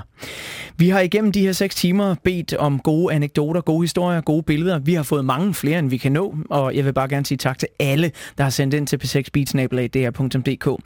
En af dem, der har kontaktet os, har en øh, ganske særlig historie, som øh, jeg synes, du skal høre, Mikkel, fordi øh, det er faktisk en del af dansk rockhistorie, det her. Mhm. Mm-hmm. Som du nok ved, så var det sådan, at Rolling Stones de havde danske opvarmningsbands, når de var her i øh, midt-60'erne. Ja. Blandt andet bandet The Defenders har varmet op for dem. Og her, der kommer så et lille kig tilbage i historien igen.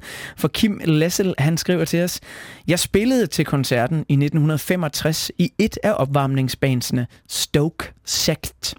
Der bar Jagger solbriller på grund af et blåt øje, han havde fået. Det fortæller historien i hvert fald. Og det havde han fået, da en af brødrene i The Walker Brothers havde kastet et askebær i hovedet på ham under et skænderi eller et slagsmål. Det var nok, fordi han prøvede at score hans kæreste. Jamen, det kan sikkert være, det det, der er sket, ja. Og øh, dengang, der øh, var Brian Jones jo med i øh, orkestret. Og øh, det næste nummer, det øh, er især præget af Brian Jones' ikoniske guitarriff, som øh, vi var inde på tidligere. Det er anden pladsen på vores lytterbestemte hitliste, vi er nået til. Brian Jones han døde allerede i 1969, og øh, han havde øh, til den tid allerede fået skubbet så mange af sine bandvenner væk fra sig, at øh, han næsten ikke var med i bandet, som øh, du også tidligere nævnte. Ja. Men vi har faktisk fundet et øh, ret, ret fint lydklip, synes jeg, hvor de tre Stones-medlemmer, Charlie Watts, Mick Jagger og til sidst Keith Richards, taler om deres afdøde bandmedlem. Og du skal lige prøve at høre efter her, mm. hvor meget øh, føle, følelse de stadigvæk kan, kan få ind i det her mange, mange år efter. Det er optaget af BBC, og her der skal vi altså høre de tre gutters øh, minder om Brian Jones. I always felt very sorry for Brian.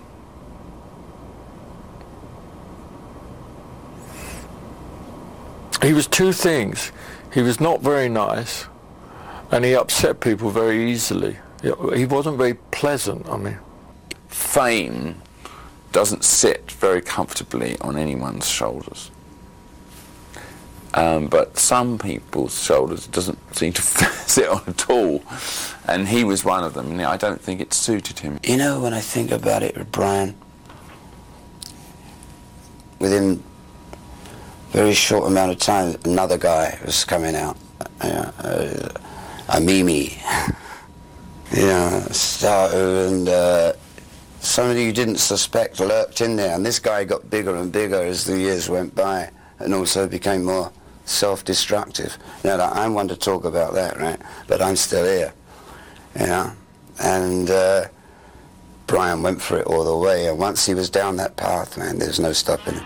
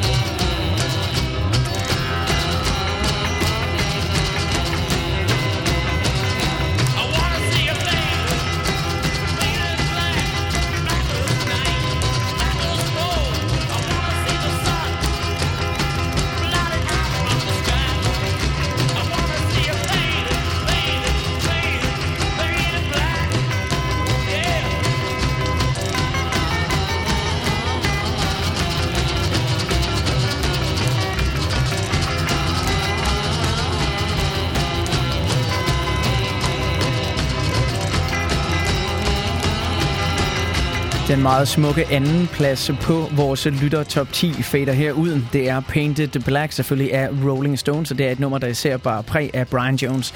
Vi har kun et... Sitarspil. Ja, sitarspillet der, ikke? Vi har kun et nummer tilbage, Mikkel, og øh, vi kan sådan lige nå det inden øh, radioavisen. Så øh, jeg skulle lige til at sige, without further ado, der er lige en ting, vi lige skal nå, inden vi øh, afslører førstepladsen her. Fordi der er jo et dansk kor, som skal synge med på blandt andet det her nummer, helt sikkert. Kun det her nummer. Kun det her nummer. Ja. Okay, ja, på øh, Roskilde Festival-koncerten. Det er et kor fra Aarhus, der hedder Vocal Line. Og øh, du siger også, det er et gimmick, som de gør på den her tur, at de ja. simpelthen tager øh, lokale kor med ind. Ja, det er noget, de begyndte på. Øh, altså, de har aldrig gjort det tidligere live, fordi det er jo pænt dyrt også at, at hyre kor og så videre. Men nu har de altså bare, øh, også fordi de har penge til det på grund af billetpriserne. Så det, de gør, det er, at øh, hver koncert i hvert land, så, så hyrer de et lokalt kor til at komme og spille på det her ene nummer her. Og altså på den originale udgave, der findes med nummer, som vi også kan lytte til nu, der er jo altså også kor på, så det kommer til at lyde helt fantastisk med et live-kor på 20-25 mand. Jeg glæder mig rigtig meget til at høre det, og øh, skulle jeg ikke øh, huske at sige det, eller skulle jeg ikke nå det, så skal jeg sige, at P6 Beat elsker Rolling Stones, har været produceret af Christian Lundov og tilrettelagt af Sine Amtoft. Jeg hedder Anders Bøtter, min medvært er Mikkel Falk Møller, og her er førstepladsen. You can't always get what you want.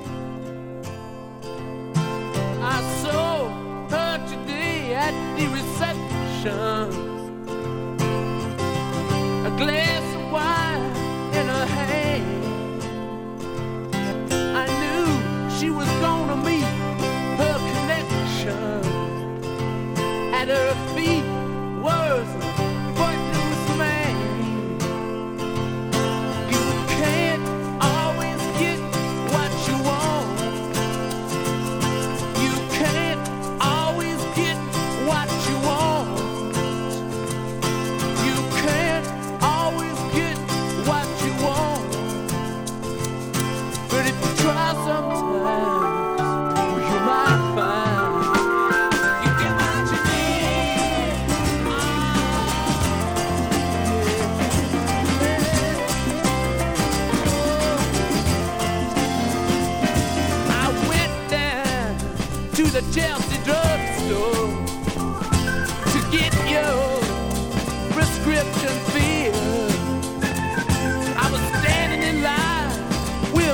Jimmy.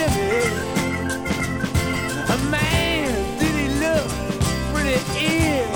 I said to him,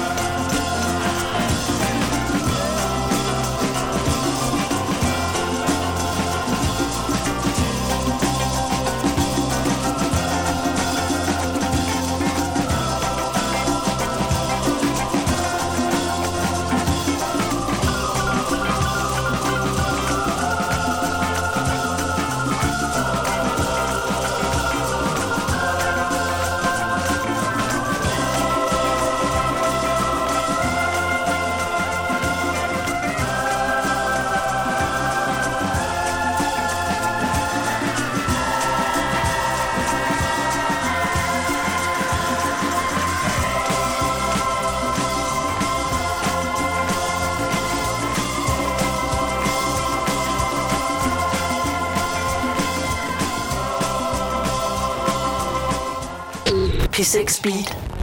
Mærk lyden